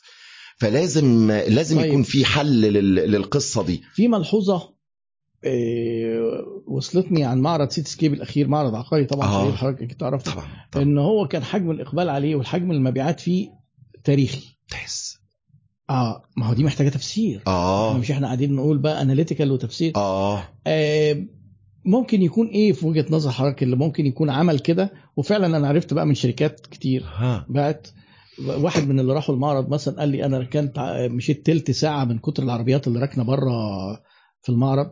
وأنا قاعد كنت عايز رايح خلاص قررت قدامي خمسة هيمضوا عقود ومعاهم فلوس مع ما بمقدمات شاء الله وأنا قاعد مستني دوري دي حاجات يعني واللي معايا أنا اللي حاضرين من سوق العقارات ممكن آه، يأكدوا المعلومة.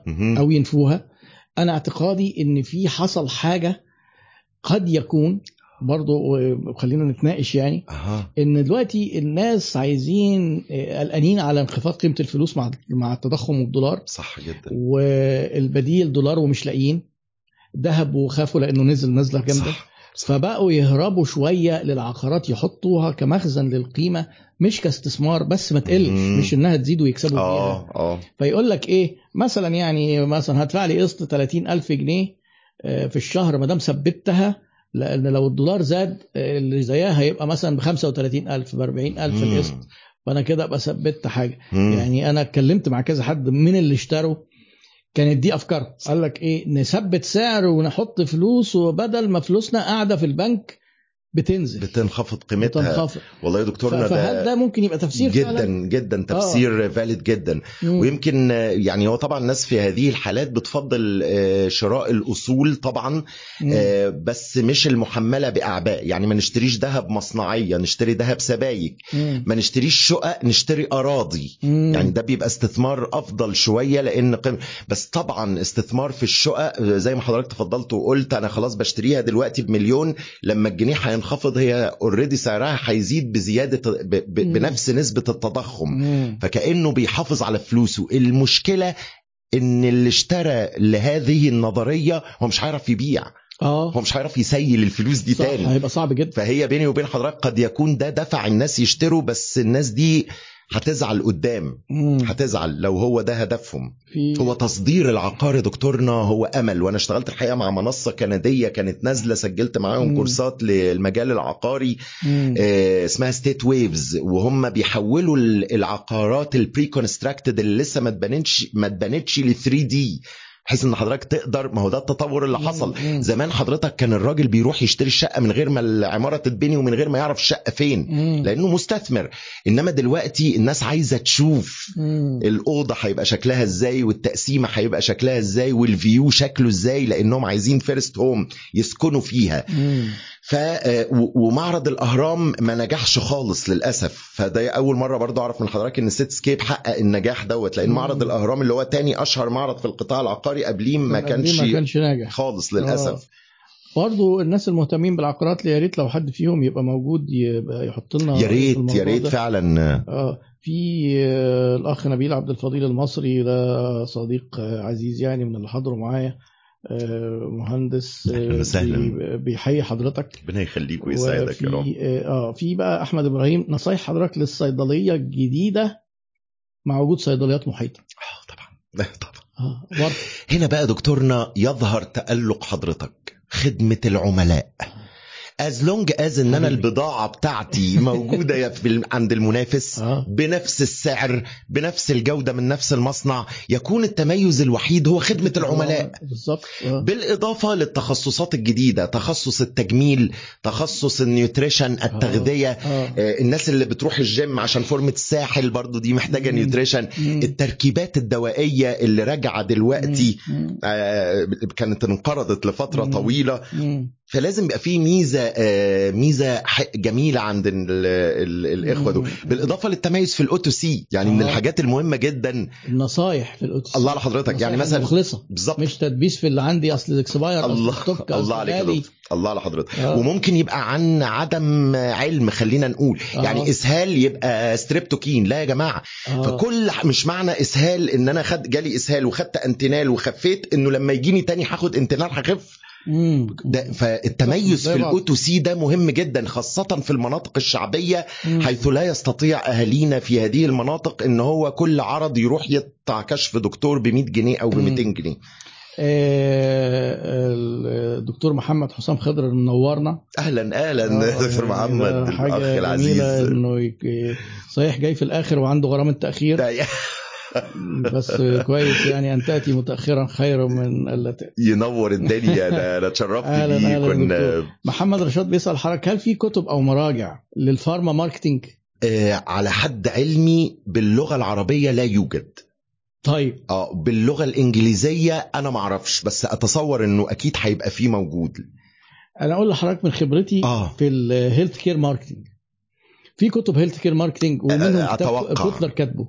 بس على آه. فكرة الكتاب تقراه في chapter كده الأول إيه بيكلمك عن ال healthcare system في أمريكا. وما أعرفش وبعد كده marketing عادي زي البلدي العادي marketing هو العادي segmentation targeting positioning branding. four Ps. customer service فانا في اعتقادي إن ال- الكتب التخصصية في التسويق هي تسويق للكتب يعني يقول لك real estate marketing هتقراها تلاقي market في شوية كلام عن real estate ال value في المعرفش في ال location في ال area في ال view في مع شوية بن- مصطلحات خاصة بال industry. مع الأمثلة إسقاطها على أنا أنا مسجل كورس طويل حوالي 12 ساعة في ال pharmaceutical marketing آه. آه، ولكن ما حاولتوش كتاب. آه، هو كل ما هنالك زي ما حضرتك تقول هي نفس خطوات ال marketing بس. ال examples كلها أدوية. بس آه، كده. بالظبط يعني يدرس آه، ال marketing وياخدها generally كده بأمثلة من كل ال industries صح جدا. يحاول بقى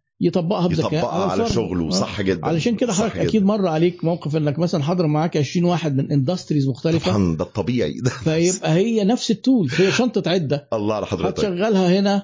هتشتغل marketing في pharma هتشتغل في مستشفيات في مصانع في صح جدا. كان في مثلا ساعات يزعلوا يقولوا لي حضرتك بتتكلم في في الأمثلة على البضائع عايزين أمثلة على الخدمات. أقول لهم يا جماعة والله هي هي. مم. يعني نفس Ansoff's matrix لو طبقناها على بامبرز هي هي. لو طبقناها على شركة استشارات هندسية. بالظبط. فالموضوع أو مركز تعليمي. أيوه صحيح.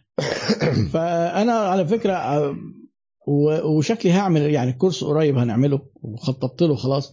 ناس دكاترة كتير ودكاترة أسنان. وطالبين مني كورس تسويق الخدمات الطبية. مضطر اضحك عليهم واعمل لهم ليه يا دكتور؟ لا لا. لا يا دكتور. أقول لهم يا جماعة نفس يقول لك لا عايزين كورس بقى للإيه؟ للعيادات بس وللدكاترة بس. برضه دكتورنا خلينا. نبقى صراحة لما بتكلم بنفس لانجوج الناس من أمثلة في حياتهم الواقعية ده بيقرب لهم المعلومة قوي. غير لما يقرأ كتاب مثلا في التسويق للعقارات. بس تستاهل يدفعوا 5000 جنيه؟ لا. زي ما حضرتك بتقول هو من خبرته. يقدر لو فهم المكتوب. آه يعني هتبقى أسهل لهم يعني هتبقى أسهل لهم شوف أنا كده قلت السعر بطريقة خبيثة إزاي الله على حضرتك. الله عليك يا باشا هو ده اللي أنت كنت بتقول عليه. طبعا كده مرزوق هيبطل حد يسأله على الكورس ده كل يوم يقول لي فين الكورس بتاع. يمكن يبقى ب 15000 كمان. ودلوقتي طلعت وكالات digital كمان متخصصة في التسويق للعيادات آه. الطبية فالتخصص ده مهم جدا. طيب آه، إسقاط الأمثلة. آه طبعا الأخت أمل سعيد بتقول إسقاط الأمثلة له تأثير مختلف. في. آه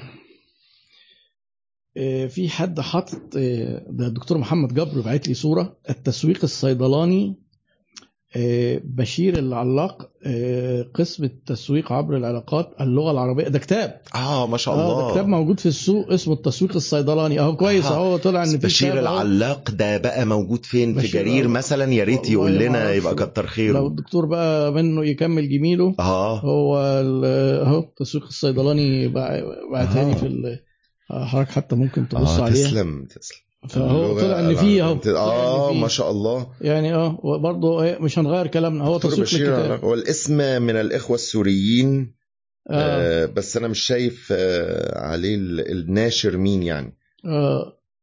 الأخ محمد رشاد بيسأل هل هل كتب التسويق بالإنجليزي يعني في حال استيعابها تغني عن ال MBA؟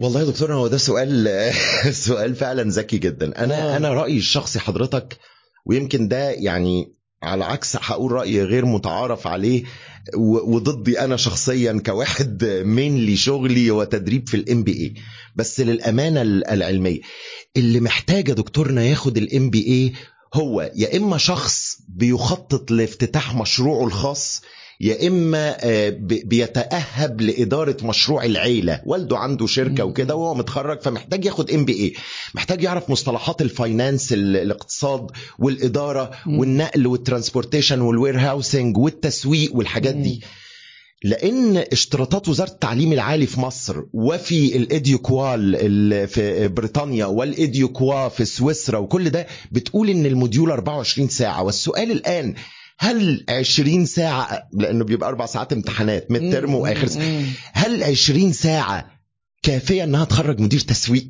ابدا. أكيد لا. ابدا. ده يا دوبك يا دوبك يعني المصطلحات الرئيسية في التسويق. مم. آه، فهنا بس أنا بتهيألي ده في ال- ده في الحاجات ال core مش اللي تخصصه هيطلع H يعني قصدي marketing ال MBA بتاعه ال major marketing آه، أنا آسف بس هو حتى ده يا دكتورنا لا والله. آه والله العظيم. ال MBA آه إنما في بعض الجامعات زي ما حضرتك تفضلت آه. وقلت يعني مثلا الأكاديمية البحرية على سبيل المثال آه. فيها لو اتخصصت marketing بتاخد elective مواد elective تكميلية آه. بتبقى أربع خمس مواد marketing فعلا. أيوه صح. آه بس دي في جامعات محددة جدا. معظم الناس لا أنا بتخصص marketing يعني بعمل ال thesis بتاعتي اللي هي رسالة أيوة. الماجستير ودي في ال MBA بتبقى 20 80 ساعة. صفحه 20 ساعة ده قليل جدا طبعا يا دكتورنا آه. فهي لو حضرتك راجل شغال في شركة في قسم التسويق افضل لك مليون مرة تاخد حاجة تخ... متخصصة في التسويق آه. آه يعني هتبقى كتير جدا طبعا هتبقى أفضل من ال MBA honestly يعني آه. إنما اللي عايز ال MBA ده لو واحد مدير عام. حد كبير ماسك مدير عام فعايز يعرف كل الأقسام اللي تحته عشان يملى مركزه أو آه، بيفتح مشروع طيب آه، حضرتك أنا شفت حضرتك فيديو كده بتتكلم آه، آه، intro عن كورس بتديه إن التسويق آه، ملخبط وفيه 360 فكرة أو كذا عنصر صحيح. صح دكتور. و- و- و- إيه الكورس ده اللي حضرتك بت... والله يا دكتور هو ورشة عمل آه كنت حابب إن كنت حابب أعملها إن شاء الله في يعني على مدار أربع ساعات كده عبر برنامج زوم. والحمد لله برضو عملتها والله بسعر رمزي جدا. آه. وكان الهدف منها بس تظبيطة العناصر وتستمد دماغنا آه. آه. وهي متجمعة من مراجع كثيرة جدا ويمكن تلخيص بس دي حاجة زتونة مختصره قوي في أربع ساعات آه آه هي وحضرتك ناوي تعملها تاني؟ إن شاء الله يعني مش عارف والله لو الناس حبوها نعملها آه، تاني إن شاء الله إحنا برضو آه، يعني برضو لقيت حضرتك تقول إحنا هنحاول نكتب في ال description يعني اللي. عايز ي- ي- ياخد ال workshop تاني الاربع ساعات على زوم دي كمان جميلة إنها سهلة لأي حد بالظبط يا. دكتورنا بالظبط آه، ما حبيتش يعني يبعت فين أو يراسل حضرتك إزاي والله يعمل- على رسائل الصفحة وهو قيمة الكورس معمول ب 9 دولار في الأربع ساعات دول بس بقى بنستعرض فيه بس. يا باشا عينيا كابتف يا دكتور نجيب آه، رجلهم كويس كويس. وأنا صحيح بعمل ساعات حاجات مجانا طيب مهم آه،. الصفحة اللي هي حواديت تسويقية. ح- حدوتة في ال marketing حدوتة في حدوتة في ال marketing حدوتة ال marketing في ال marketing دكتور مصطفى. مع مصطفى نوارج. آه. طيب كويس أهو. علشان دي فرصة يعني إيه؟ ربنا يخلي حضرتك. هي يعني ده حاجة ببلاش كده خالص يعني. يا ربنا يخليك ويسعدك. يا دكتور. ليك ربنا يخلي ينفعش كده انت حضرتك. كده بتقطع علينا لا. خالص. الأسعار ولا إيه؟ حضرتك تغسل أموال بقى. يا ريت والله. غسل أموال في الكورسات بتاخد الفلوس تغسل بيها ال... ما هم يقول لك اي أي واحد سعره قليل يبقى بيغسل اموال يا ريت والله يا دكتور. إيه، في محمد هنداوي نصائح للبيع كاش والتغلب على سوق يعمل بالآجل والعم ضد التيار آه. يعني عايز أقول لا يمكن تحدي السوق وأنا يمكن مؤخرا اتصلوا بيا أحد الزملاء الأعزاء يعني الغاليين عليا في شركة كبيرة. عايزين استشارة لواحد شغال في مجال الدواجن والأعلاف وعايز يتحول من الآجل للكاش واعتذرت عنها أنا عارف إن هو يعني الموضوع صعب جدا يا. دكتورنا بالظبط لو السوق كله ماشي آجل صعب قوي إن أنا أبيع كاش إلا لو عندي ميزة تنافسية رهيبة والحاجة اللي تعمل لي الميزة التنافسية الرهيبة دي يا دكتورنا هي ال pull strategy pull strategy بمعنى إيه بالتبسيط ال push strategy طبعا. إن أنا بزق المنتج بتاعي في منافذ البيع فهنا التاجر. بيتحكم فيا يقول لي. طيب إديني بونص 40% أنت ما حدش يعرفك. وهدفع لك آجل ده إذا ما. كانش البضاعة تحت التصريف طب ال- الهدف بقى لو أنا عايز أدفع كاش أخلي التاجر هو اللي يكلمني ويقول لي أرجوك فين منتجك؟ أنت ما بتجيليش ليه؟ ده العملاء بيسألوا عن فكنت متعود حتى ربنا يسامحنا بقى اللي هنقوله ده. فكان في شركة من في احدى الدول العربية العزيزة يعني وليها مديونية متأخرة عند تجار كبير مديونية كبيرة فوق ال 2 مليون دولار. فقلت لهم تعالوا ناخد أكبر تجار عندنا ونعمل LBA location based advertising اللي هي SMS للناس اللي عايشين في المنطقة دي. يروحوا يسألوا. الله على حضرتك. نعمل دعاية ليهم. هخليهم ينزلوا 5 10 12 زي ما ربنا يقدرنا. يخشوا يسألوا عايز كذا عايز كذا عايز كذا. فالتاجر يتصل بيه. انت فين يا عم؟ تيجي طب ما تيجي تدفع. 50% من مدفوعاتك. هنزل لك بيها بضاعة. يعني يدفع 10000 انزل لك بضاعة ب 5000 اللي هو هاني رمزي الجديد طازة بطازة والقديم تتتات. فبدأنا نعمل نقسم مناطق. التاجر ده موجود فين؟ دايرة نصف قطرها 5 كيلو. اشتغل targeted ad SMS على الموبايلات. الناس تسأل فهو اللي يجري عليا ويقول لي والنبي تعالى خد مديونيتك أو آه. جزء منها ونزل لي بضاعه أنا شايف إنها ما فيهاش حاجة unethical يعني. آه, دي آه. من الاستشارات اللي فيها قرش حلو يعني. طبعا. دي حقيقة. هي مش unethical بس هي آه يعني إحنا بنحاول نحسس الراجل دوت اصل بإن بتنزل له البضاعة. آه. وأنت عامل اعلان فعلا. بالظبط. والناس بدأت تسأل. بالظبط. عارف إمتى ال unethical آه. اللي بيعملوها؟ وعملتها برضه. يبقى يبعت موظفين يسألوا. صح. فيك مرة دماغ. اتنين telesales يا دكتورنا أول واحدة تتصل تسأل وتاني واحدة تاني يوم تتصل تاخد ال order لا لا لا. ما أنا بجيب بقى. بنجيب للناس فلوسها برضو يا دكتورنا ما هو ال un آه، ethical يعني حقيقي إن أنا أضرب على مديونية عندي يعني.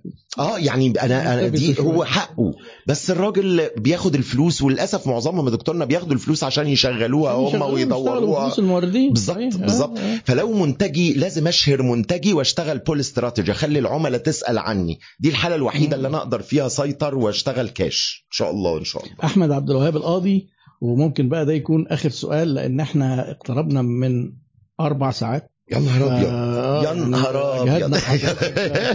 يا دكتور القعدة مع حضرتك ما يتزهقش. منها وأنا يعني بشكر حضرتك جدا على الاستضافة الجميلة ديت ويعني و- ربنا يخليك يا رب ويسعدك. وخفيف الظل وخفيف. على العقل والقلب وكل حاجة حضرتك ربنا آه، يسعدك يا يعني، رب ده آه، بفضل اداره شاء الله حضرتك بقول إيه أتمنى. إيه إنها تكون آه، مستمرة بإذن الله شرف ليا شرف ليا يا دكتور أحمد. بيسأل عايز أتعلم عايز ينافسنا بقى عايز اتعلم اكون استشاري متخصص في استشارات في استشارات عند الشركات. اعمل إيه؟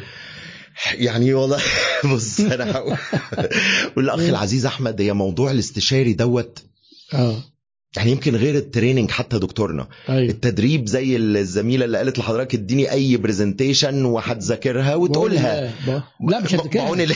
كمان مش لا هتذاكرها. لا لا قالت لي اديهاني أشوفها أول مرة قدام الطلبة على البروجيكتور. ما في مش هتذاكرها يعني الثقة المفرطة دي برضو هي هي مش عارف والله كنت هي- فاكر كده إنها بتقنعني آه. هي جننتني أصلا مش عارف طبعاً. أنسى الموقف ده. طبعا طبعا ده ده آه. أك أكبر دليل إن إحنا ما هي ينفعش مدربه شهيرة دلوقتي مش عايزين نقول أسامي يعني ما شاء الله ما شاء الله بس سبحان بقى الله ذاكرت أك- يعني أكيد. نتمنى من الله يا رب وبرضو التم- التدريب كان جوه القاعة دكتورنا بيكشف بيكشف آه. الجيد من ال...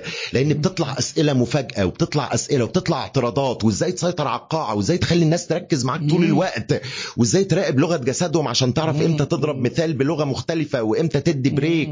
وامتى تلاقي الناس منعزلة فتقول لهم طب اكتبوا ورايا ونملي أي كلمتين تافهين بس عشان يتفاعلوا جميل الأونلاين ما شاء الله بقى أي حد بينزل presentation وبيقولها وخلاص فبتبقى حاجة مم. استشاري بقى يعني آه. معلش دي أنا لم أجرؤ إن أنا أشتغلها إلا مثلا من خمس سنين بعد ما اشتغلت مدير تسويق في مكان واثنين وثلاثة ابتديت بقى آه طب ده أنا ممكن والله أزعم إن أنا أبقى استشاري آه. فلا دي محتاجة خبرة عملية طويلة أيوة. جدا وتعمق لو عايزين نرتب الاحتياجات أو زي ما بيقولوا ال competency profile أو آه. ال job specifications لحد هيشتغل consultant الأسهل يشتغل consultant في مجال واحد يعني آه. هو مثلا لأن معظم الناس كده يا دكتورنا خلينا برضو نعترف إن قليل قوي اللي تلاقيه حضرتك اشتغل في diversified industries حتى مثلا ينزلوا يعني أنا أتذكر مثلا بيبسي تنزل عايزة آه، trainer خبرة في مجال المرطبات عشر سنين. آه ال beverages بالظبط. يعني طب ما يا جماعة تدريب تدريب هو تدريب اللي بيدرب على بيع العقارات هو. تدريب بيع المرطبات مع برضو.